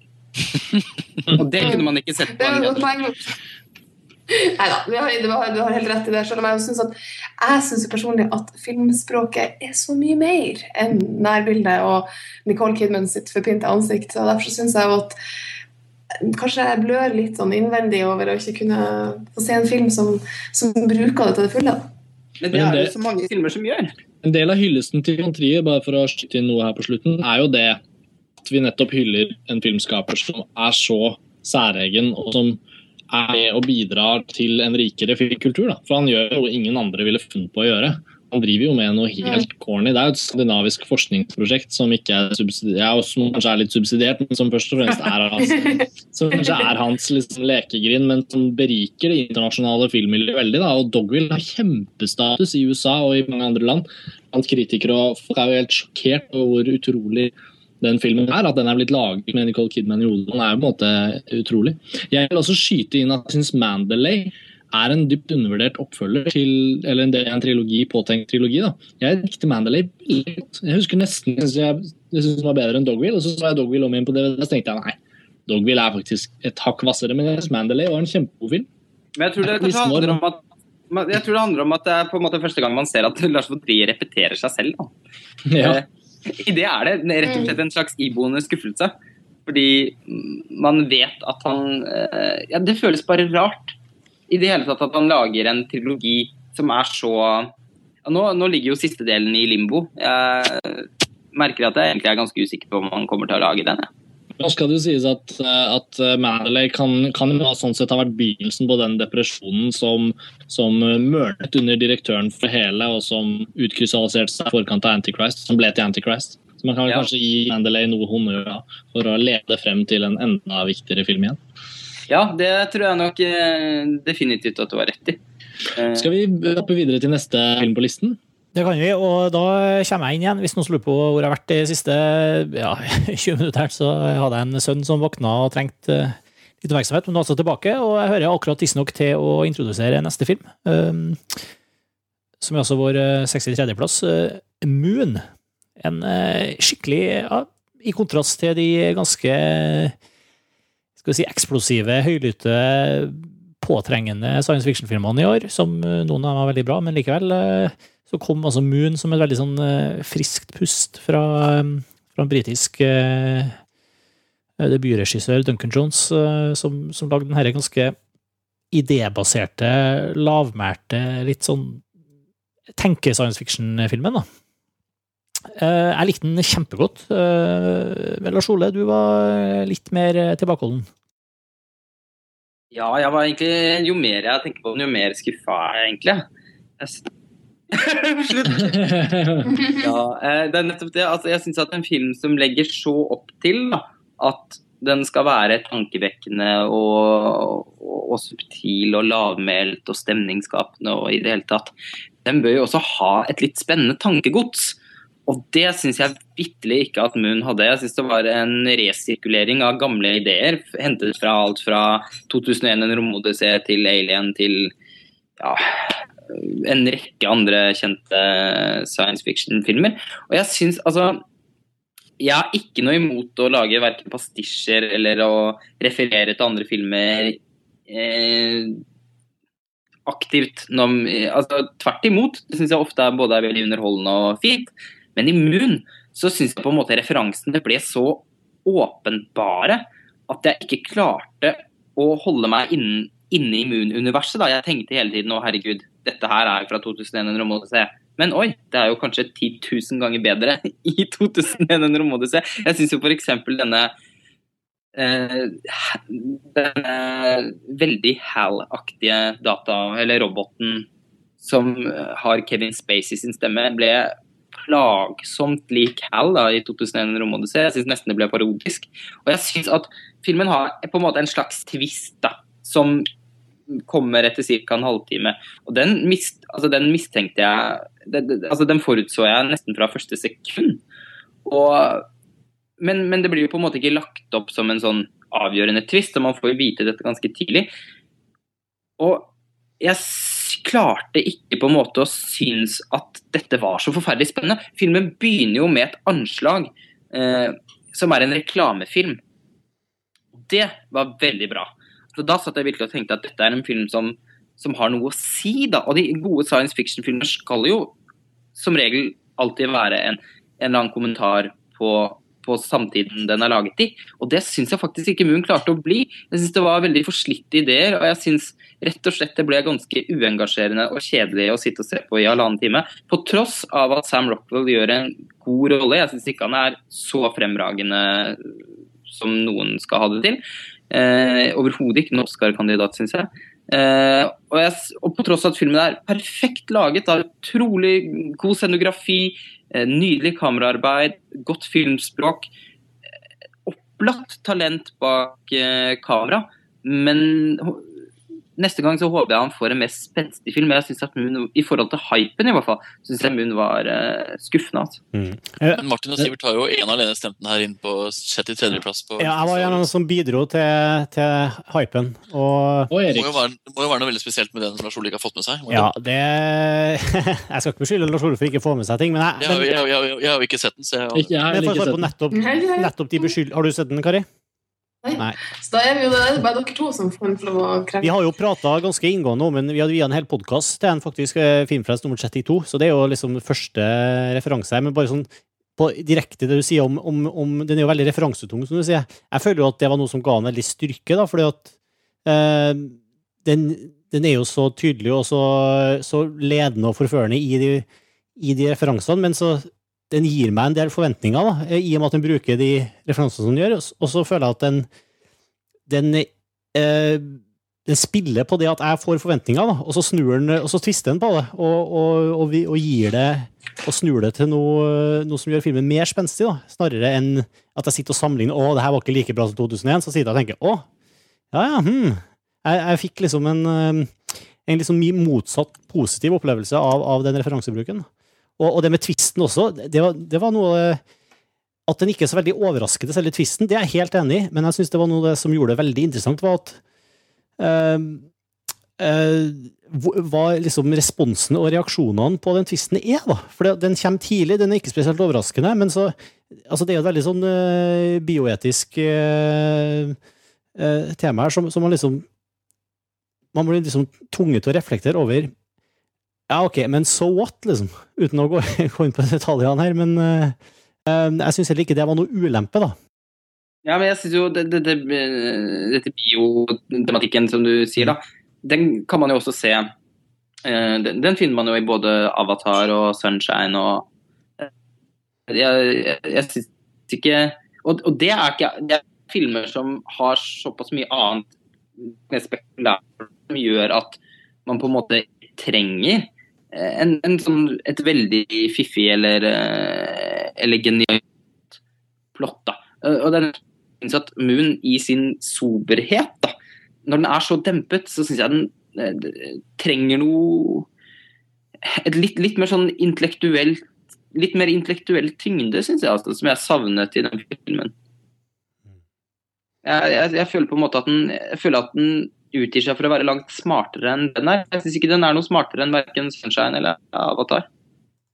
Jeg syns absolutt den er sma uh, eh, manus- og handlingsmessig smartere enn Avatar, men uh, samtidig, ja. Samtidig så hadde jeg vært en av dem som hadde sett Avatar høyere opp på lista. Av Det jeg kjenner er litt sunt for en som ikke har sett den, da, som jeg er, det er jo det at det er en film som hadde såpass høy hype at jeg nesten ikke turte å tenke på å se den. For jeg følte at dette er hvor bra er den filmen her, egentlig. Så på en måte så er det litt sånn sunt å høre dine, dine reservasjoner, Lars Ole, fordi nå gleder jeg meg på en måte litt mer til å se den. For Da tenker jeg, da trenger den ikke være helt fantastisk for at jeg skal like den. Uh, neste på lista, 62. Elskede kjøtere. Mm. Mexico. Ja. Alejandro González Ingarito. Mm. Som jeg skulle sagt det sjøl. ja. Som også hadde en bølge på starten av 2000-tallet. ja, Eller, dette er et av de filmene Meksikansk film hadde jo en veldig bra periode. Tidlig 2000-tall. Nettopp. Uh, det var vel kanskje denne filmen som startet det, kan man si. Og Mora di Eh. også samtidig, ja. Ja, den kom, denne kom året før mora di også, så det var vel på en måte den første filmen vi så han Gael Garcia Bernal i. Og Det er jo en sånn såkalt flettverksfilm som uh, anvender flere parallelle historier for å fortelle en større tematisk helhet. Ja, jeg husker denne som en sånn beinhard filmopplevelse, sånn sett. Eh, var, eh, den gjorde veldig inntrykk første gang jeg så den på kino. Eh, Og den har blitt også bedre med årene, syns jeg. En, en, en, I hvert fall en av de tingene jeg tenkte på sist gang jeg så den, som var i fjor, tror jeg, var at den altså den, Da den kom på kino, så var det veldig mye omtale fordi det var noen hunder som, blir, eh, som går løs på hverandre, og noen som dør, og under innspillingen så må disse hundene ha lidd. og Det var liksom, det var liksom oppstyr, sånn dyrevernsnemnda-oppstyr rundt den filmen, og at den var veldig voldelig og sånn. Eh, Mens eh, med tiden så syns jeg jo kanskje den filmen her først og fremst er en utrolig tilbakeholdt film. Det den forteller om, er veldig sånn veldig, Den er veldig rolig, og den er veldig sånn egentlig mye mer nyansert kanskje enn det førsteinntrykket jeg hadde av den. Um, så den holder seg godt hos meg. Jeg har aldri vært noe særlig fan av den. altså, man, tar- den, den, den ble jo på en måte er, Du er ikke det? Hva sa du, Lars Ole? Hva, hva er det du ikke liker med filmen? Du forsvant. Jeg spør Eirik hva han ikke liker med filmen. Nei, jeg, når jeg så den eh, er jeg her nå? Godt spørsmål. Er du her nå? Hva er det du ikke liker med filmen, Eirik? Nei, jeg, jeg syns faktisk at den er ganske kjedelig. da. Altså, jeg, jeg, jeg liker den hundehistorien. da. Den ene historien liker jeg veldig veldig godt. og synes den var veldig, veldig fin. Men jeg bare husker jeg ikke alt med det der ekteparet. Og det går det ved et eller annet sånn der alkoholting som ikke jeg husker. Jeg bare husker for meg så var det en litt sånn tafatt opplevelse. Jeg synes at den mangla veldig mye den, Ja. den energien som alle mente den hadde. da. At det var sånn meksikansk film kom, og det var så stort og så fantastisk. Og nå kom det masse ny energi inn i filmspråket og bla, bla, bla. Jeg syns ikke at noe av det fantes i filmen. da. Så jeg var egentlig veldig sånn der, Takk for skuldrene. Det var litt sånn Ok, ja, det var jo sånn. Nummer 61. Yes. Det er Mot veggen av Fatih Akin. Ja, den har jeg ikke sett. Få høre. Ja, det er Dette er jo eh, din favorittfilm. Ja, altså, I omtalen min på montasje så skriver jeg ganske enkelt uh, Jeg skriver ikke det. Jeg skriver en omtale av filmen selvfølgelig til uh, topp 100-listen, men dette er faktisk min favorittfilm. Og det er veldig subjektivt, så det skal jeg ikke gå inn på, men det er faktisk min favorittfilm. Eh, Sånn ever. Ja. Til nå. Eh, men det er en eh, tysk film som kom i 2004, og som vant Gullbjørnen i Berlin. Regissøren Fatih Aken hadde laget en god del film før det. Han har vært veldig produktiv selv om han er ganske ung, men Mot veggen var hans gjennombrudd på den internasjonale filmscenen. Og det er en, en kjærlighetshistorie med et sånt eksplosivt drama. Det handler om et proforma-ekteskap som i utgangspunktet bare er ment for at en litt sånn taperaktig fyr og en litt sånn um, eventyrsøkende ung jente skal uh, løse hverandres floker. da. Men uh, uheldig nok så faller de også for hverandre, og dette utløser et veldig veldig dramatisk uh, handlingsforløp. Uh, de er begge tysk-tyrkiske, og de begge sliter med en sånn uh, tveget kulturarv i et moderne Tyskland. I et moderne Europa, for den saks skyld. Som, jeg syns filmen er veldig europeisk. Uh, og den slo meg fullstendig i bakken da jeg så den første gangen. Uh, og uh, ja. Fatih Akin har jo senere laget Den andre siden, som, som vant manuspris i Cannes, og som også gjorde veldig stort inntrykk på mange rundt omkring. Og filmen hans når veldig ut fra og med mot veggen. Um, det er en av de der dramaene som slekter veldig på fastbinder, egentlig, når man ser på tysk film. Altså en sånn type sånn energisk med karakterer med utrolig masse usympatiske trekk, men samtidig som er så karismatiske at man ikke kan la være å bry seg om dem og engasjere seg i hva som skjer med dem. Ja, Det synes jeg er et veldig bra poeng. eh, For jeg syns også filmen minner mye om fastbinder. Og selv om dette altså uh, Gegen Divan, det er, eller Mot veggen, er ikke all time favorittfilm, sånn som det er for Karsten. Men uh, uh, dette er nok også en film som jeg gjerne skulle likt å sett høyere på denne lista. Fordi uh, jeg syns at det defin den definitivt er hjemme blant de mest hardtslående overraskende, fullstendig oppslukende, engasjerende dramafilmene. Litt sånn klassiske europeiske dramafilmene som er laget dette tiåret her. Jeg synes det er en helt fantastisk film som eh, Altså, fra første sekund hvor denne deprimerte mannen Hører på Depeche Mode, da. ja, det er nettopp det jeg skulle til å nevne. Forsøker å ta livet eh, sitt til I Feel You, en av de fineste låtene Depeche Mode har skrevet. Eh, Så husker jeg bare var så fullstendig inne i filmen, og den kvinnelige hovedrollen er rett og slett bare en av de vakreste jentene jeg har sett i hele mitt liv. Og den, den, den, den kjemien som er mellom de to hovedrollene i den filmen her, syns jeg er eh, rett og slett eh, i mangel på noe annet ord magisk, da.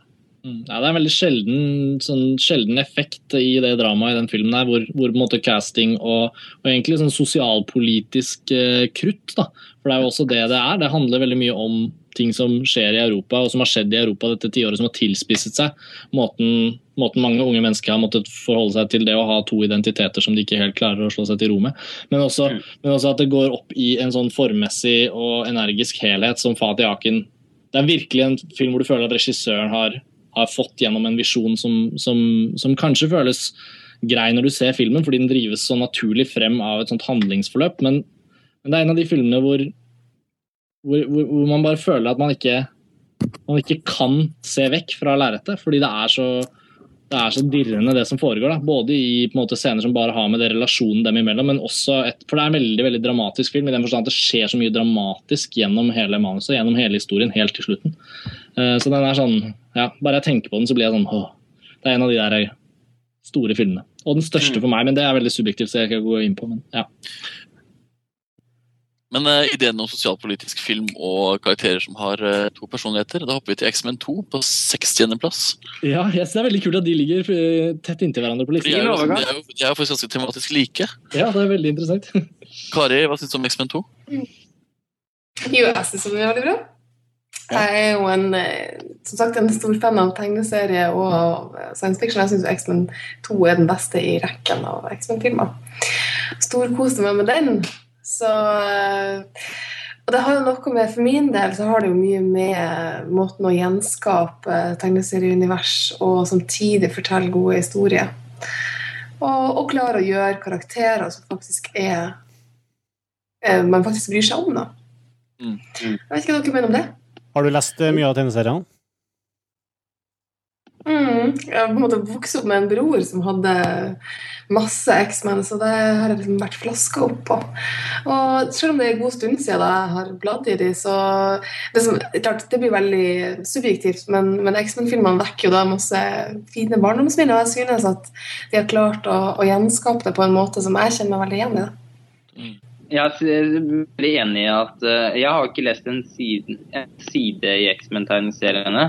Uh, men dette var virkelig en De to X-Men-filmene var tegneserieadopsjoner som ikke, som jeg ikke bare syntes var veldig gode filmer, men som faktisk fikk meg oppriktig interessert i det universet. da.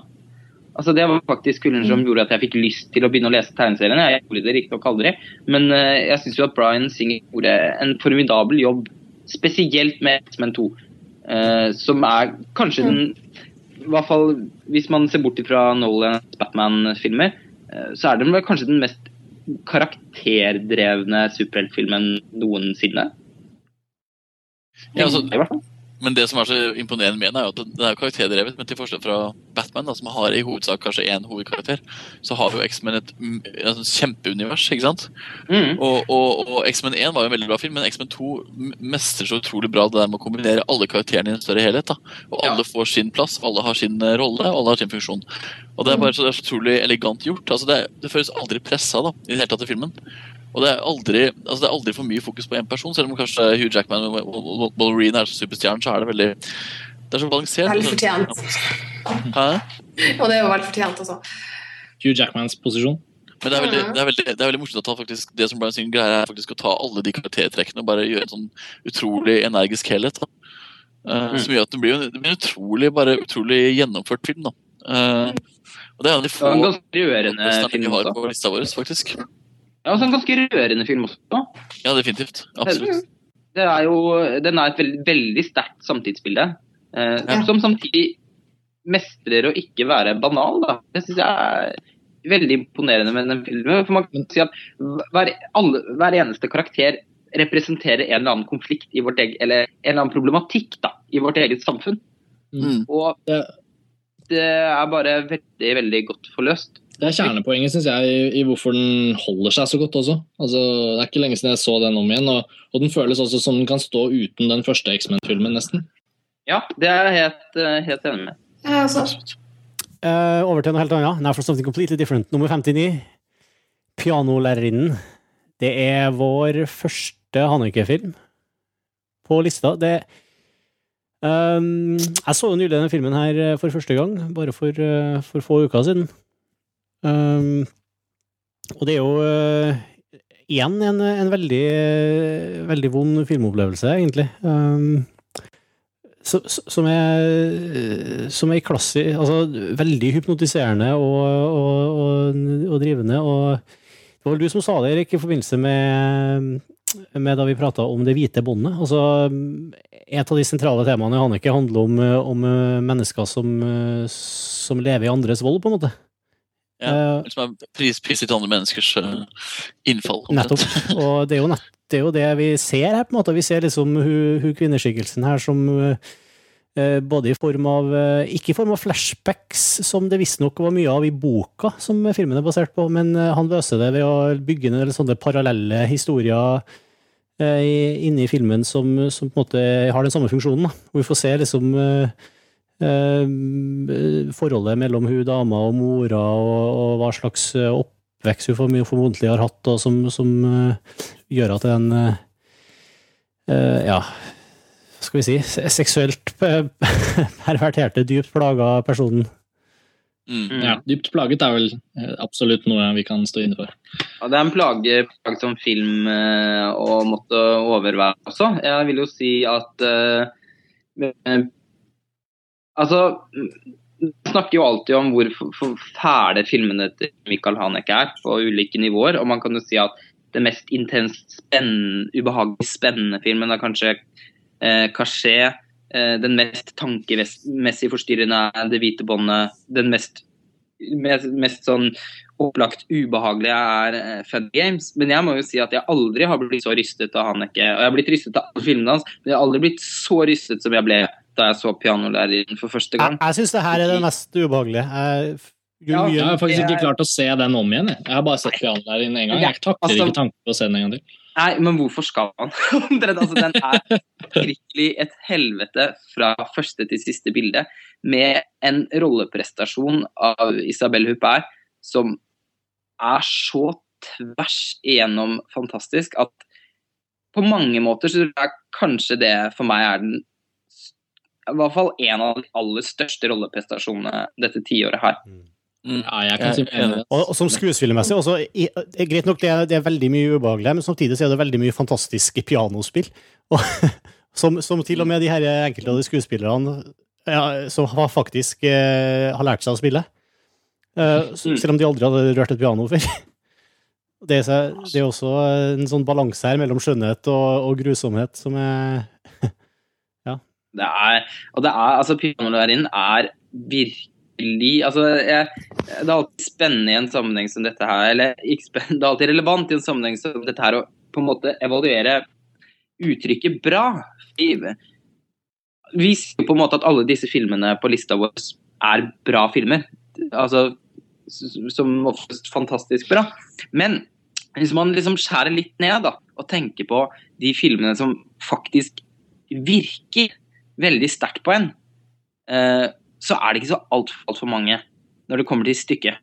Og jeg syns at 'Pianolærerinnen' på et veldig dypt plan er en av de beste filmene dette tiåret er. For det er, det er en film som kommer rett fra helvete, og som det er helt umulig å ikke bli berørt av på en eller annen måte. Mm. Det er, godt, det, det, det er viktig, men samtidig så må, må man jo huske på at det er klart det, er det som gjør vondt, det er det som er ubehagelig, og det er det som stiller vanskelige spørsmål, som blir, som blir dyptpløyende og, og viktig på en sånn måte.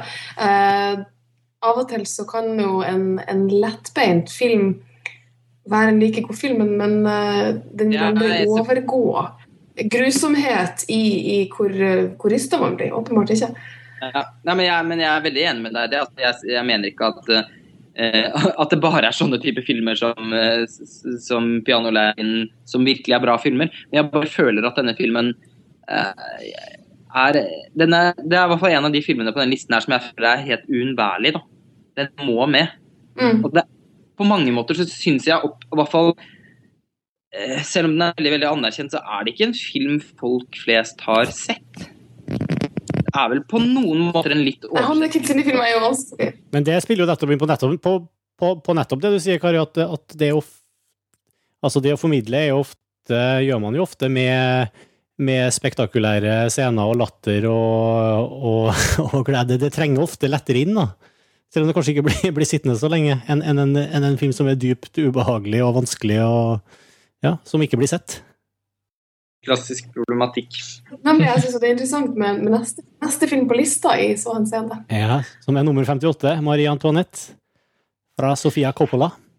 Ja, jeg syns det er en film som er interessant eh, fordi at den eh, Et interessant studium i det overfladiske, samtidig som jo alt det skal si, Det ligger jo en masse usagt under. Eh, det er en, altså, jeg syns det er deilig av og til å se fordi at det er så mye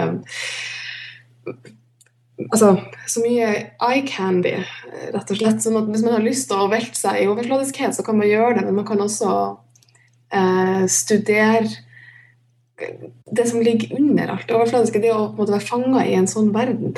Um, den er sannsynligvis ganske klaustrofobisk også. Uh, jeg vet ikke om dere er enig i det i det hele tatt, men uh, Ja, jeg synes det var først, Første gang jeg så den, så tenkte jeg først Så ble jeg litt overraska fordi at den går langsomt. Det snakkes ikke så mye. Man blir liksom Hæ? Og så ruller på en måte alt det barokke inn etter hvert. jeg er veldig enig i måten du beskriver filmen på. da. Og det er, skal ikke legge skjul på at dette er mine, en av mine favorittfilmer fra dette tiåret her. Um, og jeg har sett Marie Antoinette sikkert ti ganger og blir aldri mett på å se den filmen. Nettopp pga. det du sier, det du beskriver. da. Den, er, jeg syns det er en veldig eh, spennende balansegang mellom det overflatiske og noe ganske tankevekkende da, som ligger inni der. Man får faktisk muligheten til å tre inn i Marie Antoinette sine kjoleklær og puste og leve i denne verden av uuttømmelig overflatiskhet i to timer. Og på mange måter så er det ganske kjedelig.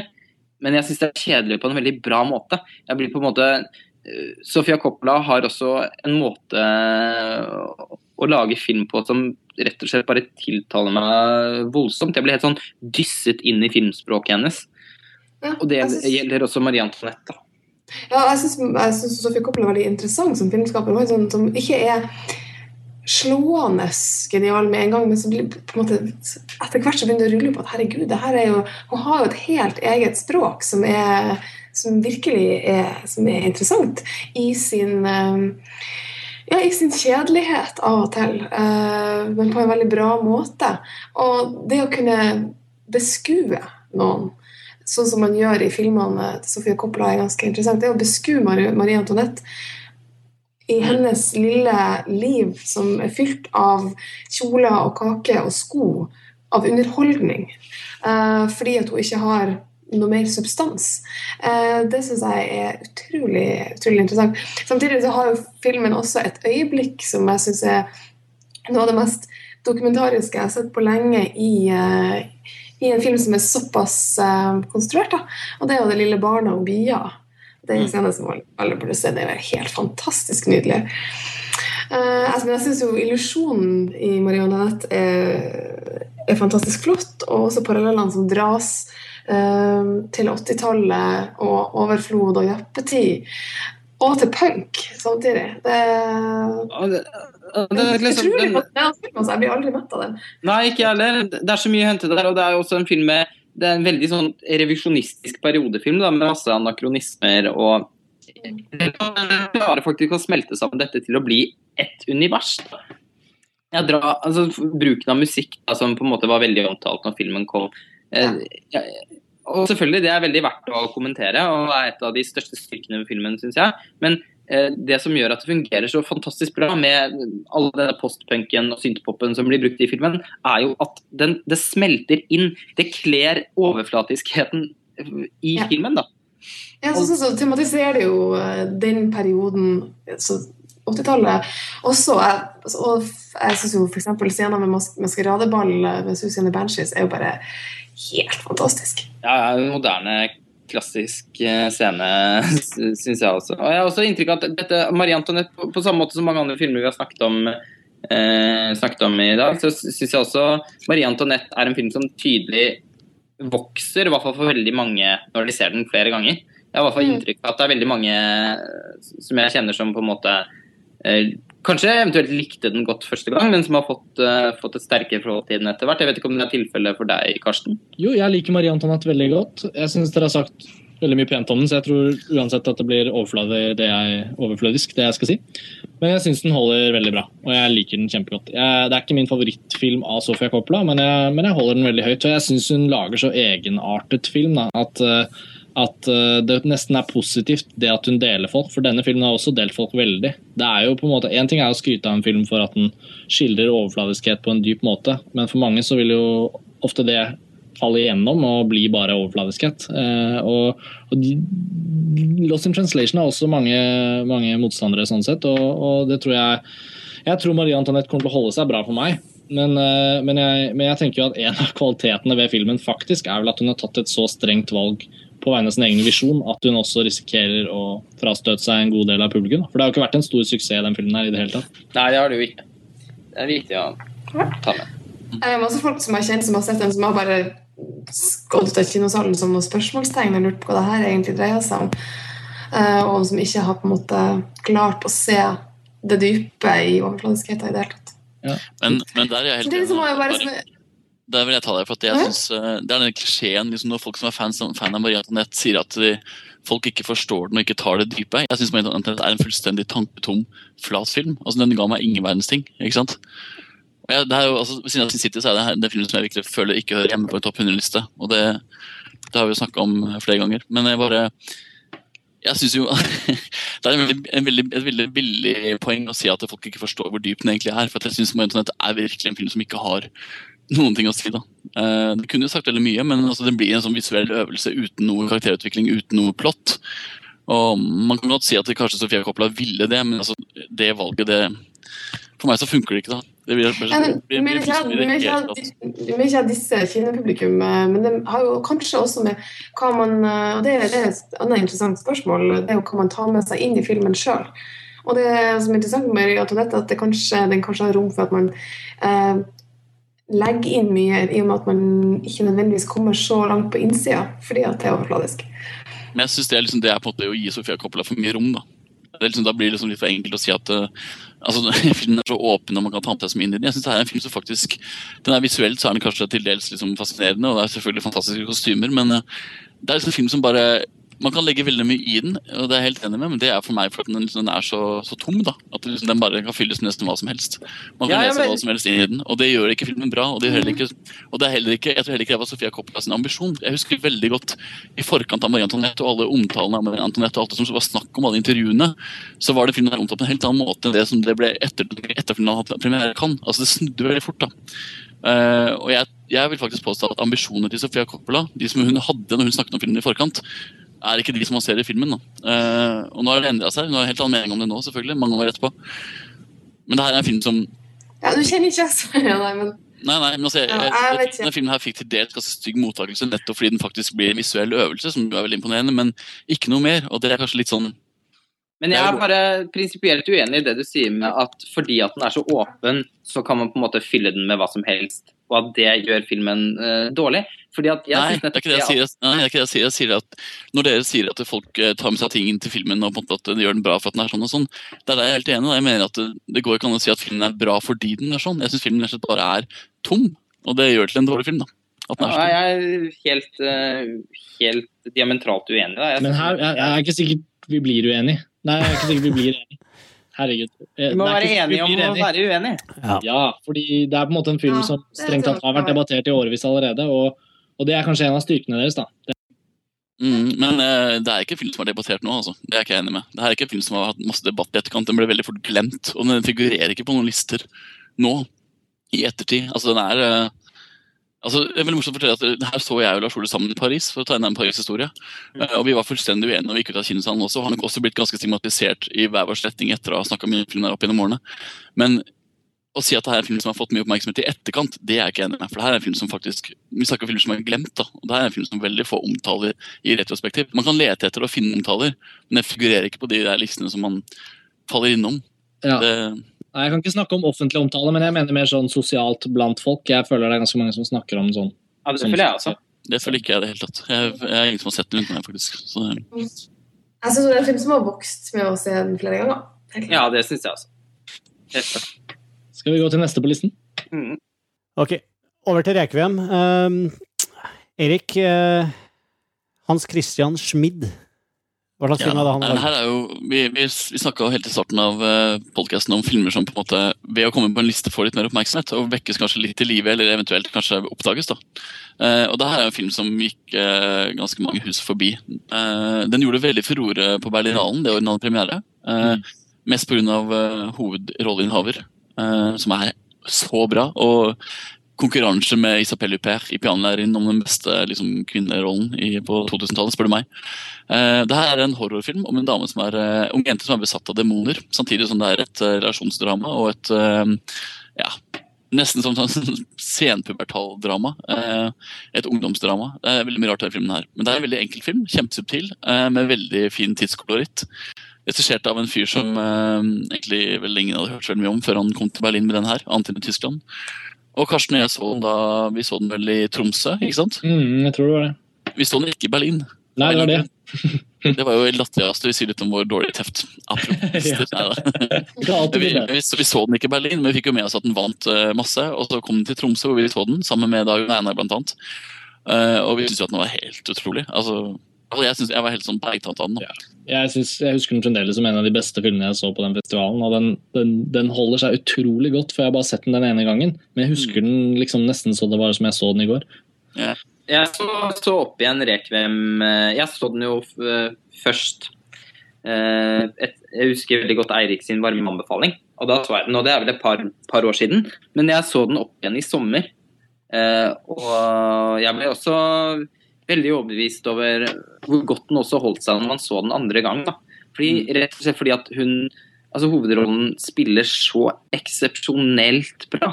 At man altså, Og jeg vil jo si at filmen egentlig er litt tam på, Ja. på andre områder. Altså, det er ikke noe sensasjonelt manus, en ganske forutsigbar handling osv.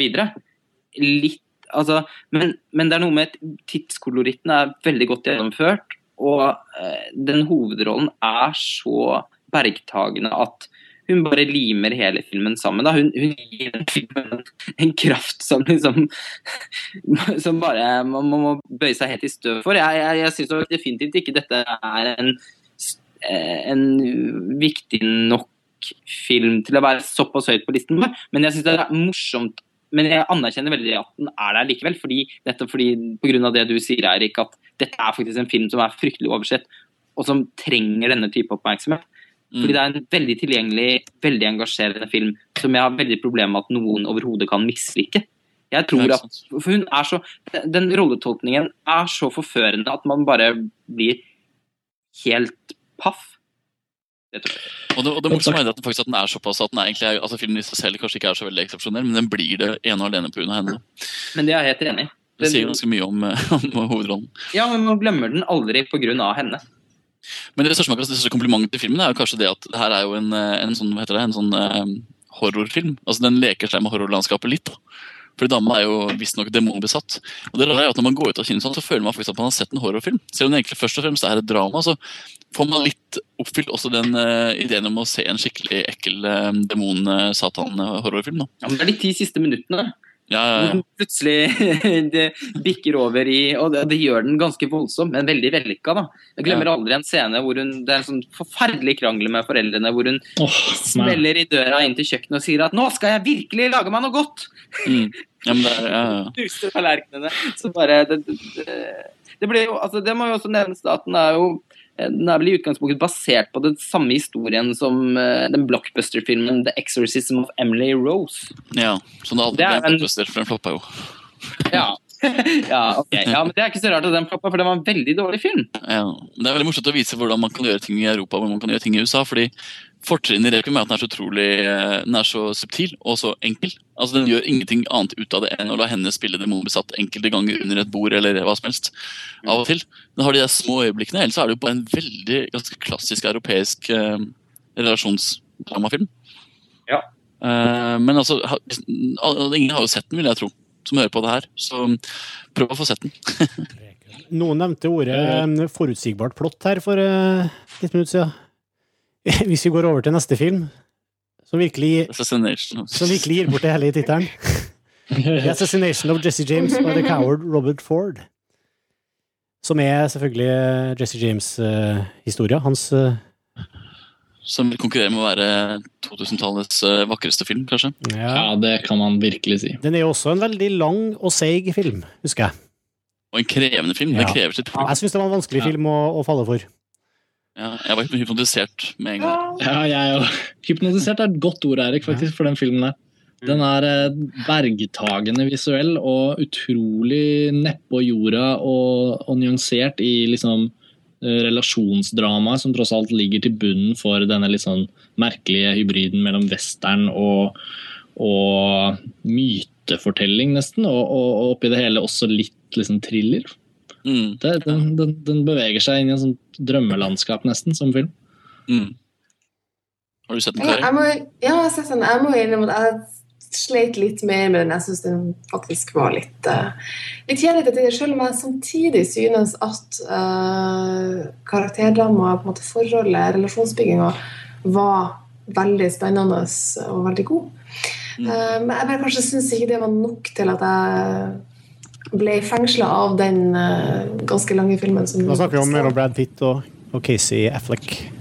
Mm. Casey Affleck er jo virkelig filmens mm. bankende hjerte. Uh, han gjør jo en fantastisk bra prestasjon. og Det er han som er filmens hovedrolle også. Det, mm. det, ble promotert at det var Brad Pitt. Uh, jeg er kanskje litt jeg må jobbe, Kanskje jeg er litt lei av Brad Pitt. Jeg, jo, men jeg, jeg er litt på Jeg òg kjeda meg litt her, altså. Selv om jeg, ja. jeg ja, jeg er litt imellom alle sammen, tror jeg. Eh, jeg kjenner meg veldig enig i den forførende opplevelsen da jeg så den på kino. Fordi eh, da jeg så den, så syns jeg dette var Altså, var en helt fantastisk filmopplevelse. Nettopp pga. den eh, visuelle slagkraften som fantes i den filmen. Og også fordi at det var en, en karakterdrevet historie som var veldig, veldig engasjerende. Hallo? Hallo? Hallo. Ja. Vi, vi hører deg, vi. Vi, vi lytter til deg, Lars Ole. Ja, ja, da skal jeg bare fortsette. Bare fortsette. Nå var du, nå var du veldig, veldig, veldig, søt. Ja, veldig fint. Ja, da skal jeg fortsette der. Ingen som skal motsi meg, liksom! Eh, Det som kanskje er mitt eh, lille ankepunkt ved filmen, som gjør at den er rett og slett at det er, var en utrolig vakker eh, filmopplevelse som dessverre har svunnet litt i meg i etterkant, da, fordi at jeg, s- jeg, I etterkant så syns jeg ikke det er noe noe virkelig interessant med filmen. Jeg syns fortsatt det er en strålende film. Altså, jeg ville gitt en terningkast seks hvis jeg skulle kaste en sånn VG-terning.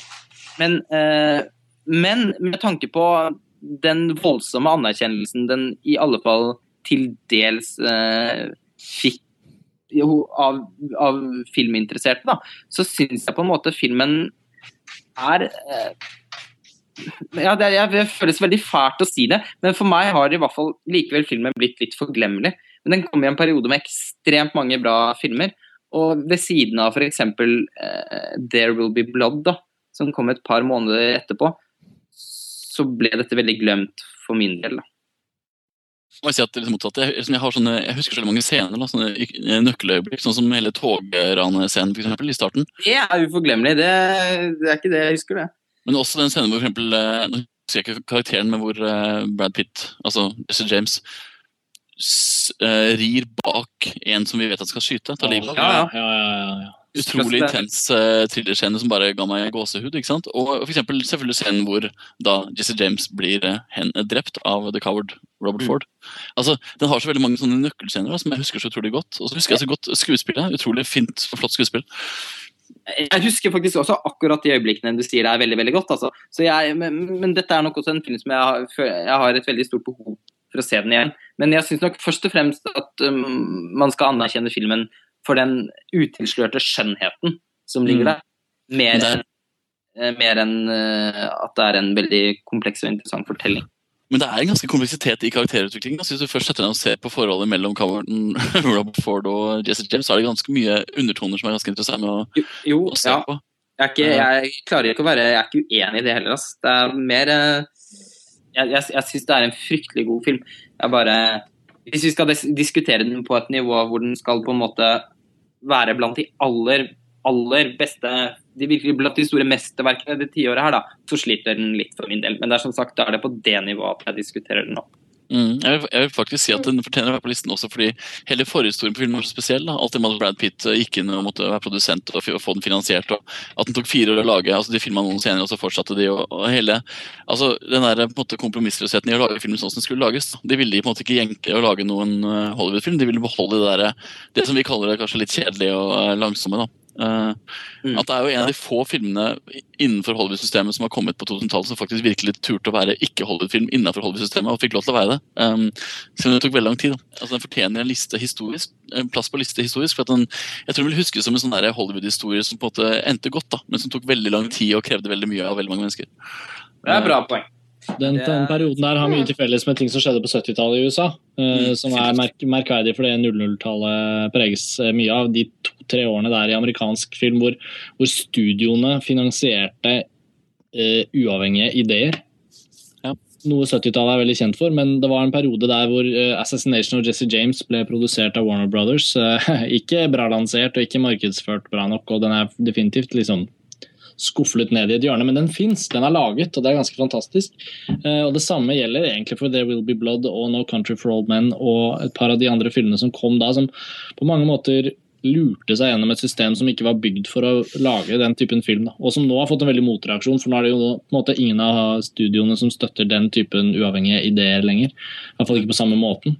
Ja, det var jo en, en gyllen liten periode. Mm. Eh, altså, de tre filmene er jo på en eller annen merkelig måte litt uløselig tilknyttet til hverandre. Sikkert også Absolutt. fordi at alle er delvis har, har i hvert fall mange westernfilmmotiv i seg. da. Ja. Så, og, eh, som jo gjør at man tror alltid vil tenke på de tre som en slags, slags merkelig form for trilogi. Mm. Men i den uh, Men det betyr ikke på noen som helst måte at jeg liker alle filmene like, like godt. Og The Assassination of Jesse James er nok i midten i den trilogien for min del. jeg, har, jeg har jo helt klart en, en annen av de som utpeker seg blant de tre, men jeg syns samtidig det er veldig synd at den gode tendensen da, som du kunne se når de her tre kom, at det da ser ut til å være et kapittel som dessverre er over. Ja, det er skulle gjerne sett mer av den type film. i Ok, ehm, på 55.-plass på topp 100-lista vår finner vi eh, Steven Spielberg-film nummer to, Minority Report. Nummer tre. Nummer tre, faktisk. Ja, selvfølgelig. Eh, nummer tre, eh, Med Tom Cruise og Max von Sydow i hovedrollene, blant annet. Mm. Ja. En fremtidsfilm, selvfølgelig. eh, med precog, pre-crime. Eh, Ja. sy synske mennesker og eh, i hele tatt eh, en, egentlig en, et skikkelig actiondrama med, med med veldig mange Den spriker i veldig mange retninger. Den prøver, den prøver å gripe over veldig mye, men den er jo en skikkelig skikkelig god seeropplevelse. Jeg må, jo, jeg må jo gi en liten vinkling på det med Minority Report, for det her er jo en veldig fundamental film i Lars Ole Karsten og min sin felles filmhistorie. historie. Ja. Fordi det her er jo en film som jeg i min tid hata ganske intenst på kino. Til og med jeg på en måte var vel kanskje litt snillere enn det jeg egentlig ville være i, når jeg anmeldte den for mange år siden. Og jeg, var, Jeg hele tatt, og Karsten var Ja. vel egentlig dels enig. jeg var ikke så langt bak deg i min misfornøydhet. Vi, vi så den sammen på en pressevisning da, mener jeg husker. Nei, jeg var ikke med. Men, Men Lars Ole han, eh, han mente at eh, det var et mesterverk. eh, Eller et eller annet noe i nærheten der. Men vinklingen er følger. Jeg så den her på TV nå for et par uker siden, på nytt. Oi, nå er jeg spent. Jeg Ja, og jeg må innrømme at eh, jeg syns den her var dårlig fordi det var en utrolig liksom, tam historie. Jeg, bare, jeg, jeg, ble, altså, jeg hadde aldri den opplevelsen som du snakket om, Martin. i det hele tatt. Jeg synes den var veldig kjedelig. Og så var den overglossy og overkorrigert, og bildene var så ut som sånn her, ja, ille. Men jeg så, så en på kino, nei, så så en på TV nå, og så syns jeg faktisk at det var en veldig god film. Mm. Og ble litt sjokkert. Jeg er Men vet, vet, nå, vet du hva, dette her oppsummerer så jævlig godt, hvis jeg skal få banne. Et gjennomgående poeng i alle Steven Spielberg-filmene vi har snakket om i dag, er at de tjener på å bli sett flere ganger. Og Mm. det er faktisk Med tanke på at Spielberg er en filmskaper som alltid blir beskyldt for å være veldig forførende og veldig sånn øyeblikksbasert. Typisk umiddelbar filmskaper som lager store opplevelser på kino, men som du ikke tenker noe mer på etterpå. Så makter han faktisk, på en måte som jeg føler at ikke er tilstrekkelig anerkjent, å lage filmer man faktisk ikke bare kan eller vil, men må se flere ganger. Og det gjelder også Lars Minority. Ole, nå har du Ja. Ja, er interessant. Nå har du faktisk på en måte vakt min interesse for Spielberg igjen. For jeg, jeg synes jo ofte jeg ser jeg, altså, jeg har sett filmene hans stort sett bare én gang, og, og noen av de Ja, jeg syns de går med Eller ikke si at de går meg hus forbi, men det, det er ikke noen filmer som jeg husker så veldig godt. Uh, men det er veldig interessant å høre de bemerkningene du kommer med når du har sett f.eks. Uh, Artificial Intelligence flere ganger. Så for Minority Report er også for meg en sånn parentes, egentlig. Mm. Ja, men, men jeg, jeg tror at jeg synes at Spielberg-filmer ofte er litt vanskeligere enn det de tilsynelatende er. da. Det er som regel veldig mange ideer der som man trenger tid på å fordøye. Og Minority Report også. Er, selv om jeg også umiddelbart elsket den filmen, fordi at jeg synes at det er en For det første syns jeg det er et veldig spennende plott. Eh, og det er ikke så ofte at jeg syns, faktisk. Eh, det mest skuffende med film som, som kunstform for meg, tror jeg er eh, hvor er på en måte Jeg føler at jo eldre jeg blir, da, jo mer skal det til for at jeg virkelig skal synes noe er spennende. Eh, da mener jeg på sånn, nesten sånn krimfilmnivå, og det syns jeg Minority Report er. Det er på en måte nesten en sånn kriminalfilm som jeg syns er fryktelig spennende. Og, eh, og det syntes jeg også første gang jeg så den. Eh, Men det som går med, og- men det er jo ettersom jeg har sett den mange ganger det, Dette er en sånn film jeg ser i hvert fall to-tre ganger i året. Det er en av mine favorittfilmer. Og det jeg syns, er at det er en film som tar opp, tar opp veldig mange spennende temaer på en, eh, på en interessant måte som den vever inn i dette riktignok sammensuriumet av en fortelling. Altså Det er utrolig mange merkelige innfall, noen pussige scener som man ikke helt umiddelbart skjønner hvorfor skal være der. Men jeg føler at alt er en del av en ganske heftig dynamo. da. Og filmen går unna i et forrykende tempo. Eh, og er Jeg syns rett og slett at den er utrolig godt fortalt. da. Og så syns jeg Colin Farrell gjør en veldig veldig Det var første gangen jeg bet meg merke i Colin Farrell. Uh, Syns han gjør en veldig bra birolle.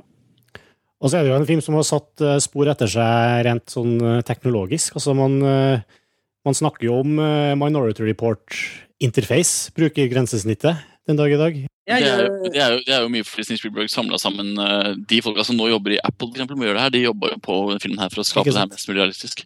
Så de var jo med i en sånn tenketank eh, Mm. på film. Men jeg må jo si at jeg må gå tilbake til det jeg snakket om Lars Ole, med historiefortellingen. for at Det som alltid på en måte, gjør meg engasjert i en Spielberg- Spielberg-film, er jo de umiddelbare kvalitetene. Altså det der umiddelbare historiefortellingsgeniet. ikke sant? Mm. Men det, det opplevde jeg aldri i Minority Report. Selv om jeg så den på kino, og så så jeg den på DVD etter det igjen, så opplevde jeg aldri det der umiddelbare Oi, herregud, så fantastisk måte å gjøre det på. Men når jeg så den nå, så fikk jeg litt den følelsen av at det faktisk, som du sier, da, i den her så ligger de grepene mye mer subtilt i filmen. De Mm. er ikke så tydelige som de pleier å være. da. Det her er ikke ET. liksom. ET så ligger de grepene bare oppi bak når du tenker oi, det her er bare så bra fortalt. ikke sant? Mhm. Men her handler det veldig mye om andre ting. da.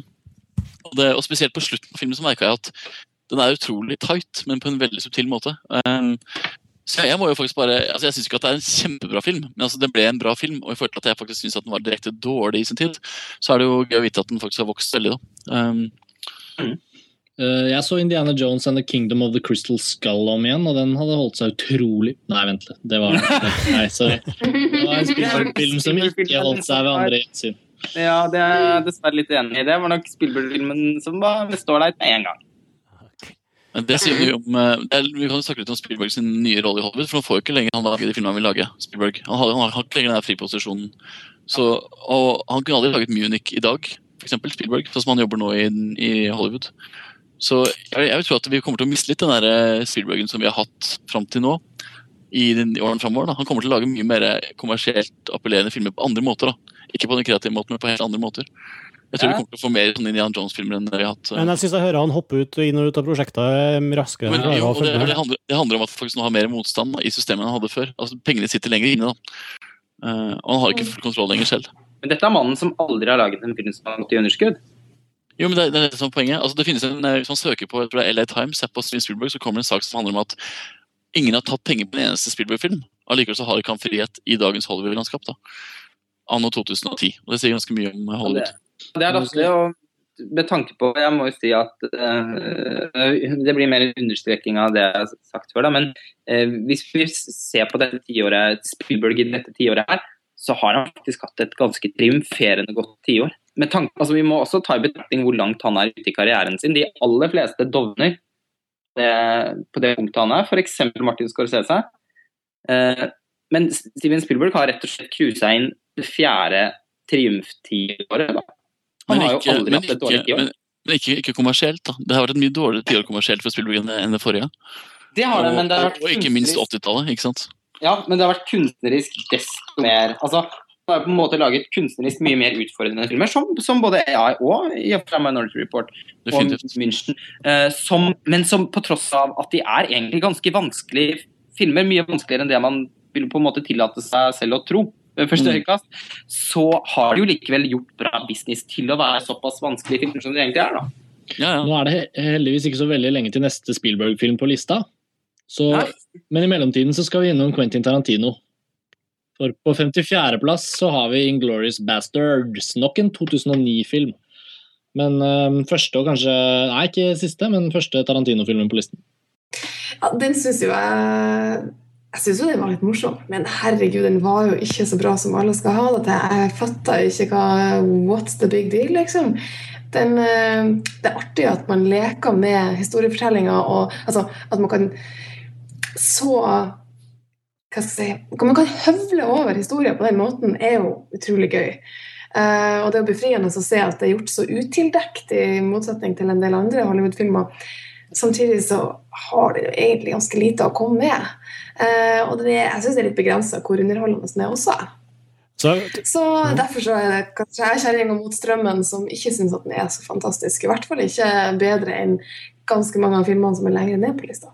Men det blir vel sagt om Tarantino at han er en sånn regissør som en av de få som kan tillate seg å uh, drite litt i historien og liksom divergere og gå løs på noen sånne tangent bihistorier og fordype seg i noen birollekarakterer i ti minutt etter ti minutt. eh, uten å plukke opp tråden nesten igjen etterpå. Eh, Kanskje ikke bare tillate seg, men det er vel nesten hele Det er det han mye gjør. Av mye av hans stil er jo konstruert rundt nettopp den Ja. typen fortelling. Da.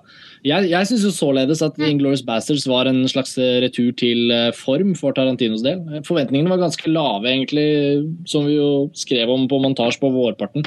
Han hadde jo premiere i august 2009, og, og Tarantino har jo ikke helt klart å holde koken. Særlig dette Grindhouse-prosjektet ble nedtur for mange. Jeg syns Death Proof var en dødsbra film. Jeg har nesten ikke mislikt noen av Quentin Tarantinos filmer. men hele Tarantino-greia fra 90-tallet føles nettopp som det, da, som en 90-tallsting. Som kanskje ikke har holdt like godt opp gjennom 00-tallet.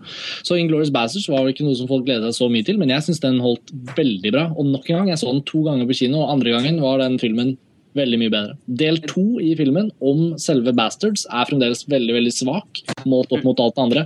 Men det reduserer ikke helhetsfølelsen av at dette er eh, en av Tarantinos beste filmer. Ja, nå må jeg bifalle Karsten litt, da. Fordi altså, nå, jeg, er nok ikke full jeg, I utgangspunktet så var jeg litt, eh, litt som deg, Kari. Altså, for når jeg så den på kino, så jeg syns den, veldig- jeg synes den var veldig, veldig underholdende. Eh, Tvers igjennom underholdende, lett, morsom film å se. Men jeg var også skuffet over at Tarantino ikke var strammere, da. Eh, Jeg synes jo For meg er Kill Bill Tarantinos beste film. Eh, både 1 og 2 som en helhet. Og den eh, dukker jo opp på listen etter hvert, så den kan vi jo snakke mer om siden. Og for meg så mist, på en måte, Jeg syns at Kill Bill var en så perfekt syntese av alt jeg liker med han, at jeg nesten ble uinteressert etterpå. Og jeg syns jo Death Proof på ingen måte var en dødsbra film. Jeg syns den var eh, grei skuring, men noen veldig kule ting. Inglorious Basters, Første gang jeg så den, så følte jeg at den var veldig veldig ujevn. Da. Og jeg syns jo det samme som Karsten, at disse, denne delen med disse bastardsene burde jo, burde jo nesten bare vært fjernet til fordel for mer tid med historiens to, virkelig to interessante karakterer, som er da Shosanna og han eh, Landa. Men så så jeg filmen igjen på DVD for uh, en uke siden. Og den vokste på meg andre gang jeg så den. Fordi nå følte jeg på en måte uh, Den frustrasjonen da, som jeg følte over, følte over at filmen var ujevn første gang jeg så den, forsvant litt når jeg så den igjen. Altså jeg ble mer sånn OK. Den scenen var ikke like bra som den forrige, men nå venter jeg på neste. Og jeg på en måte jeg syns filmen svunga mye mer andre gang jeg så den. I tillegg så syns jeg at den var mye morsommere andre gang jeg så den. Eh, og jeg klarer ikke å bli mett Jeg blir ikke mett på mett av å se han eh, Christoph Waltz eh, sin rolle i den filmen, for det er rett og slett Og det skal filmen ha alene, da. Det, det var nok den geniale filmkarakteren som, som jeg så på kino i fjor. Han er virkelig en liten vandrende sensasjon i den filmen.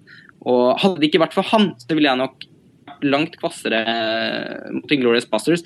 Men eh, jeg, jeg bare sitter med følelsen at det er en film som kommer til å vise seg å ha veldig stor gjensynsverdi. Jeg har allerede lyst til å se den en gang til. Jeg må bare innrømme at jeg tror faktisk ikke at jeg gidder å se den en gang til. Jeg synes den var såpass uh, intetsigende. Og vi snakka jo litt om det her med tomhet i film. Jeg syns den har så utrolig lite å gi meg at jeg bare kjenner jeg blir litt lei og bare skjønner ikke hvorfor jeg skal kaste bort tida mi på å se den filmen en gang til. Ja, det er jo Tarantino. Det er jo style over substance, så det holder. Jeg, jeg, jeg er veldig enig med alt Lars Ole sier. Altså jeg må si jeg kunne sagt akkurat samme Lars Ole, som det du sier. Jeg vil bare legge til én ting, og det er at Diane Kruger er eh, verdens verste skuespillerinne. Altså. Og syns du ikke skjønne Elena var bra i Troja? Nei, jeg, altså, jeg, jeg, er enig med alt det der med Glorious Bastards og at, ja, alt, som er sagt fra Lars Olsens side, men altså, Diane Kruger hun er så forferdelig i den filmen. der. Hun er, hun er jo alltid jævlig. Men altså, her er hun virkelig fæl. Virkelig. At hun Altså, endte opp med en Golden Globe-nominasjon, det For? for Inglorious beste birolle i Inglourious Baster. Nei, hun har ikke det. Jo, Nei. har hun ikke det? Nei. Men hun, hun fikk en, det var- en, en, en kritikerprisnominasjon. Nei, jeg tror det var Screen Actors Guild, det, da. Oh, ja, okay. Ja, men det er jo hele, hele ensemblet. Det er hele ensemblet. Alt sammen. Nei, vent litt, da. Skal vi se. Nå sjekker vi. Ja, jeg er helt sikker på at hun fikk en nominasjon som var helt sykt. Eh, Ja, for det er vel Jeg tror vel oss de fleste av oss er enige om La at oss ikke, la oss ikke miste tråden på akkurat det. Nei. Eh, ok. Nei, Hun er utrolig dårlig. Hun er det dårligste i hele filmen. Men altså, det, er ikke, det er ikke det at Kruger er så dårlig, hun er bare vond å se på. Fordi det er så vondt å se henne spille. Altså, Hun spiller jo ikke, hun bare Åh, Men så spiller hun en karakter der som er så utrolig genial da, i manuset. Altså, Jeg, jeg har lest manuset, det er vel du også, Karsten? Og husker? Nei. Jeg gjorde ikke det. Den karakteren er jo så bra i det manuset. Så, så, så bra. Men altså, hun er jo bare Hun, hun ødelegger fullstendig liksom, hele den uh, karakteren. da. Dårlig casting. Den store tragedien med Glorious Bastards er en krug, Altså, virkelig, Jeg syns det er grusomt. Razzie Award håper jeg hun får. Men Christoph Waltz eh, veier jo opp. Ja, Det er den mest energiske rolletolkningen eh, i år. I fjor, men jeg. 2009. Den er virkelig Ja. Vi, vi prater jo mer om uh, Glorious Bastards i Filmfrelst 24. ja det er er, vi kan jo bare henvise til den for, for videre. Men det virker jo likevel som på de fleste Nå var jeg aldri med på den podkasten, jeg hørte den jo. Og det virker jo som generelt at dette er en film som liksom sakte, men sikkert uh, Om ikke vokser, så i hvert fall inntar den en litt behagelig posisjon, da. Helt grei skuring, liksom, som du sa. Helt liksom, lettbent underholdning. på en måte. Ja, men, og som, samtidig Den er litt mer enn det, fordi det er underholdning som man gjerne tenker at man har lyst til å meske seg med flere ganger. Jeg vil vel Ja. nesten si at det kanskje er sånn cirka den, den, sånn cirka den 54. beste filmen fra siste tiåret. Det er bra sagt, Martin. Det Det er omtrent den 54. beste filmen fra 00-tallet. Veldig bra sagt. altså. Jeg, jeg, må nok, jeg må nok dog innvende at jeg, jeg syns nok ikke den hører hjemme på listen, da. Ja, det syns jeg ikke er så bra. Men den, den nådde uansett ikke opp til 53.-plass. Nei, Nei. Der, der, er film. der har David Lynch satt seg til rette Mm. med Inland Empire. Ja, snakk, snakk om utilgjengelig film. Det, eller det, vi, vi har ikke snakka om det, men. Snakk om kunstverk. Vi var Ja. vi var innom å kalle noe et kunstverk helt i begynnelsen, da vi hadde et par filmer som kanskje utmerket seg nettopp fordi de hadde en høy kunstnerisk verdi, men ikke nødvendigvis så stor underholdningsverdi eller kino-popkorn-underholdningsverdi. da. Eh, Inland Empire er jo da et mareritt uh, fanget på film. Og gå ned kaninhullet og få deg en virkelig dose. Fordi Inland Empire er virkelig, for meg, da, en av de sånn, mest marerittaktige filmopplevelsene fra det tiåret her. Og jeg kan aldri bli kvitt den filmen. Det er enkelte frames av den filmen som jeg nesten er litt lei meg for at jeg må ha med meg hele livet. Jeg kan liksom ikke glemme dem før jeg får alzheimer. jeg syns det bildet vi har valgt som sånn illustrasjonsbilde for filmen i uh, databasen vår, Mm. Er et av de Er det det jeg Mm. brukte som bilde på den eh, kodekøen jeg skrev om den filmen? nettopp. Ja, det er veldig jævlig. Ja, skikkelig. Men det er en eh, oppslukende filmopplevelse. Jeg, jeg eh, Ja. Jeg har, ikke, sånn, jeg har ikke lyst til å gå så innmari dypt inn på den, fordi jeg tror ikke man kan snakke kort, Ja. altfor kort om den, og ikke altfor langt om det, og ikke midt imellom. Det blir liksom sånn der, Men den er Ja. i hvert fall Skal jeg forsøke meg på å oppsummere det? Ja. Sånn, Forsøk. Nei. det er en scene i Matrix hvor Neo må velge å ta den the blue pill or the red pill, ettersom vi allerede har snakket om og Alice i Eventyrland og go deep down the rabbit hole. Eh, og enten så må man ta den pillen som David Lynch vil at du skal ta, og være med, eller så velger du å ikke gjøre det.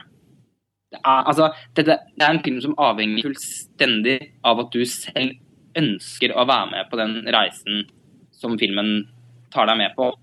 Hvis man stritter imot og på en måte ikke er i humør eller er klar for å være med på Inland Empire, så er det sannsynligvis en både ganske kjedelig, intetsigende og eventuelt dårlig film. Unntak av eh, at jeg tror at enhver kunne anerkjenne Laura Dern sin hovedrolle, som er forferdelig god. Eh, selv eh, for- min del også, er, akkurat som for Karsten, så er det en av de store eh, kinoopplevelsene jeg har hatt dette, dette tiåret. Fordi jeg har aldri sett marerittet som, eh, som, en, som en abstrakt idé, egentlig. da, Bli fanget så godt film før. Og David Lynch har jo forsøkt på dette i flere tiår, og lyktes veldig veldig godt tidligere også.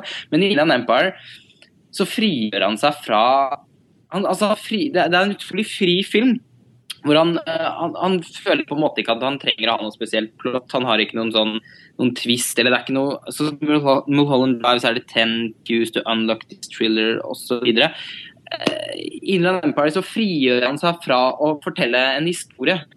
Og det er på en måte filmens styrke, syns jeg. At den, går, at den rendyrker prosjektet med å gjengi et, et levende mareritt. Det er jo en kvinne som har en psykose, så det er jo egentlig en psykose filmen forsøker å, å framstille.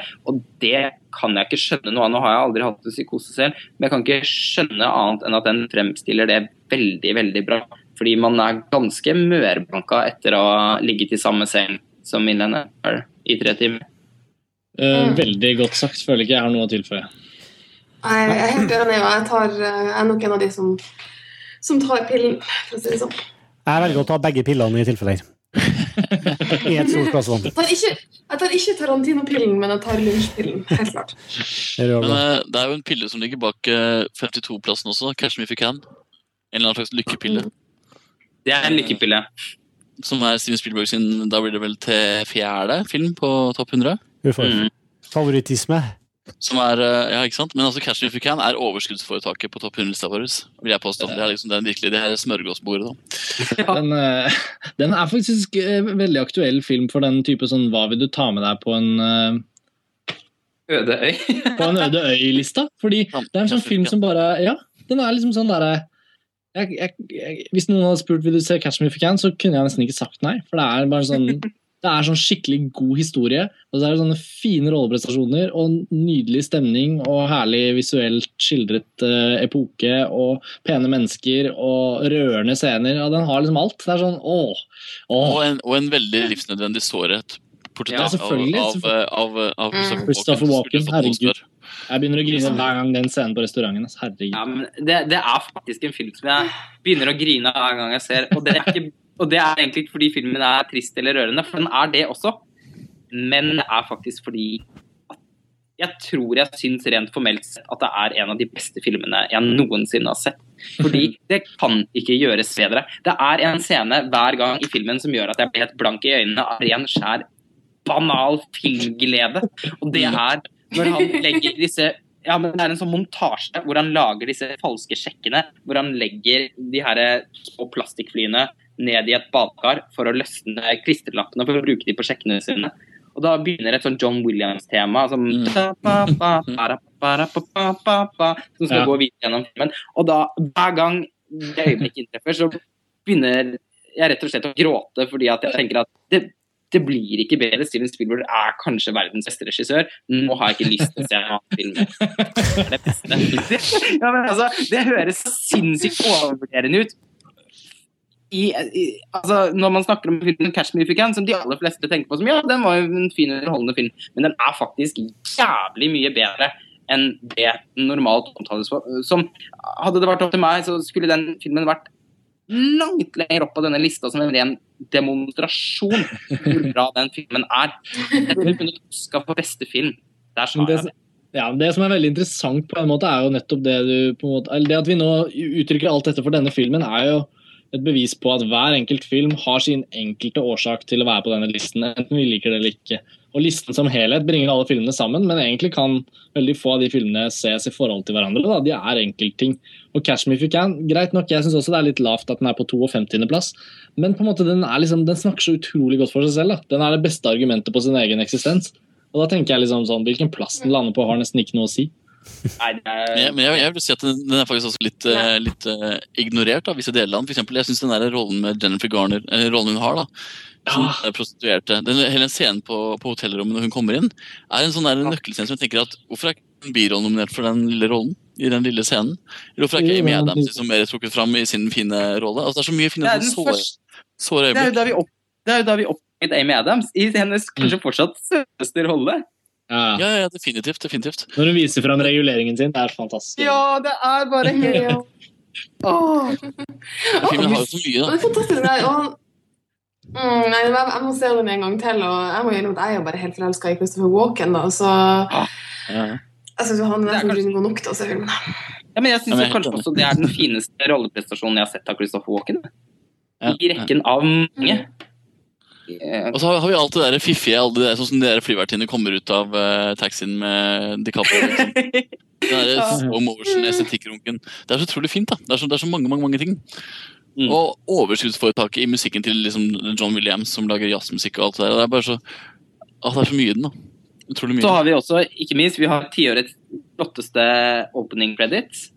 Ja, ja. Altså fortekstsekvens. Det er vel Ja. nesten konsensus. Ja, Den er, den er flott. Jeg er uten Ja, jeg er så glad for det. Fint, altså. Vi alle sammen syns at den er så god at jeg blir nesten litt sånn eh, ja, litt sånn sprudlende inni meg, faktisk. Det er det er kanskje noe av det peneste man kan si om den filmen. Litt rørt her jeg sitter. For å understreke hvor jævlig bra den filmen der! Og jeg må innrømme, den filmen som jeg på en måte, ja, hadde gått litt i glemmeboka, men som jeg tenker, herregud, jeg liker den jo så godt, altså. Jeg så den oppfatning at, eh, at Leonardo DiCaprio er de beste skuespillerne i sin generasjon. Og fordi at jeg syns han nesten alltid velger å spille gode filmer. da. Jeg synes at det er litt viktig. Men I den rekken av gode roller jeg syns han har gjort, så er det heller ingen tvil om at jeg synes 'Catch Me If You Can' er men han var født til å spille. Mm. Dette er jo den Mm. suverent beste Leonardo DiCaprio-rollen, syns jeg i hvert fall. Ja. Not Abignali, not Abignali, Abignale. Når han, altså, han, han Frank Abignale er Leonardo DiCaprio. Jeg kan ikke forestille meg noen annen skuespiller i den rollen. Mm, ja, han er ganske perfekt Men det er faktisk litt, litt samme som Tom Hanks da, sin rolle også. Det er litt samme faktisk. Man er ikke like tydelig, men det er jo det er sånn veldig sånn Tom Hanks er født til å spille den rollen. påstå. Selv om jeg ikke er noen Tom Hanks-fan, egentlig. Ja, det er jo ikke jeg. Jeg er heller ikke noe stor Tom Hanks-fan. Men også den rollen her uh, Nei, den er frydefull. Perfekt kast. Det er, det er en Mm. perfekt film, rett og slett. Det er en film som uh, burde fått rene sekstere på terningen for alle som skal hevde at de noensinne skriver noe om film igjen.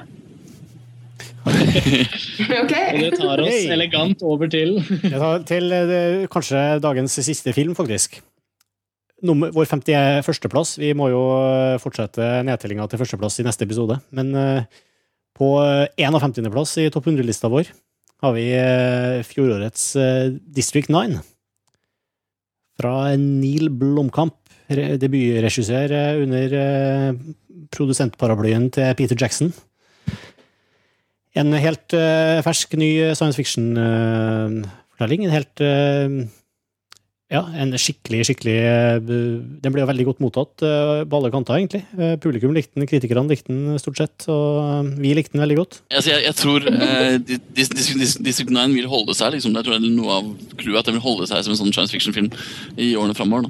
Det vil egentlig bare, Jeg tror ikke det vil bli en kultfilm, det, det tror jeg ikke. For den har gjort det for bra på Den er en kultfilm. populær. Ja. Men altså, det kommer til å være en film som kommer til å refereres til, tror jeg, i mange år framover. Ja, og Den er også veldig rik da, og veldig variert. Altså, den, liksom, den er veldig sånn utvikling i filmen nå. Liksom. Den tar oss fra dokumentarisk satire til, til, til, til spenningsfilm til en, og, og sammen med personutviklinga til hovedrolleinnehaveren i filmen er også sånn veldig sprikende. og det er, en, Mm. det, det er liksom en reise på mange måter. Uh, som du, du får liksom både i pose og sekk når du sitter og ser den filmen. Det, ja, det er både morsomt og, og spennende og rørende. Definitivt. Og Den føles også veldig som en slags en ganske bra avgjeng på 2009. fordi den på en måte, Måten den bruker spesialeffekter på, da, den er tilforlatelig måten at kameraet bare svipper opp, og så er det effekter. ikke sant? Og så er det helt realistisk. Det, det er en ganske fin finish på et sånn langt tiår med veldig mye effektfjas. da, Og veldig mye utvikling og veldig mye banebrytende arbeid. Og så kommer den her som bare bruker effektene utelukkende som sånn, et verktøy. da. Eh, veldig lite show-off, veldig lite eh, av det. Men jeg vet ikke, en veldig gjennomført film og utrolig underholdende.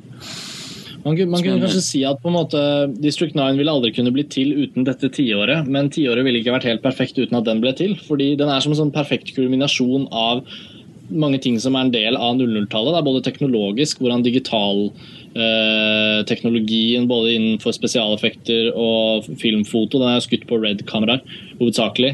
Eh, kulminasjonen av en sånn teknologisk utvikling opp gjennom hele dette tiåret har ledet frem til at District 9 kunne gjøres på et såpass lavt budsjett Altså kunne den gjøre seg en debutregissør som fikk gjennomføre en visjon. Hadde en produsent som selv hadde blitt bygget opp pga. en digital revolusjon som lot han gjennomføre 'Ringenes herre'-trilogien. ikke sant? Det er veldig mange ting som leder opp til at District 9 kunne bli til. Eh, Men eh, science fiction-sjangeren for eksempel, har ligget ganske brakk gjennom 00-tallet, før eh, særlig 2009 utmerket seg som et slags sånt gjenfødelsesår for sjangeren. Ikke bare District 9, flere av de andre filmene vi har på listen også, Avatar og Moon og Star Trek og- og, og ja. Men, men, men District 9 var da, i tillegg til alt dette, også en film som turte å være politisk. da. Og som turte Mm. å ta tak i samfunnsrelaterte temaer som veldig mye popkornfilm unngår å touche.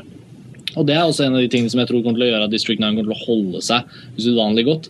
Er det at den, at den binder opp sin på en måte eskapistiske sjanger og handling til, til et veldig relevant samfunnstema som dessverre ikke kommer til å gå bort med det første, da, nemlig rasisme og segregering av, av mennesker og andre raser. Og så er det jo symptomatisk at uh, det startet på YouTube. da, At uh, han ble plukka på YouTube pga. en kortfilm. ikke sant? Nettopp, nettopp, nettopp. Det er Altså, faktisk hele- veldig verdt å se de kortfilmene hans. Altså. De er fantastiske. Fire-fem stykker. Da. Mm. Og de har den derre, som du sier, den derre usyn... Altså, det er show-off-teknologi, for all del, men den er, den er i, bak, i, i, i bakgrunnen og usynlig. Den tvinger deg til, å- til å se på Da, den. da, er, da, er, da er den jo ikke show-off. Det er det som er poenget. Den ligger i bakgrunnen når kameraet tipper opp, men den er jo ikke show-off. Jo, men den er bak. samtidig det, da, for at det, den er jo det, det er jo det du ser. Nei, jeg er ikke enig. Eh, fordi Show-off handler om at du, skal, du, du bygger en film rundt eh, effektene for å vise fram effektene. Terminator. Jo, men han bygger jo kortfilmer rundt effektene sine. For, for, for å vise dem frem. Og det, det, det er jo helt fantastisk. Du, du har på følelsen at de ligger i bakgrunnen, men de ligger jo egentlig i framgrunnen av bevisstheten min når jeg ser på. Nei, det gjorde ikke det for meg. Altså, for meg så lå det i, i, i forkant at det var en historie som, som uh, altså om noe, altså Bare tilfeldigvis så var det da et romskip som var over den byen her. Det er på en måte et, en del av historien. da, Og det romskipet måtte nødvendigvis være en effekt. Altså ble det en effekt. Uh, og det er det eneste show-off-elementet. da, At det ligger bare der og hviler. Ja. Ja, nå, nå tenker du på den uh, Berg-filmen ja. Ja. Nei, altså generelt med, altså med filmen her, da, Di- District 9. Jeg føler at han den her utrolig fine subtile bruken av effekten gjør at filmen blir veldig eh, Det gjør den enda bedre. da. At han er så veldig sikker da, på effektene sine. Han bare tør å bruke de sånn tilforlatelig. og Kameraet hviler eh, videre på skulderen til en fotograf innenfor en bil, og så ser vi på en måte bilen kjører forbi bare tilfeldigvis noen aliens som vi vet er eh, animerte. Uh, jeg vet ikke, Det bare, det funker, da. Og Det blir liksom bare en veldig stor del av historiefortellingen. Og det er jo en god kulminasjon på 2000-tallet, som Karsten sa, for det har vært sånn det har vært bygd opp imot å skulle bli i hele 2000-tallet. Uh, og da enda bedre ved at det faktisk det her blir plukket opp på YouTube. ikke sant? Altså Han blir funnet i sosiale medier, som har på en måte vært siste del av 2000-tallets store affære. ikke sant? Alt liksom er sånn perfekt uh, avslutning på, på et tiår. Mm. Og uh, også en perfekt avslutning på uh, den her første halvdel av vår topp 100 podkast maraton, må vi kunne kalle det. Altså, vi har virkelig overgått oss sjøl nå, altså. Det, jeg, jeg tror kanskje det Jeg vet ikke om det er noe det- Om vi bryter noen lover i podkastuniverset. Men Det fins ingen lover. vi må, ta, vi må ta et ord, da, for de som har hørt helt ut. Vi må si et ord. Vi må gjøre sånn som vi gjorde det sist. Et Ja. annet. Finne på et ord. Spagetti. Spagetti. ja. Skriv spagetti i kommentarfeltet dersom du har kommet hit i podkasten. Vi må også innom Gjett filmen-konkurransen vår eh, denne uka her. Eh, Forrige gang spilte vi følgende klipp. Hør etter nå. Jeg har truffet en annen. En annen hva? En annen kvinne. Hvorfor det? Jeg har blitt forelsket igjen på jobben. Det. Det var ikke noe jeg planla. Jeg trodde vi hadde det fint. jeg. Ja, vi hadde det fint, men så forelsket jeg meg. Hvorfor det? Jeg har tenkt å gå fra deg.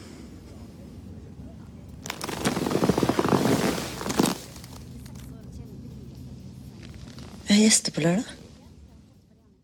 Og det var ganske mange som klarte å gjette hvilken film det her var fra. Uh, og Randi Egeland var en av dem. Og Randi, du gjetta at det her var et klipp fra Den brysomme mannen fra 2006, regissert av Jens Lien. Og det var selvfølgelig helt riktig. Eh, og en montasje-T-skjorte er derfor på vei i posten til deg. Gratulerer. Det er en ny sjanse for å vinne eh, i episoden her. Så spiss ørene nå. Hør om du klarer å gjenkjenne hvilken film det klippet her er henta fra.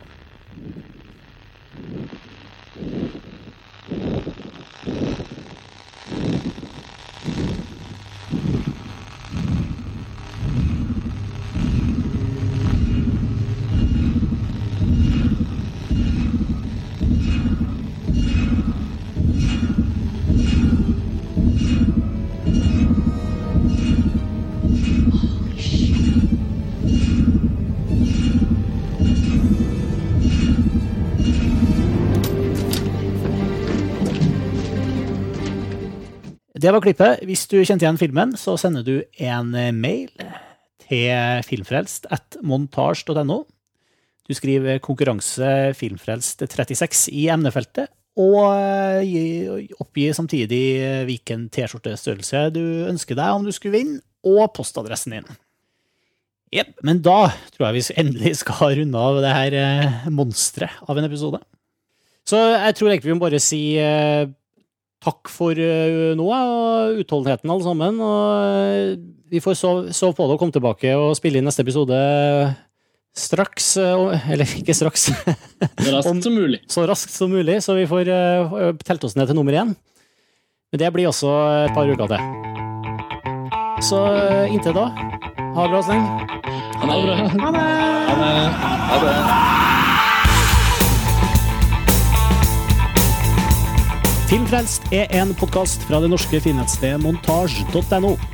Du kan abonnere på Filmfrelst i iTunes, og du kan lese mer og delta i diskusjonene om hver enkelt episode på montasj.no slash filmfrelst.